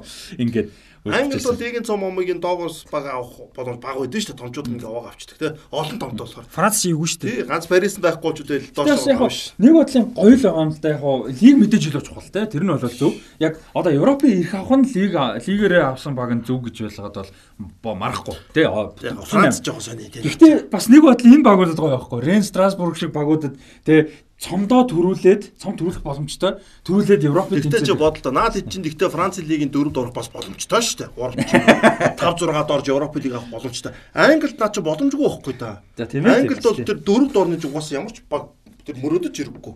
Европа лигийн ирэх аавны дэг өөрөө асуудалтай. Тэгэхээр наа чинь бол Францд бол байж болох юм байхгүй. Тийм тэ Францтай байж болохоор л бол Одоо чинь түрүүн Англид бол Wolverhampton 7-д ороод аюу хамттай Европын ирэх авчлаа шүү дээ. Тэр 6-гийн ард ерөөсөө нэг л ирэхгүй шүү дээ. Наа Франц ч бол тэр Парис Сен-Жермен бүгд ирэхтэй шүү дээ. Аргууд лиг 2-2 ирэх байна. За тэгээ Мбаппег өнгөрсөн удирдалт нь одоо зээл нэрээр авцсан байсан. Тэг энэ жил удирдалтанд сая хийсэн те 180 сая еврог нь бол одоо төлөөд жинхэлж байгаа. За тэгээд энэ удирдалтаа бол Килиан Мбаппе 33 голыг оруулсан. За тэрний дараа нь бол Лил 2-т ороход 2-т те. А тийм 2-т орсон Лилийн мэрэгэн буучаар бол хэн байсан? Никола Пепе баруун зүгээрээс Биржирүүн тоглогч. Тэгээ Арсенал. Тэгээ Арсенал 80 сая, 80 80 сая еврогоор аваад. Арсенал энд нь хөлтүүлээд авдаг. Ливерпул авах гэж ирсэн шүү дээ надад ч. За тэгээд Эденсон Кавани бол тэр улирлаас одоо ингээд нэг улирал Златан яваад Мбаппе ирэхээс өмнө нэг нэг өнөө хоёр гэж за за тэгээд Мбаппе дарагдаад буцаад 18 гол оруулж байгаа. За нэг иймэрхүү. Дарагдаад 18-д ч явслаа. За тэгээ Францд бол дарагдаад. тэгээ Францд бол түрүүн хэлсэн шүү дээ нөгөө Францын Нант клубын Аргентин тоглогч Эмилиано Сала гэж байсан. Одоо Нант клубын хамгийн дээд үн бол 15 сая еврогийн үн хүрээд Cardiff City клубт бол гэрээ байгуулсан. Ер нь их сайн довтлогч байсан шүү дээ. Тийм байсан юм. Одоо наан зурчлаар яриг туслаа. А наан клубд дөрвөн улиралд тоглохдоо сүүлийн гурван улиралд нь гурвууланд нь дараалаад 12 12 гол орсон. Франц лигт. Тийм. За тэгээ 2019 оны 1-р сарын 21-ний өдөр жижиг онгоцон суугаад одоо Францаас Англи руу нисч явах та. Тэр онгоцноос нэг олдохгүй 1 2 хоног бас нэг тий. Нэг тийм болдог. Тэгээд удалгүй энэ онгоц хосолцсон байсан. Тэгээд зорчигчд амнаас алдсан байсан. Энэ дунд Эмилиано Сала байсан болж таарад. Угаасаа байсан л да. Тэгээд нэг юм бас харамсалтай явдал бол. Наадмын чинь шүүх хурал мөнгөний асуудал одоо л яригдж байгаа. Яг тэгвэл манайх тоглож байгаа аваагүй байхад 15 сая өгөхгүй мөхгүй гэх картивч асуудал гаргаад а тэгээд Эмилиано Сала заавал тийж онголцоор явах шаардлагагүй байх байсан юм билэ. Тэгээд одоо юу ч юм дэ арай өөртөө зүгээр нэг онгоцоор зүгээр очих юм дээр тэн дээр чи халаа ч бол юу байгаас тэ 800 дуусаас болоогүй байхгүй 21-нд. 21 2 сарын 1-нд Тэгээ ер нь бол дараа нь тухайн 7 хоногт нь чөлөөдөө тоглолттой л байсан юм байл л. тий тэгээд яарж байгаа на кардифич асуудал гаргаа тэгээ нөгөө баг мөнгө наа ч одоо олч юу бол яваал Тийм нөгөө нэг дунд нь энэ юу хийсэн? Дийлийг хийсэн. Яг цэвэр эйжент нь биш ээ. Бас нэг эйжент төрхүүл төлөөлөгч маягийн үүрэгтээ оролцсон хүн чинь бас бүү юм болоод байгаа. Ингэсэн юм байл л да. Мань хүн Кардитэ гэрээ энэ чинь зураг маргаа аваалаа болцсон байсан. А тэгээ яага наан руу наан руу буцаа явсан гэсэн чинь бас гэрээд нөө түрээсчсэн амьдарч исэн байрнаас ганц хоёр юм аа тэгээ гол нь нохоогоо авах гэсэн. Тэгээд нөө нохоо нэг нөгөө нэг тижээр амтны чи бичиг баримт юм бас нэг нилээн юм одоо нарийн Баруун дол юм болдог. Тийм нарийн ширэн байдаг. Мөшгөл юм. Тэр нь бас болоогүй. Тэгээ тэрний бичиг баримт болоогоос учраас орчихсон байсан. Дүүдээ жилүү орхоо явцсан ч болоо да. Тэгээд бол юу яасан юм бэлээ нохоо бас авах гад яа тэгээд тэгснэ нохоо өгсөн ч лээ. Нэг тийм хүн огсон нь бол нохоо нь яваагүй. Гэтэ нэг тийм бичиг баримттай холбоотой. Тэгээд А тэр нөгөө нэг э, зохицуулж өгсөн тэр нэг эйжент нь ч үлээ нэг тийм туслах ч юм уу нэг тийм хүн байсан юм бэлээ. Тэгээ тэр хүн болохоор ер нь бол мань хүнийг шууд буцчихаа гэд ер нь бол жоохон яаруулсан юм байсан. Сала өөр бол тэгж амар яарсан юм бол байгаагүй. Тэгэд ер нь бол зохицуулаад өгсөн. Онгоц зохицуулсан гэж буцчих гэж хэлсэн. А тэгээ сала за окей гэд. Тэгээ тэгсэн чинь тэр онгоцсон бас асуудалтай. Тэр нисэгч чинь өөрөө шүн нисэх ирэхгүй нисгэж байсан юм байлээ. Тийм тусдаа ирэх байт юм байна шүү дээ. Тэр чинь шүн л та. Тийм. Шүний ирэхээ бол алдсан байсан юм байна. А тэгээ дээрэс нь тэр онгоцсон шаарлаг анхаа болцсон байсан юм байна. Бас тэр нэг болохгүйсэн Юулээ нэг 2 3 удаа орох хөстөө шалгалтанд ороогүй байсан ч юм. Одоо манайгаар нөө дэгний үзэл гэдэг үзлэг гэж тэнд ороогүй байсан ч үлээ дээ. Нэг тиймэрхүү. Тэгээд ерөөсөө айл айл болцол хангаагүй тэр онгоцсон нисгчин ч гэсэн асуудалтай, онгоцсон ч гэсэн асуудалтай. Тэгээд салаа тэрийг мэдэхгүй шүү дээ. Тэгээд өөр хүн зохицуулаад өгсөн. Тэгээд ерөөсөө Английн чанал чи яг ойрхон юм шиг мөртлөө цагаагаар их зүй тарсан. угаас хэцүү шүү дээ. Байнгын бороо бантай юм чи. Тийм. Тэрөөсөө бүх юм нь ингээд юм таарсан асуудалтай юм таараа. Тэгэд ингийнээс одоо илүү шуурга муургатай байсан гэж байгаа байхгүй. Тэгээд тийм таарад тэгээд тэр онгоцсон дунд явж байхдаа тэр чинь амар цагаагаар таараа шүн нөгөөдг нь харагдахгүй. А дээрэс нь онгоцсон дотроо нөгөө юу алдаад тэрс. Carbon monoxide гэдэг чинь одоо монголоор юу юм бэ? Карбо юу нэ? Carbon monoxide гэхээр одоо яг юу хэлж байна? Нүүрс юу вэ тулгаа? Нүүрс хүчлийн Monoxide нь юу гэдэг юм бол carbon ч бол нүүрс хүчтэй. нүүрс хүчлийн одоо нүүрс хүчлийн хий ч юм уу одоо нэг тийм нэг төрлийн хортой хийлгэх байна. Тим хэм мотороноос алдаад эхэлсэн. Юурууга аа юу бүхээг рүүгээ. Тэгээд онгоц нисэгч өөрөө бол ухаан алдсан. Хин ч гэсэн салаа бол тэр нөгөө нэг айгүй харамсалтай тэр аудио байдаг штэ. WeChat найзууд руу явуулсан. Тэгээд тэр найзууд руу явуулсан хамгийн сүүлийнх нь одоо амьд цагтаал явуулсан хамгийн сүүлчийн одоо контакт нөхгүй. Тэр онгоцоо нисэж байхдаа явуулсан. Тэгээд сүлжээ тасчихсан. Тэр WeChat-ныхаа тэр WeChat биш ээ. WeChat ч WhatsApp баггүй юу? WhatsApp sorry WhatsApp би гайх. Саалаа. Тэр толгой дотроо WhatsApp бодоод аман дээр WeChat гэж Би яриад хятад найзууд руугаа явсан багтаа гэж Гү бодлоо. гү гү WeChat шүү уучлаарай. Тийм WhatsApp. манаас ч уучлаарай. WhatsApp шүү. Тэгээ WhatsApp чат руу явуулсан тэр аудион дээр болохоор ярьдаг байхгүй ингээд яа, юу яаж чинь онгоцондоо суудсан ингээ явж гин амар өмхий онгоц байна. Тэгээ ингээ бүр салж унгаж байгаа юм шиг бүх юм чичрээд байна. Унцын биш үстэй гэл залуу хүн чинь тоглоом хийгээл те. Унцын биш байгаа даа биш байгаа даа гэснэ. За за би тэгээд гайг бах та хэд гайгүй юм аагүй гэж найзууд руугаа нэг тийм аудио групп чат руугаа явуулсан. Тэр тэгээ хамгийн сүүлийнх нь юм болж таараад. Тэр нэг юм харамсалтай юм бол ямар ч байсан болсон. Тэгээ тэр хэрэг нь бол дуусаагүй байгаа тэр нөгөө хо- хоёр багийн хоорондох мөнгө. За тэгээ Кардиф бол ер нь нэр төр нилээ алдсан энэ дээрс. Тэ ийм харамсалтай юм болж байхад аваад гэрээ игээд ингэсэн байж иж мөнгөө төлөхгүй. Тэ энэ дээр инглээ гээд бас ер нь нилээн л юм бос. Одоо урт тэр нь дуусаагүй. Тийм. Тийм бас 15 сая Кардиф яваад маш их Монголд. Гэтэ одоо яах вэ? Өхөл өстой ч тэр чинь тийм гэрээ контракт зурагдсан юм чинь тийм. Тэгэд өөрөөсөө даатгалаас авах хэрэгтэй байхгүй тий. Яг яг Өөрөөсөө даатгуулаад. Тэгээд э, одоо яг энэ AIIB гэж оноо энэ олон улсын яг энэ юуг хариуцдаг байгууллагаас бол юу эцсийн дүгнэлт нь гарсан юм байна л да. Air, Air Accidents Investigation Branch гэж байдаг юм байна. За энэ ч нэс бол одоо албан ёсны үр дүн гарсан. За энэс бол одоо энэ нисгэгч Дэвид Ибэтсон гэж хүн бол одоо юуг байсан байна шүн болон тэр онгоцыг нисгэх ирэхгүй лицензгүй байсан гэдэг үр дүнд бол хүрсэн 11 18 оны 11 сард лиценз нь дууссан байсан юм. Нүүрс хүчтэй эсэл юм байна. Яа? Эсэл. Аа за нүүрс хүчтэй эсэл. Аа за. Тэгэхээр тим юмд бол одоо хуйлаа хорцсон. За тэгэхээр ер нь бол онгоц ингээд удирдлага алдаад ослдох энэ мөчөд бол хуйлаа ухаан бол алдсан байсан гэсэн юм бол гарсан юм байна. Тийм ч бас айгүй муухай харамсалтай юмнууд их болсон ярих юм бол нөгөө хуулийнхын нөгөө юу нь олдохгүй осолтоод нөгөө юунд канал дотроос хараас онгоц нь олдохгүй нилээн удаад. Онгоц нь олдсны дараа нөгөө хоёрын юу нь олдохгүй удаад. Бас энэ чинь гэр бүл мөлтөнд бас их тавгүй нэг тийм бас наа нилээл юм болсон их л тийм тавгүй удаан хугацаанд тэгээ яг энэ донд бол Кардиф их том нэр алдсан да. Ер нь бол Кардиф клубийн хувьд ийм амар юм одоо юу чи Кардиф энд нэг мөнгнөөс гадна өөр давхар зөндөө юм дээр яатсан байхгүй нэг сонь тийм. Сонь сонь юм зөндөө асуудал гаргацсан байхгүй өөрсдөө нэг тийм одоо этикгүй асуудал гэх юм да тийм Тэгээ тэрнээсээ болоод бол зүгээр дам мөнгөж биш те. Ер нь их том юмнууд алдсан. За нэг юм харамсалтай юм болсон. Юм болсон доо. За, Европа лигийн хэл дээрээ давруу лиг рүү гарах уу? За, Европа лиг бол энд бол өстой Европын Европа лигт үе үе хүчтэй багууд орж ирдэг. Үнэхээр хүчтэй багууд орж ирсэн. Одоо тэр нэг хасагдах шатны юу товчныг харахад л зүгээр. Шүүгийн дөрөвт Челси ч Айнтрахтаа зовсон шүү дээ одоо Лука Йовичийн багт бүр зовж иж пенальтаар очдог баг те. Нөгөө талд Арсенал Валенсиг хождог. Тэгээ Английн хоёр баг үлддэг. За наад шатнуудаа бол Растиныг хайлталт дур. За зөвөр жишээ нь 32-оос эхлээ зөвөр ерөөдөө байгаа том баг гэдэг дуртай зав товчхон.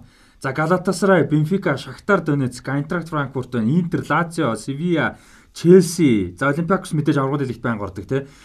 Реал Битис, Арсенал, Наполи, За Зенитиг ярьж болж байна. Виера, Селтик, Валенсиа. Байер Ливеркузен 32 тийм баг. Амар амар. Яг Европа лиг гэхэд бол маш том багууд болсон байна. За энэ тунд өстой нөгөө нэг Английн хоёр л явж байгаа шүү дээ. Тэгээд нөгөө нэг Челсигийн хувьд бол бас нэг давхар айц байгаа шүү дээ. Миг аажмтх дотоод авч чадахгүй. Тийм яг үнэ. Тэгээд ингэ явж байгаа. Арсеналын хувьд бол ерөөсөө гол найдлагын сүлд юу болцсон. Европа лиг. Европа лиг болцсон. За тэгээд энэ хоёр баг Европа лигийн финалд үдсэн. Арсенал за Саригийн бас сүүлийн тоглолт Тэгээ Челси бол яхахгүй бүх юмараа илүүрхэд Арсеналыг хоцсон. Тэгээ Жиру хуучин багийнхаа хаалганд бол 2 гол идэвчлээ. Челси бол яадаг ч бас Арсеналыг бол юм болгодог л хожтой. Тэгээ Жиру 1 гол орсон тий. Тэр тоглолтод. Педро 1 гол тэгээд Эден Азар. Азар одоо ингэ явж байгаа шүү дээ. Тий, Азарын одоо нөгөө нэг сүүлчийн одоо баяр тэмдэглэж байгаа юм л шүү дээ. Нөгөө юу яачаад 2 гол хийгээд одоо багтаа Европын зам авчираад тэн чин бүр ингээд цэнгэлтгээ бүтэн тойроод Бенутиг амар удаан ягаад тий. Одоо Челсигийн дэмжигчдэр бол Азарыг бол гоё явуулдаг шүү дээ. Куртуа жоохон эвгүй явдаг те. Азар бол хөрх юм ингээд нэг Челсич тухайн үед хэцүү байсан. Азарыг Реал угаасаа сонирхоодсон. Тэгэл харахгүй тэгэл нэг Челсигийн фэн Азартаа өөрийнхөө өгөө өгөө явж байгаа шүү дээ. Тэгээ оргил үеийнхэн бүх тоглолтоо өгөө явж байгаа. Челси бол ингээд дэмжигчд Азарт хайртай. За Азар минь баг явдаа гэд баг явуулсан шүү дээ. Ойлгож байгаа шүү дээ. Манад ингээд тийш баг 7 жил эдэн 7 жил. 7 жил. Тий 7 өдөр тоглолцсон ингээд одоо ингээд энд бол идвийг авчлаа шүү дээ. Баг чи ойлгоно шүү дээ. Одоо тэр хүн чинь нэг дараагийн шатанд гарах гад байдаг. Бас нэг насанд байгаа тэр юм үзчих байдаг тий. Тэгээ явал тийм үү. Курдоч угаасаа Челси ч нэг олигтой тоглоогүй. Атлетико Мадридыг тоглож ирсэн. Тэгээд өөрөө ч гэсэн явахдаа би ингээд уг нь Курдо хахад хэдэн жил тоглож байвал яг азар шиг явахгүй тий. Тэгээ явахгүй. За Эден Азарын хувьд бол Челсид 7 удиралт тоглосон. 7 удиралтаа бүх тэмцээний өрөөнд 352 тоглолтод оролцож 110 голыг оруулсан. За энэ хугацаанд 1 2 3 4 5 600 авсан байна. Хоёр удаа лигээс бусна. Тийм, аврагууд лигээс ер нь бол бусна л гэсэн. Премьер лиг авсан, FA-ийн холбооны цом авсан, лигийн цом 15 онд авсан, Европа лигт хоёр удаа төрүүлсэн. Азар бол үнэхээр Челсигийн одоо гомогч дооч дуртай амар тоглогч. Бүгд хэрдлээ надад ч юм бол. Эден Азар гэдэг. Азар дээр бол маргач байхгүй тэрэн дээр л те. За аврагууд лиг ирэх За Европа лигийн мэрэгэн бочинд тавчсан дурчжээ. Тэгээд Жиру 11 голтой мэрэгэн боч авч ирсэн байна. Йовч 10 голтой. Авшаа. Жиру 11, Йовч 10 голтой. Авсан. Йовч дийлдэхгүйсэн л. Йовч амар стер ял авч байгаа шүү дээ. Тэ яваагүй те. За аврагын лиг бол энэ удирдал бол бас гайхалтай үйл явдлууд маш олон болсон. Алдартай комбайкууд, алдартай түүхүүд бол олон болсон, олон болсон энэ удирдал. За өвлийн хэсэгт бол Барса, Тоттенхам, Интер ороод одоо Барса гардаг гараад Тоттенхам, Интерийг хайж гарч ирж байгаа шүү дээ хоорондын яваараа тий. А энэ дэс нөө одоо төрүүлдэг Ливерпул ч нэсгтэй унгаалттай. Нөө Наполитэй. Тий, Наполитэй. Парис Сен-Жерменийг эхлээд 3-2-оор хожижоод а, Наполид очиж хожигдоод 1-0-оор хожигдоод Цервенезе ойсдаг хожиггуудаа дараагийн тоглолтод Цвездад очиж хожигддаг байхгүй. Тэгээд дөрөв тоглолтод 2 хожид 2 хожигдталтай. Тэгээд тав тоглолтын дээр Парис Сен-Жерменд очиж Парист очиж хожигдчихдээ. Тэгээ бүр 6 хоногтой 5 тоглолтын дараа. Наполи 9 хоногтой байдаг. Тэнцвэл Наполи гарах гэж. Наа тэнцүү Наполи. Тэгэл Ливерпулийн сүүлийн тоглолт Наполиг талбайдаар авах тоглож байгаа. Тэгээд энэ тоглолтын дээр алаан болж болж байгаад 1-0-оор Салахын голоор юу хожиж байгаа. Ливерпул хожиж байгаа. Тэгээ хоёулаа би би нэг 1-0-оор 1-0 1-0-оор хоцсон болохоор нөгөө хэсэгтээ оруулсан голыг нь тооцоод Ливерпул. Ливерпул адилхан 2-2 гол нэмэх 2 голтой. Тэгвэл. Ливерпул 9-7 ч илүү нөгөө Тийм. 7 5 ч илүү Тийм. ч илүү тийм битэй байхгүй. Тэгээд а, Аркадиш Милик наад дээр чинь юу батай. Цаад ус жаад код юм боломж хад ч айлсан авардаг байхгүй. Тэгээд би тэн дээрс юу арсан мэхлээр үнэхээр одоо хаалгач үнэхээр сайн хамгаалагч хоёр багийг нөө авардаг те. Заавал довтлож гол оруулж юу биш те. Яг айлс наад дээр чинь Аркадиш Миликийн тэр бөмбөгийг хаагаад тэгээд Ливерпул хэсгээс ингээд гардаг тийм юу болт юм да. Бас эвгүй хэсэг шүү. Ойгүй юу. Тэгээд хин чин Зронас Виста ч бас айгүй сайн. Одоо Сэрвэнэ Звездадтай Ливерпул бол хожсон байсан ч гэсэн Наполиг хожихгүй бол болохгүй. Тэнцэх юм бол хоорондын тоглолтоор Наполи тийш. Тий, тий. Тэгэхээр ер нь бол Ливерпулийн хувьд бол наад хэсэг чинь эвгүй хэсэг. Наполи ч юм бол ерөөсө байж бол бүх оноонд авч байгаа байхгүй сон оноо гэж. За тэгээд ам асагдах шат руу орох. 16 дээр онцлог тоглолт явуулаа. За энэ- за энд нэг амар тоглолт байгаа. Реал 3 дараалал төрүүлсэн байгаа шүү дээ. Тэгээ Аякстай таард. Яг Аякс бол тэр үед нэг гой гой залуучууд үнэхээр гой гарч ирж исэн. Гэхдээ би одоо эхний тоглолтыг үзээд эхний тоглолтод Аякс өөрсдийн талбай дээр одоо хоёроор гарсан багч э, нэгээр гарсан багийг авна шүү дээ. Аякс өчнөө боломж алдтай. Тэгээд Реал хождог баха Аяксыг талбай 2-0. дээр. 2-0 ч л. За тэгэнгүүт би тэгэл ботсон. За Аякс нутагтаараа ингэж хідүү тоглоод хожоогүй. Ингээл дуус. Тэгээ би дараагийн тоглолтыг үзээгүй л дээ. Тэг өглөө босоод ирч юу юм. 3 нэгдсэн байдаг үстэй. бүр юу болцсон байгаад энд. Би бүр итгээгүй. Тэгч бүр амар амар гол ордож нэг лааса шөөнө энэ ч тий. Тий, шөнө гэдэг гол янз энэ тий. Үу Дөрөв тэгээд нэг шүү, дөрөв нэг. Тэгээ агуур ялаж байхгүй болох юм. Би бүр Талбайд нь өшөдлөө те. Талбай дээр. Начо сүлд улаан хүртэл авсан юм ба шүү. Би дэ бодож нөө Аякс баахан гол алдаж алдаж байгаа Реал 2-0. За Реал нөгөө өмнөшгөө нөө нэг бас тэгэл нэг тоглолтын үед алуулж байгаа л тэгэл Үр дүнгээ энэ үр дүнгээ авчаад тахаа маа гэж чинь. Юу Аякс нөчөд гоо шүү дээ. Машин тайцсан шүү дээ. Аякс үр ялаас айхгүй л үтцсэн л дээ. Реалч гэж мэдэхгүй шахаад Энэ тэгээ. дээр гэж бас тоглолт Ливерпул 2-оор Байерн нөхөдөд харж байгаа байхгүй. Баяр нэг жоох муу юусэн шүү дээ. Аа тэгтээ бас нэг бас нэг Ливерпултэйгээ байж болохоор юу байсан л да. Тэгээд тэгтээ тоглолт дээр бас тэг тэг тэнцчихдээ Ливерпул дээр. Тэгээд би ч бодож за Байерн ч одоо Ливерпултэй одоо ингээд тоглоод бараг талбай дээр очиж юм даа юм усч. Ливерпул талбайд нь ч 3-1-ээр очиод тэн дээр ч манаг нь иргэдэг байгаа шүү дээ. Тэр чинь бол ер нь Янз тоглолт юм шүү. Тэр бол тоглолтыг шийдэж байгаа шүү. Яг бол тэр чинь ихний гол байдсан шүү дээ. 29 26. Тий. Тэгээд тэр гол орсноор Ливерпул ахаад нэг гол алдсан ч одоо боломжтой айцгүй. Тэгээд Ливерпул Байерн нөхөн тоглож байгаа Ливерпул үнэхээр тэр сөрөг угаасаа дийлхэр үүссэн. Тэгээд яаж байгаа юм да Ливерпул Байерныг талбайд нь очиж. Өөр онц юм байна. За Атлетико Мадрид Ювентус хоёр ч юм байгаа. Оо За тэгээд Paris United Paris Saint-Germain. За. За энэ ч нэг Роналдо ч олон жил Реал дохтой Атлетиког алаа хийчихсэн. Дарддаг байсан. Тэгээд Ювентуст очсон. За эхний тоглолтод Атлетико 2-0. Тэгээ нөө Симоныч нэг өвөлд гаргадсан шүү дээ. Тэр бас нилээ эргээд бас юу байлаа тий. За тэгэл хариу тоглолт болно да. Юу Роналдо хэдрэг хийдэг лөө. Тий. Бай, бурхан минь. Аврагууд лигийн хасах шат эхлэхээр Роналдо зүгээр ингээд зүгээр л бүх юм нь явдаг. Өөр мод дээр тавьчихдаг байхгүй тий. Угаасаа амир гэхдээ бүр ингээд нэмдэг тий. Лебро нэг плей-офф мод дээр тавилаа гэдэг чи тий. Нэг юун дээр гамнанд энд идэр чи амар зүүн тий. Яг хүчээрээ тоглохгүй тэгсэн мөртлөө 20 20 гол хийн.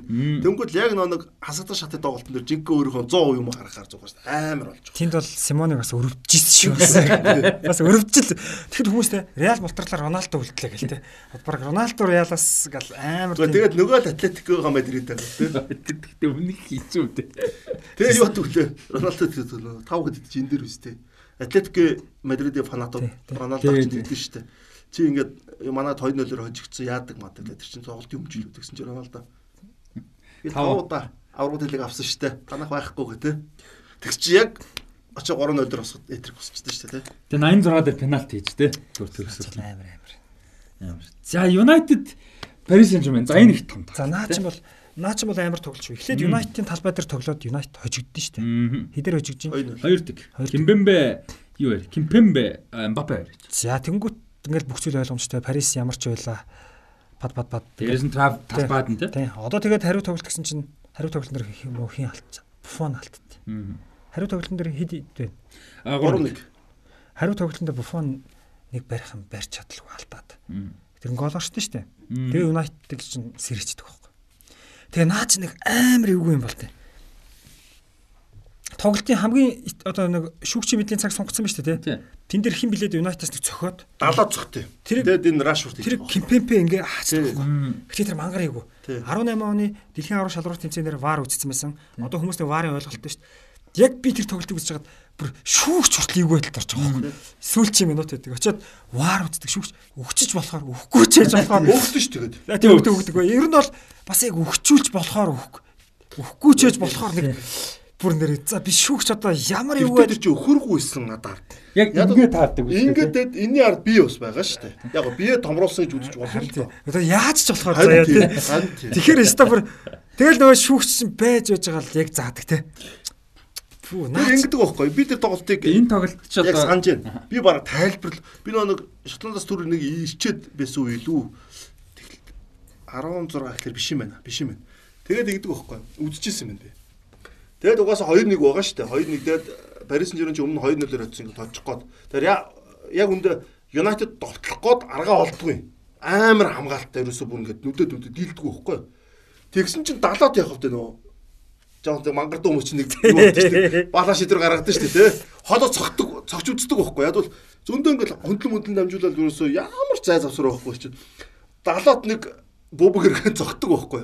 Тэгсэн чинь нөгөө кемпепен ингээ хачдаг байхгүй солиороод. Тэгээд бөө хэрүүл Кимпе би тэгтээ шууд ингэж хаадаг ингэж шүү дээ тий. Хан тэр айгуу юу. Одоо энэ буухад ард нь бие байгаа шүү дээ. Тэгэхээр тэрийг бол одоо ингээ бие томруулсан гэж бас үзэж болохоор айгуу хэцүү те. Яста айгу хэцүү Айгуу хэцүү. Айгуу хэцүү байхгүй тэрийг ахаад үзэр. Тэгээд 11 цагаад нараш урчин зохиолчтой. тэгээд энэ тоглолт ч одоо сошиал э, юу яагаад жинжилж байгаа шүү дээ. Тэгээ унжиж байгаа шүү дээ. Яг 12 3 тоглолт э, 12 тасч болдог бах те. Тэгээд араас нь шууд ундаа шүү дээ. Яг гэхдээ тэрний дараа хоёрт оруулсан оруулсан. Тэгээд Далаатаас өөрөн бол цохоход хэцүү шүү наад чинь те. Үгүй тэгээд хүмүүс энийг Буфоны тэр алдааг сандаггүй байхгүй. Буфон чинь Парист бүх юм багт Буфон чинь нэг энгийн бөмбөг барих гэж Тэгээд чадаагүй нэг гол өгөл тийм тийм. Тэгээ Юнайтед сэрчдэг байхгүй наад тоглолт дээр шин. Тэгтээ. Уг нь бол Парис чинь хаалгачийн асуудалтайсан Буфоноор шийдвэрлэх гэж авчирсан чинь тэг байхгүй. Өөрөө тэг аврууд лиг аваагүй. Буфонд дээрэс нь ер нь бол карьертач тийм алтай баг гарч авах байна. Тийм шүү дээ. Би бас санахгүй байна. Тийм хүү ингээ алдаа яад ямар ялангуяа те. Энгийн бос юм дээр хүртэл амар мундаг л. Буфоноо өрөвдсөн шүү тэр. Үнэн заяагүй те нэг тийм аврууд лиг. Өрөвдсөн шүү. Харис жирвэн бас байхгүй юу? Дандаа нэг нэг тиймэрхүү юмнаас болж мултарч идэг Тий. тий.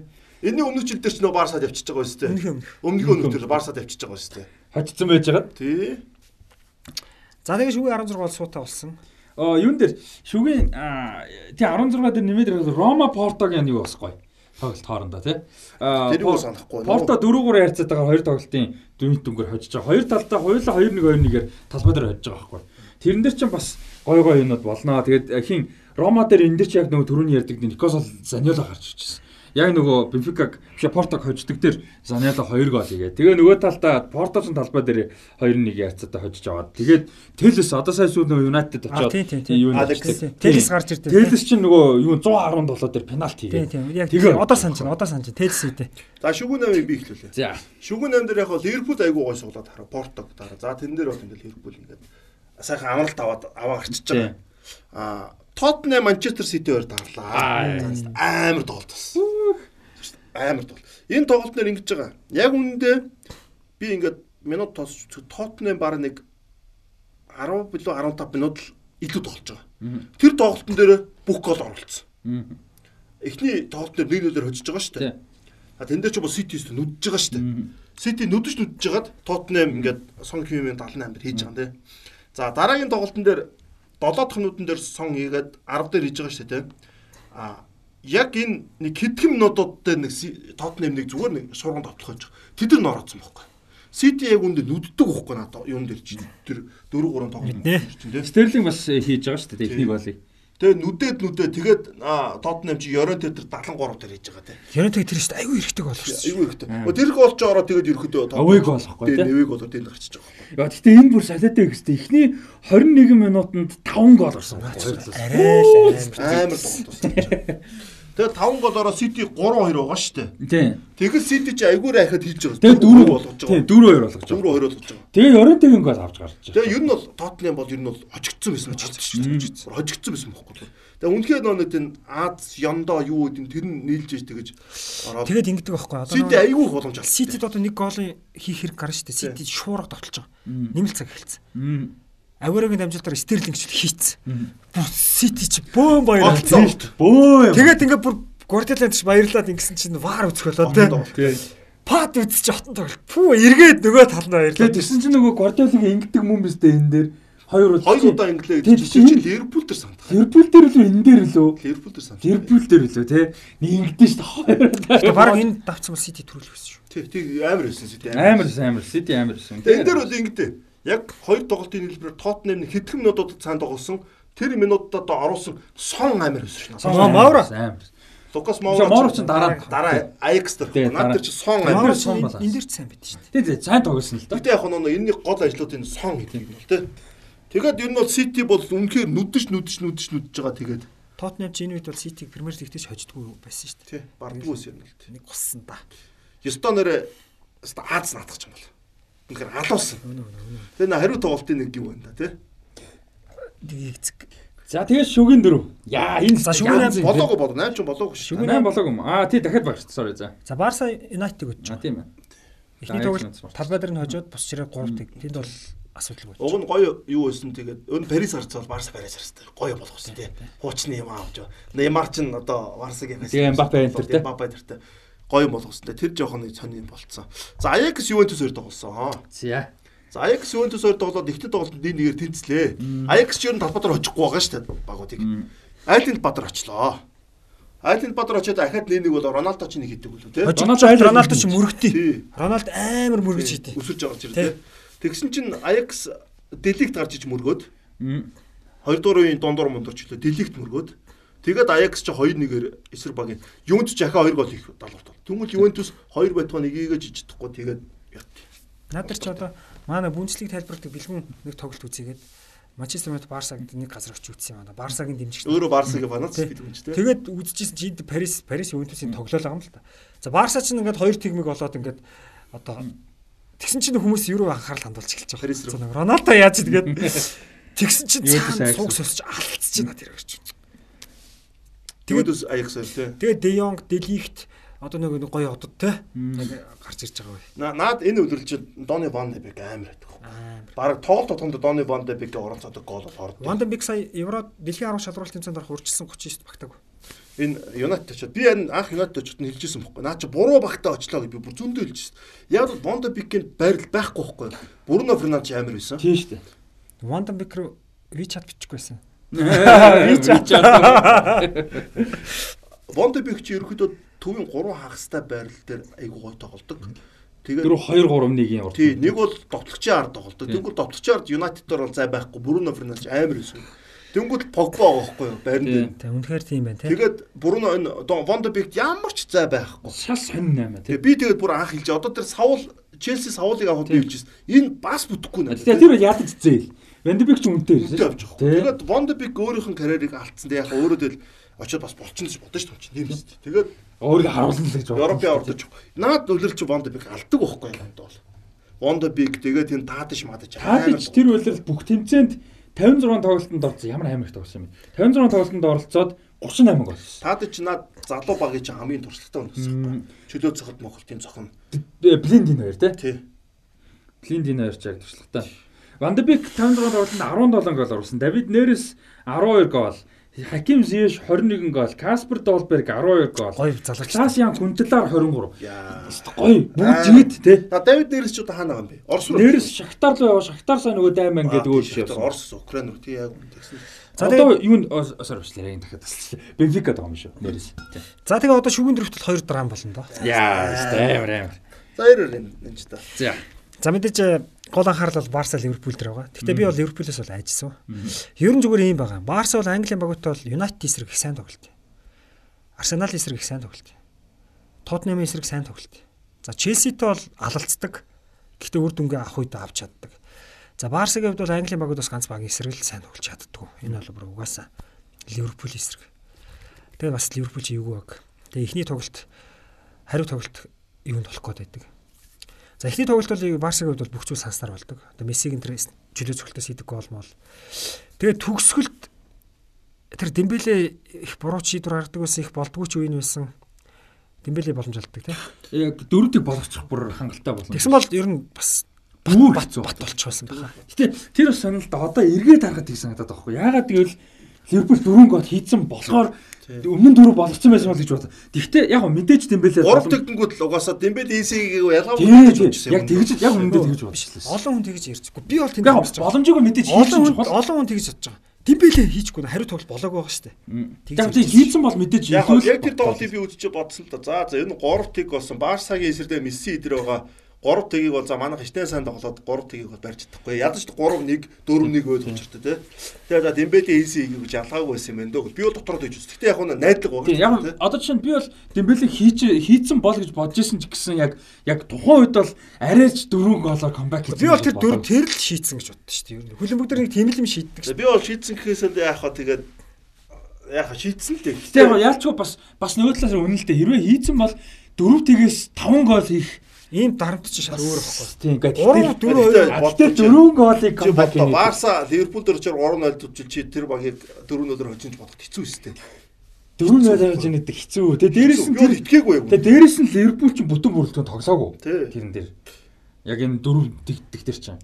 Хим саалах байхгүй байгаа шүү Тийм дээ. салах Тэр байхгүй. дөрөв тэгдэд саалах байхгүй байгаа. Мане, Ориги, Манай Оригийн Шакири гэж гарч. Фермино ч байхгүй. Фермино байх. Тий. Тийм. Фермин Тим байхлаар угаасаа дөрөв тэгдэх надад ямар ч юу байх. Манай Оригийн Шакири гэж га- гарсан товтлогоон дээр хэцүү байхгүй юу? Дөрөв тэгднэ гэж бодно гэдэг бол. За тэгээд Ливерпулийн тоглолт эхэлвэ. За наа тоглолт чинь. Ливерпулийн хариу тоглолтын өмнө манай ганц юм барч. Тэр тоглолтыг SPS телевизээр би ингээд бүр хүлээж аваад үзэж байгаа шүү дээ. Тэгээ ингээд үзсэн чинь халаалт эхэллээ. Олон улсын дөрмийн дагуу багууд тоглолт эхлэхээс 50 минутын өмнө халаалт нь гараад 30 минут халаад суух хэрэгтэй байхгүй. Барса зөвхөн хаалгачлах гарчиж. Хаалгачийн дасгалжуулагч хаалгачнаар л гарч байна. Ливерпулийн халаалтаа хийж байна. SPS нөгөө юу ороод ирсэн, сигнал ороод ирсэн. Реклам багал байсан байлгүй. Тэгээд ингээд Ливерпул халаад байна. Барса байдгүй. Тэгэл Барса яач үгүй л. Тэд нар шууд тактик яваад байгаа шүү дээ. Барса 15 минут талсан тоглогч нар. Гарч ээл нэг хөнгөн халаал тэгэл буцсан. Тэгтэн би юу гэж бодсон бэ гэхээр ийм том тоглолтын өмнө багууд халаалтан дээр их энерги зархаа ерөнхийдөө үед болоод байгаа байхгүй. Тоглолтын дээр яах вэ? Халаалт 40 минут 30 минут битүү халцлаа нэг дөрөв тоглоод баг ядарчдаг байхгүй. Яг бол 2 дөрөвт нэлээ 3 үе тоглох гэдэг шүү дээ. За Барса тэгэл би ботсон ер нь хамгаалах нь гэж үзсэн. Сонин дээ. Одоо за гол алдчихж болно. Гэхдээ тэр амар том э, олон голын зөрүүтэй давуу талтай байсан. Тэгээд довтолж тоглох бүрэн чадвартай бүрэлдэхүүнтэй байхад нэмээд уулын үзэлцтэй байсан. Тасгалжуулагч нэмэлээ Барсаг их чаа. Вальверде. Вальверде. Яг хоёр удаа байхгүй юу? Вальверде хоёр удаа. Олон улсын байгаа байхгүй тий. Рома дээр яг тийм шүү Одоо дээ. галтэй тэгэн зэ харж байгаа. За галтэй Франца 1000 авна. Авруудын лигт яг тутна харчлах. Яг Одоо яг- олон улсын тоглолтын дуртай. Рома дээр яг тэгсэн шүү дээ. Улаан цаа хожицсан юм дээр хамгаал бүр ингээд Роман бараг давталж чадахгүй байхад хамгаалж ягаад хожигдсан. Одоо энэ дээр яг нь бол. Барсагийн хувьд бол тэр юм байхгүй. Тийм том баг. Тэгээ Ромадад тоглолж хамгаалах шаардлага байхгүй. За. Ливерпултэй бол ингээд өгөө аваад тоглох гэсэн 3 тэг гэдэг бол ерөөсөө амар том багуудад бол ерөөсөө зөвхөн байж болохгүй үрдэв. Тэр нөгч чадахгүй байхгүй. Тэгэхэд очиод хамгаалт. Тэгээ наад тоглолтод чи юу бод штэ. А тоглолшир яг тоглолт эхэлж байгаа. Тоглолт эхлэх 7 хоногнуудад ориг хийж байгаа штэ Хендерсон цохол хаалгаж байгаа. Тэгээд тоглолт эхлэе явж байхад ингээд Барсагийн онж ирсэн гэж байгаа хоорондоо. Бид тэр ингэж тоглоод Англид хожигдно гэж бүр хоорондоо ярьжсэн байхгүй. Дасгалжуулж очиж бид нар довтлохё тий. Довтлохгүй бол бид нар Англи жингэл Ливерпулд энэ уур амьсгалаа. Тэр ямар амар стадиум вэ? Анфилдэд те. Анфилд өөрөө жижигхэн тий амар цомхон болохоор Тэгээ бүгд ойрхон. дуун амар орчдөг байхгүй. Гэхдээ Агуулгын дуу сонсогдгүй шүү дээ. Тий. Тэгээд тэгэж хэлэхэд Валверде яасан гэж байхгүй. Ха- Хамгаалсан гэдэг байхгүй. Тэгээд ерөөсөө тэр хамгаалсан дээр чи Ливерпул ерөөсөө угаасаа довтлохоо муутай байсан гэлэхөө их их тодорч нь хойшоо суучгаар ингээд үч. Дүнгээр нөө Фабиньо ч Ливерпул Мессиг аягүй сан тагсан байхгүй. Тэгээд Роберт Цитер ч аягүй сан. Тэгээд Ливерпул ерөөсөө эхний үе дээр нэг тгийгээд Жоржино Виналдом орж ирээ хоёр хийж өгөөл. Виналдом өст амар гоё сэлгээс. Тэгээ Виналдум өөрөө хэлдэж штэ ингээд яг тоглолтын дараах би ярьцлага үзсэн чинь. За ингээд хэрмэр гэсэн чинь өө би ингээд тоглолтын өмнө амар сэтгэл дундуур байсан. Намайг тасчлыг суу гэд. Тэгээ ийм том тоглолтноор ямар тоглогч ингээд суугаад өсгөвдөө. Тэгээд тэгээ харин 2 дуурайд гарахт нь би баярлаад яг жиг өөрийгөө харуулсан. Тэр Клоптын дээр айгүй зүг ажилласан байхгүй. Тэгээд дээрэс нь Барселона хамгаалтын анхаарал манхаарал те ер нь л нэлээд хамгаалсараа ядарч байгаа Тийм. хөө. Ядангууд хүн цуцаад цусны эргэлт багсангууд сэтгэх одоо ментал одоо реакц decision удаашраа тэр булан дээр бол бүгд ингээд гарчиж байгаа хөө тоглолтоос. Тэгэхэд хин очиж байгаа болж байгаа дүр үзүүлээд буцаж шууд хийн. Ориг гэсэн тийч амар хурдан анхаарал. Тэн дээр яг орилдөө. Ориг руу орилдог байхгүй. Одоо ориг гэдэг нь юу гэвэл орилдог. Дивокл гэж бодлого багтай бод. Ориг гэж орилдог Аа, шүү. Би тэг санаад байна. Тэгээд Арнольд ч тэгж хоёр дахь бараг үлдэрлэн шүү дээ. Жохон жохон хөөгд байгаа шүү дээ энэ бол тий.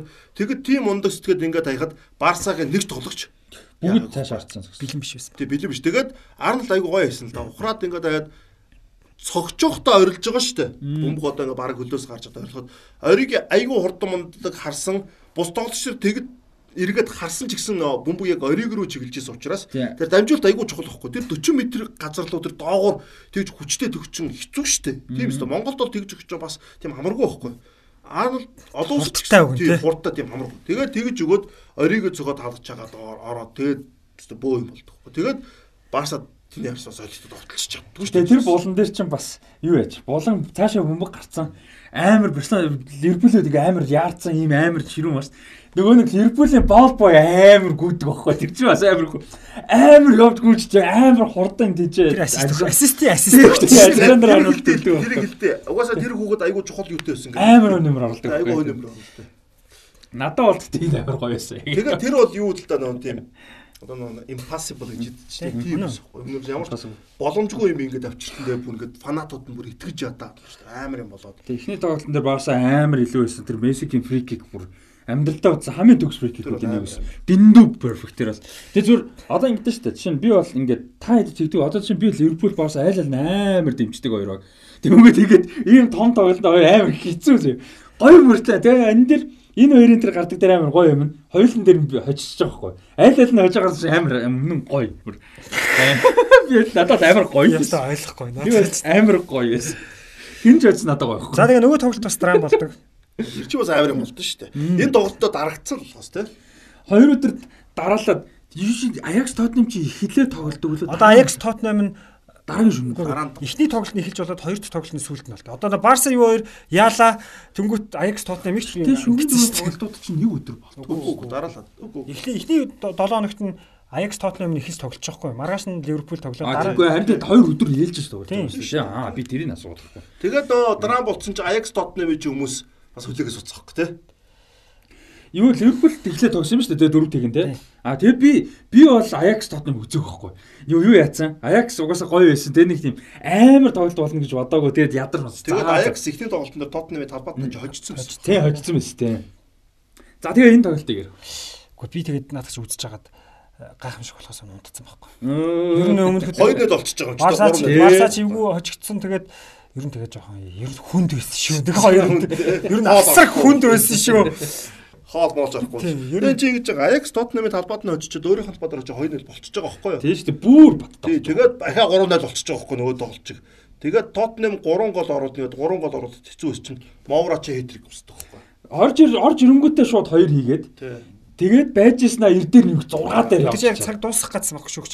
Дуусгах чахт хийгэнгүүт шүүгч дуусгах чадлагыг нэг довтлогоо өгдөг байхгүй. Тэгээд яг тэр нь бол нөө юу Юу дээр нэг 6 дээр л нээсэн. тий харин тий харин тий. Тэгээд Тэр чи хэлээд байгаа тий юм. тэгээд наад тэр чингдэг байхгүй. Ajax-ийн хамгийн гол нь энэ гурван голын хоёр дээр нь зайлуулж холдуулчих боломж байсан байхгүй. Тэгээд туршлаад утж байгаа. Туршлаад утсан байхгүй. Нэг бол Гентер хамгаалцдаггүй тий. Тий, дээрээс нь нэг ад жоохон тутнаж идэв шүү дээ. Зөв нүүдний шумаар гарах ч юм ингээ цөлч хэмдэр ингээд гарахгүй зогч мөгч чи өөрийнх нь хүнийхэн биед нь ойж буцаж Тэр бол яа. Тоттенхэмийн тоглолт монголчдор очиж туршлаад утсан. Аякс гараад ирсэн бол яг Ливерпул аль нь ч гарцаа хожих байсан байх би. Ливерпул тийм чухал юмас гарцсан чи би тэгээд төрүүлнэ л гэж бодсон л та. Манчестер Сити гараад ирсэн бол Сити юу шүү Барса дээ. Ливерпул хоёрын хин хоцсон л төрүүлэх байсан шүү дээ. А Сити доороос гарч ирсэн харин Ливерпултэй бас амар юм болно шүү. Сити Ливерпул хоёр бол зөв алаан болох байсан. Сити тэгэхэд аврагын лиг асвал дөрөв тэмцээ дөрөв төрүүлэх байлаа шүү. Тэгээд Ливерпул Клоп ч одоо өөрийгөө ингээ баталж байгаа хөө дараа өдөр нь юу аваа те. Финалд Лига. хожоо те. Ингээд юун дээр батлаа. Тэгээд финалийн тоглолт бол өстой бүх цагийн хамгийн удиртай финал Тий. байсан бохоо. Амар. Одоо тэр финалыг ингээ бодохоор ингээ айхтар юм санаанд ордог шүү дээ. Тоглолт ирэхэд дээр хин гар урдсан штэ. Манай цохоод Индомбеле биш нүүд Сисоко. Сисоко гар хүрээл тэгэл 11 цохол тэгэл Ливерпул хамгаалчихж байгаа штэ. Тэг энэ үлрэл бол хамаг entertainment гоё юм бүгд шүгэн дөрөв дуустал явцсан хгүй. Битүү entertainment байсан шүү дээ тий. Битүү драм байсан. Тэгээд финал бол. Тэгээд 18 оны дэлхийн аврах шалралт тэмцээн битүү драм дараа нь энэ үлрэл битүү драм юу юу. тэгэл энэ дээр яг үндэ Ливерпул Тоттенхэмыг финалд үлдэнэ. Аяксыг үлдэнэ. Чинч бодоогүй штэ. Тий, тий, тий. Тэгээд Ливерпул бол Тоттенхэмээр финалд. Тэгээд би болохоор ингэж харсан байхгүй. Клоп ч нөө мөнгөн клоп гэдэг нэртэй байсан штэ. Дандаа финалд очиж. Дандаа финалд очиж. Тэгээд клоп бол энэ финалдаар амар хаширлсан зайлвал. Одоо ингээд Ливерпултэй аврахад 3 финалд бас 2 очигдсон шүү дээ. Нэг ч тий. Яс гэхэлэр санах гол оруулж байгаа 18-өөс. Тэгэхээр хамгаалцсан ирсэн.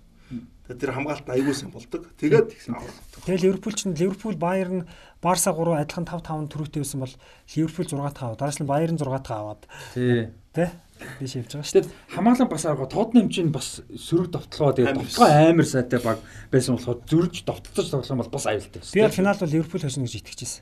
Яг бол нэг финал үтцсэн байсан юм. Ливерпул ч өмнөх жил нь юу юу ч хөө юу ч мэдэхгүй гараад Реалта гарч ирж байгаа шүү дээ. Реал нь 3 Яаж ч тоглолтын план нэвтрээд салах гэнтэй тий. Тэгмэд энэ дээр бол яг тийм байхгүй. Айлисэнтэй Ван Дайктай амар галзаж байгаа шүү. Тэгээд одоо нэг ийм гаргалгаа байгаа цаа. Ювентус Ювентус Роналдог байхад аврагын лигт сайн үзэж болох байсан. Гэтэ Ювентус юунд төжигдөг гэж. Ювентус ингэж байгаа байхгүй. 2019 онд Аякс төжигдөж байгаа. Тэгж За байгаа. хожиж болох. Дараа нь Портод очигдчихв. 20 онд юунд төжигдөнө? Леон төжигдөнө. А Леон тий. Леон 21 онд Порто төжигдөнө. Порто тий. 22 онд юунд төжигдлээ? Villarreal. Тэгэхээр Ювентус бас жоохон муу одоо юу Том багууд бол хожичод байгаа юм тий. тий. Энэ дундаж багууд дээр усалж байгаа юм. Тэд нар зөрөгтэй үзээд тий. дараагийн үйлдвэрлэл Леон бол амар шүү дээ. Дараагийн өдрөлтийг бол би баг үзсэн шүү бас. Арашаа сороо. Яг аврал талсан. Ковидын нэг амар мөн гэдэг. Хит тасардаг үйлдвэрлэл. Тий. Зум муу амар сонин тэмцээнээр дуусч юм уусаа тий аврагууд. Тэн дээр ярих юм их байгаа. Бас гоё. тий тэрэн дээр ярих юм нэлээд гарах. За тэгээ өнөөдрийн дугаараа өндөрлөхөө. За 4 цаг болчих. Дөрөв цаг болсон байгаа ш та нэлээд. За за за үдчихэж байгаа хүмүүстээ sorry. Аа тий тэгэд утасны мэд батрын хүртэл дуусгаар юм чи. 4 цаг явчих. Тий явцсан байна уучлаарай. Тэгээд аа Өгшүүн хоол нэг ус солдоод юу гэдэг вэ? тий тэгээ сонсож байгаа хүмүүст маань аа, видео урж байгаа тий видео YouTube дээр ч гэсэн ингээ аудио нь явж байгаа. Тэгээд аа, өнөөдрийн дугаартаа бас төвчээр гаргаж та хамт байсан энэ мөчөг хүргэсэнд нь маш их аа, баярлалаа. Тэгээд Хайдаас баярлаа. Баярлалаа. Тэгэд э, юу маань э, хамгийн гол спонсорудаа баярлалаа тий. MMS Electric болон э, Хас банкны хамт олондоо баярлалаа. Ийм урт хугацаанд ч одоо ингээ 3 4 цагийн подкастыг спонсортай яваад ингээ хүмүүс дүргээд хүмүүс маань ч гэсэн мэдээж үзээд ингээд явна гэдэг бол маш хэцүү байдаг. Их цаг зарцуулдаг тий хүмүүсийн үзэхэд их ач холбогдол өгж коммитмент гаргаж тий ингэж үзэж сонсож байгаа тэгээ сонсож байгаа хүмүүстээ маш их баярлалаа. Спонсоруудаа баярлалаа. Тэгээд а, түрүүн хийсэн MMS-ийн юун дээр бол MMS электрик дээр бол а, 12 сар 10 сарын 1 хүртэл юу яаж байгаа урамшуул явж байгаа агуулгач хөлөөлөх худалдаа явж байгаа та бүхэн маань source цэгийн маань эсвэл MMS electric гэж Facebook хаягаар Электрик цэг MMS Facebook хаягаар бол юу авах боломжтой байгаа мэдээл авах. Боломж бол байгаа шүү. Энд нь бол автомат таслуур одоо энэ самбарын тоноглолууд тэ цахилгаан монтажны удас дагалдаг хэрэгсэл гэсэн хүчний ярцэтик гэдэг энэ төрлийн бүтээгдэхүүнүүд бол орж байгаа юм байна. За тэгээ Хасбанк бол мэдээж ивент тэтгэгчээр ажиллаж байгаа. Хасбанкны хувьд бол ха дэлхийн аврагын аль биесний гой карт гаргасан маа та бүхэн маань бас. Дансаа нийлгээд данстай болол дансан дээр шууд утаснасаа ап юу яагаад апаараа захиалаад те карт авах боломжтой хөргүүлээд авах. За тэгээд энэ карттай хэрэглэгчд маань бол одоо а, 10 сарыг дуустал буюу 10 сарын 30-ныг дуустал Adidas, Reebok, Nike, Puma болон Under Armour брендийн дэлгүүрүүдээс бол одоо 1 сая хүртэл э, төгрөгийн худалдаа авалтанд 20% одоо хямдалтай л гэсэн үг шүү дээ. 20% кэшбэк буюу буцаа олголт авах юм боломжтой гоё идэвхжүүлэлт бол кампайн тий 10 сарын 30 хүртэл явж байгаа юм байна. Тэгээд та бүхэн маань идэвхтэй оролцоорой. За тэгээд спонсоруудтай маш их баярлалаа. MMS болон Хас банкны хамт олонд баярлалаа. Ганц хэлчихв. За. Йоо, нөө фитнес шүү дээ. Фитнес ихлээр ингээд сонсох юм. Гэтэл бол. Тэгээд яг өөрийнх нь подкастыг би эхнээс сонсдог байхгүй. Яг ингээд өөрөө сонсоод эхнээс нөө нэрээ тэгс сонсож байгаа юм сонсд юм байна. Тэгээ үзэгчнэр болохоор айгүй их бичин манай юм дээр шүү дээ. Манай комент юу урт байх зам үзэж хэрэгтэй юм. Яг тэд чинь онгоцонд явахдаа сонсож байна, фитнес дээр сонсож байна, ажиллаа явахдаа сонсож байна. Бүр бүх юм дээр сонсож байна. Тэгэхээр зарим хүмүүс айгүй удаа явж. Одоо шил манай найз ингээд Америкт хол газар руу ингээд машин тавьж шүү дээ. Тэгтээ сайхан подкаст сонсох цаг айгүй урд явдаг гэнэ. Ингээд дуртай юм ярьж. Мм. Тэгэхээр юуд чинь 3 4 цаг ерөөсөө юу юм бэ? Одоо хүмүүсийг залхаад байгаа юм ерөөс биш юм билээ. Муу юм ярил залах шүү. Харин тийм. Айгуу сонир тий. Айгуу сонирхолтой айгуу гоё хүмүүс харин бүр их байгаасаа гэж айгуу хүсэлтээр 4 цагийн юун дээр бол би бол Өста бүр хамгийн бест дугаар байна. Тэглээ ер нь би би бас одоо ингээд мэдээч юу гэдэг заримдаа ядарсан үе байлгүй л яг тий ажил төрөл ийм тийм байгаа. Зарим үед бол яг үнэндээ яг одоо нуухгүй хүмүүс заримдаа үнэхээр ажил гэж бодоод тий яриагаа бэлдээл ингээд дуусах байж байна. А гэтээ өнөөдөр би сая бүр сонсож байгаа шиг олж байгаа шиг бүр ингэсээр байгаа л дууслаа яг үнэ хэлэхэд манай гоё вебийнхэн чи гоё ингээд орхоос өмнө гоё нэг коридор ороод өчөд хөөхгүй тий. Тэг гоё ланчтай яаж байгаа. Ланчтай бид нар чи хоол ундаа идээд тий яг гоё ингээд юмдаа анхаарад спонсорудаа тэгээд маш их баярлалаа чи. Үнээр их баярлж байгаа тий. Хас банк MMS тий хамт олон бол бидэд одоо ингээд 3 4 цаг ярих ч гэсэн тий бид нар спонсоруудын спонсортой болцоочоод бидний үүрэг хариуцлагаас авахуулаад бүр шал өөр олон юмнууд нэмэгдэж байгаа хөөхгүй тий ажил дээр хүртэл ингээд шал өөр болж шүү дээ. Одоо бодлоо бид нар ингээд урд нь ингээд ямар ч ингээд санхүүгийн юу бах бид нар ингээд эндээс ямар нэгэн орлого олдгоо те. Одоо дүнгээд орлого олоод ирэнгүүт бидний энэ ажил болж эхэлж байгаа байхгүй. Тийм шүү дээ. Шал өөр. Юмнууд нь хоёр нүртлээ болж байна. Одоо бид нар энэ чинь дараа дараагийнх юмнуудыг бодож штэ юу авах вэ? Яаж сайжруулах вэ? Юу нэмэх вэ? Юу асах вэ? Энэ чинь ингээд бүр медиа брэнд болчихж байгаа байхгүй шоу бонита гэдэг чинь. Яг одоохондоо дан подкаст байгаа. Гэхдээ яриад байгаа штэ өөр өөр юм нэмэгдэнэ гэдээ яриад байгаа. За ийм байна. Тэгэд хоёр спонсордоо MMS болон Хасбанкны хамт олон маш их баярлалаа. За тэгэд 9 дэх дугаараас хойш дэмжиж ажиллаж байгаа Web Sports Lounge хамт олонд маш их баярлалаа. Тэгээд та их хүмүүс энд ирж бас тоглолтууд үзээрэй. Үйлчлүүлээрэй тий. Үйлчлүүлээрэй та бүхэн бас мэдээлэл аваад юунаас description хэсэг дээр бүх мэдээлэл нь байгаа. Одоо Facebook-д байгаа тийм учраас мэдээлэл аваарай. А тэгэд тэрнээс илүү хамгийн гол нь үзэгч сонсогчтой байлаа. Би одоо камер гүмөртлөг камер л авч явж байгаа. Бүр ингэ дассан шүү. Хөдөлгөөн мөлий камер л авч байгаа шиг. Тийм. Аа сонсож байгаа, үзэж байгаа бүх хүмүүстээ та бүхэнд маш их баярлалаа. Хараад ч дөрвчлэг хүмүүсээс бүгд бодлон баярлалаа. Тэд тэд гоё юм. Тийм. Ой ой байх ёстой байхгүй тийм. Бүгд нь баярлалаа та бүхэн байх бол мэдээж энэ ингэж удаан хугацаанд явахгүй хэдийгээр бид нөр өөртөө гоё яадаг ч гэсэн. Ийм байна. За тэгээд дараагийн дугаараар мэдээж аврагуудын лигийн Одоо 5 дахь тойргийн тийм эсвэр шитний 5 дахь тойргийн талаар мэдээж ярих бах. За Европа лигийг анх удаага бас дурдах нөхцөл гарах бах. Яагаад гэвэл хэсгээс гарсан үгүй гэдэг юм зарим нэг юм дурдах бах гэж бодож байна. За тэгээд 19-с 20 оны үеэрл их сонирхолтой тийм одоо түүхэн үеэрлийг бол ярих нь байна. Зөвхөн Ливерпул гэж байгаа биш шүү. Зөвхөн Ливерпул гэж бити ойлгоо. Аа сонирхолтой удирлыг дараагийн одоо дугаарт ярих нь байна. За тэгээд дэлхийн аврах хүртэл бол ингээд дугаар явж байгаад юу яана. Дэлхийн аварга бол одоо энгийн эпизод маань бол зогсно. За тэр үеэр одоо special edition те. Дэлхийн аваргын тустай хөлбөр бол явна. За дэлхийн аварга хүртэл би бол бас мэдээлэл өгье гэж бодоод байна л да.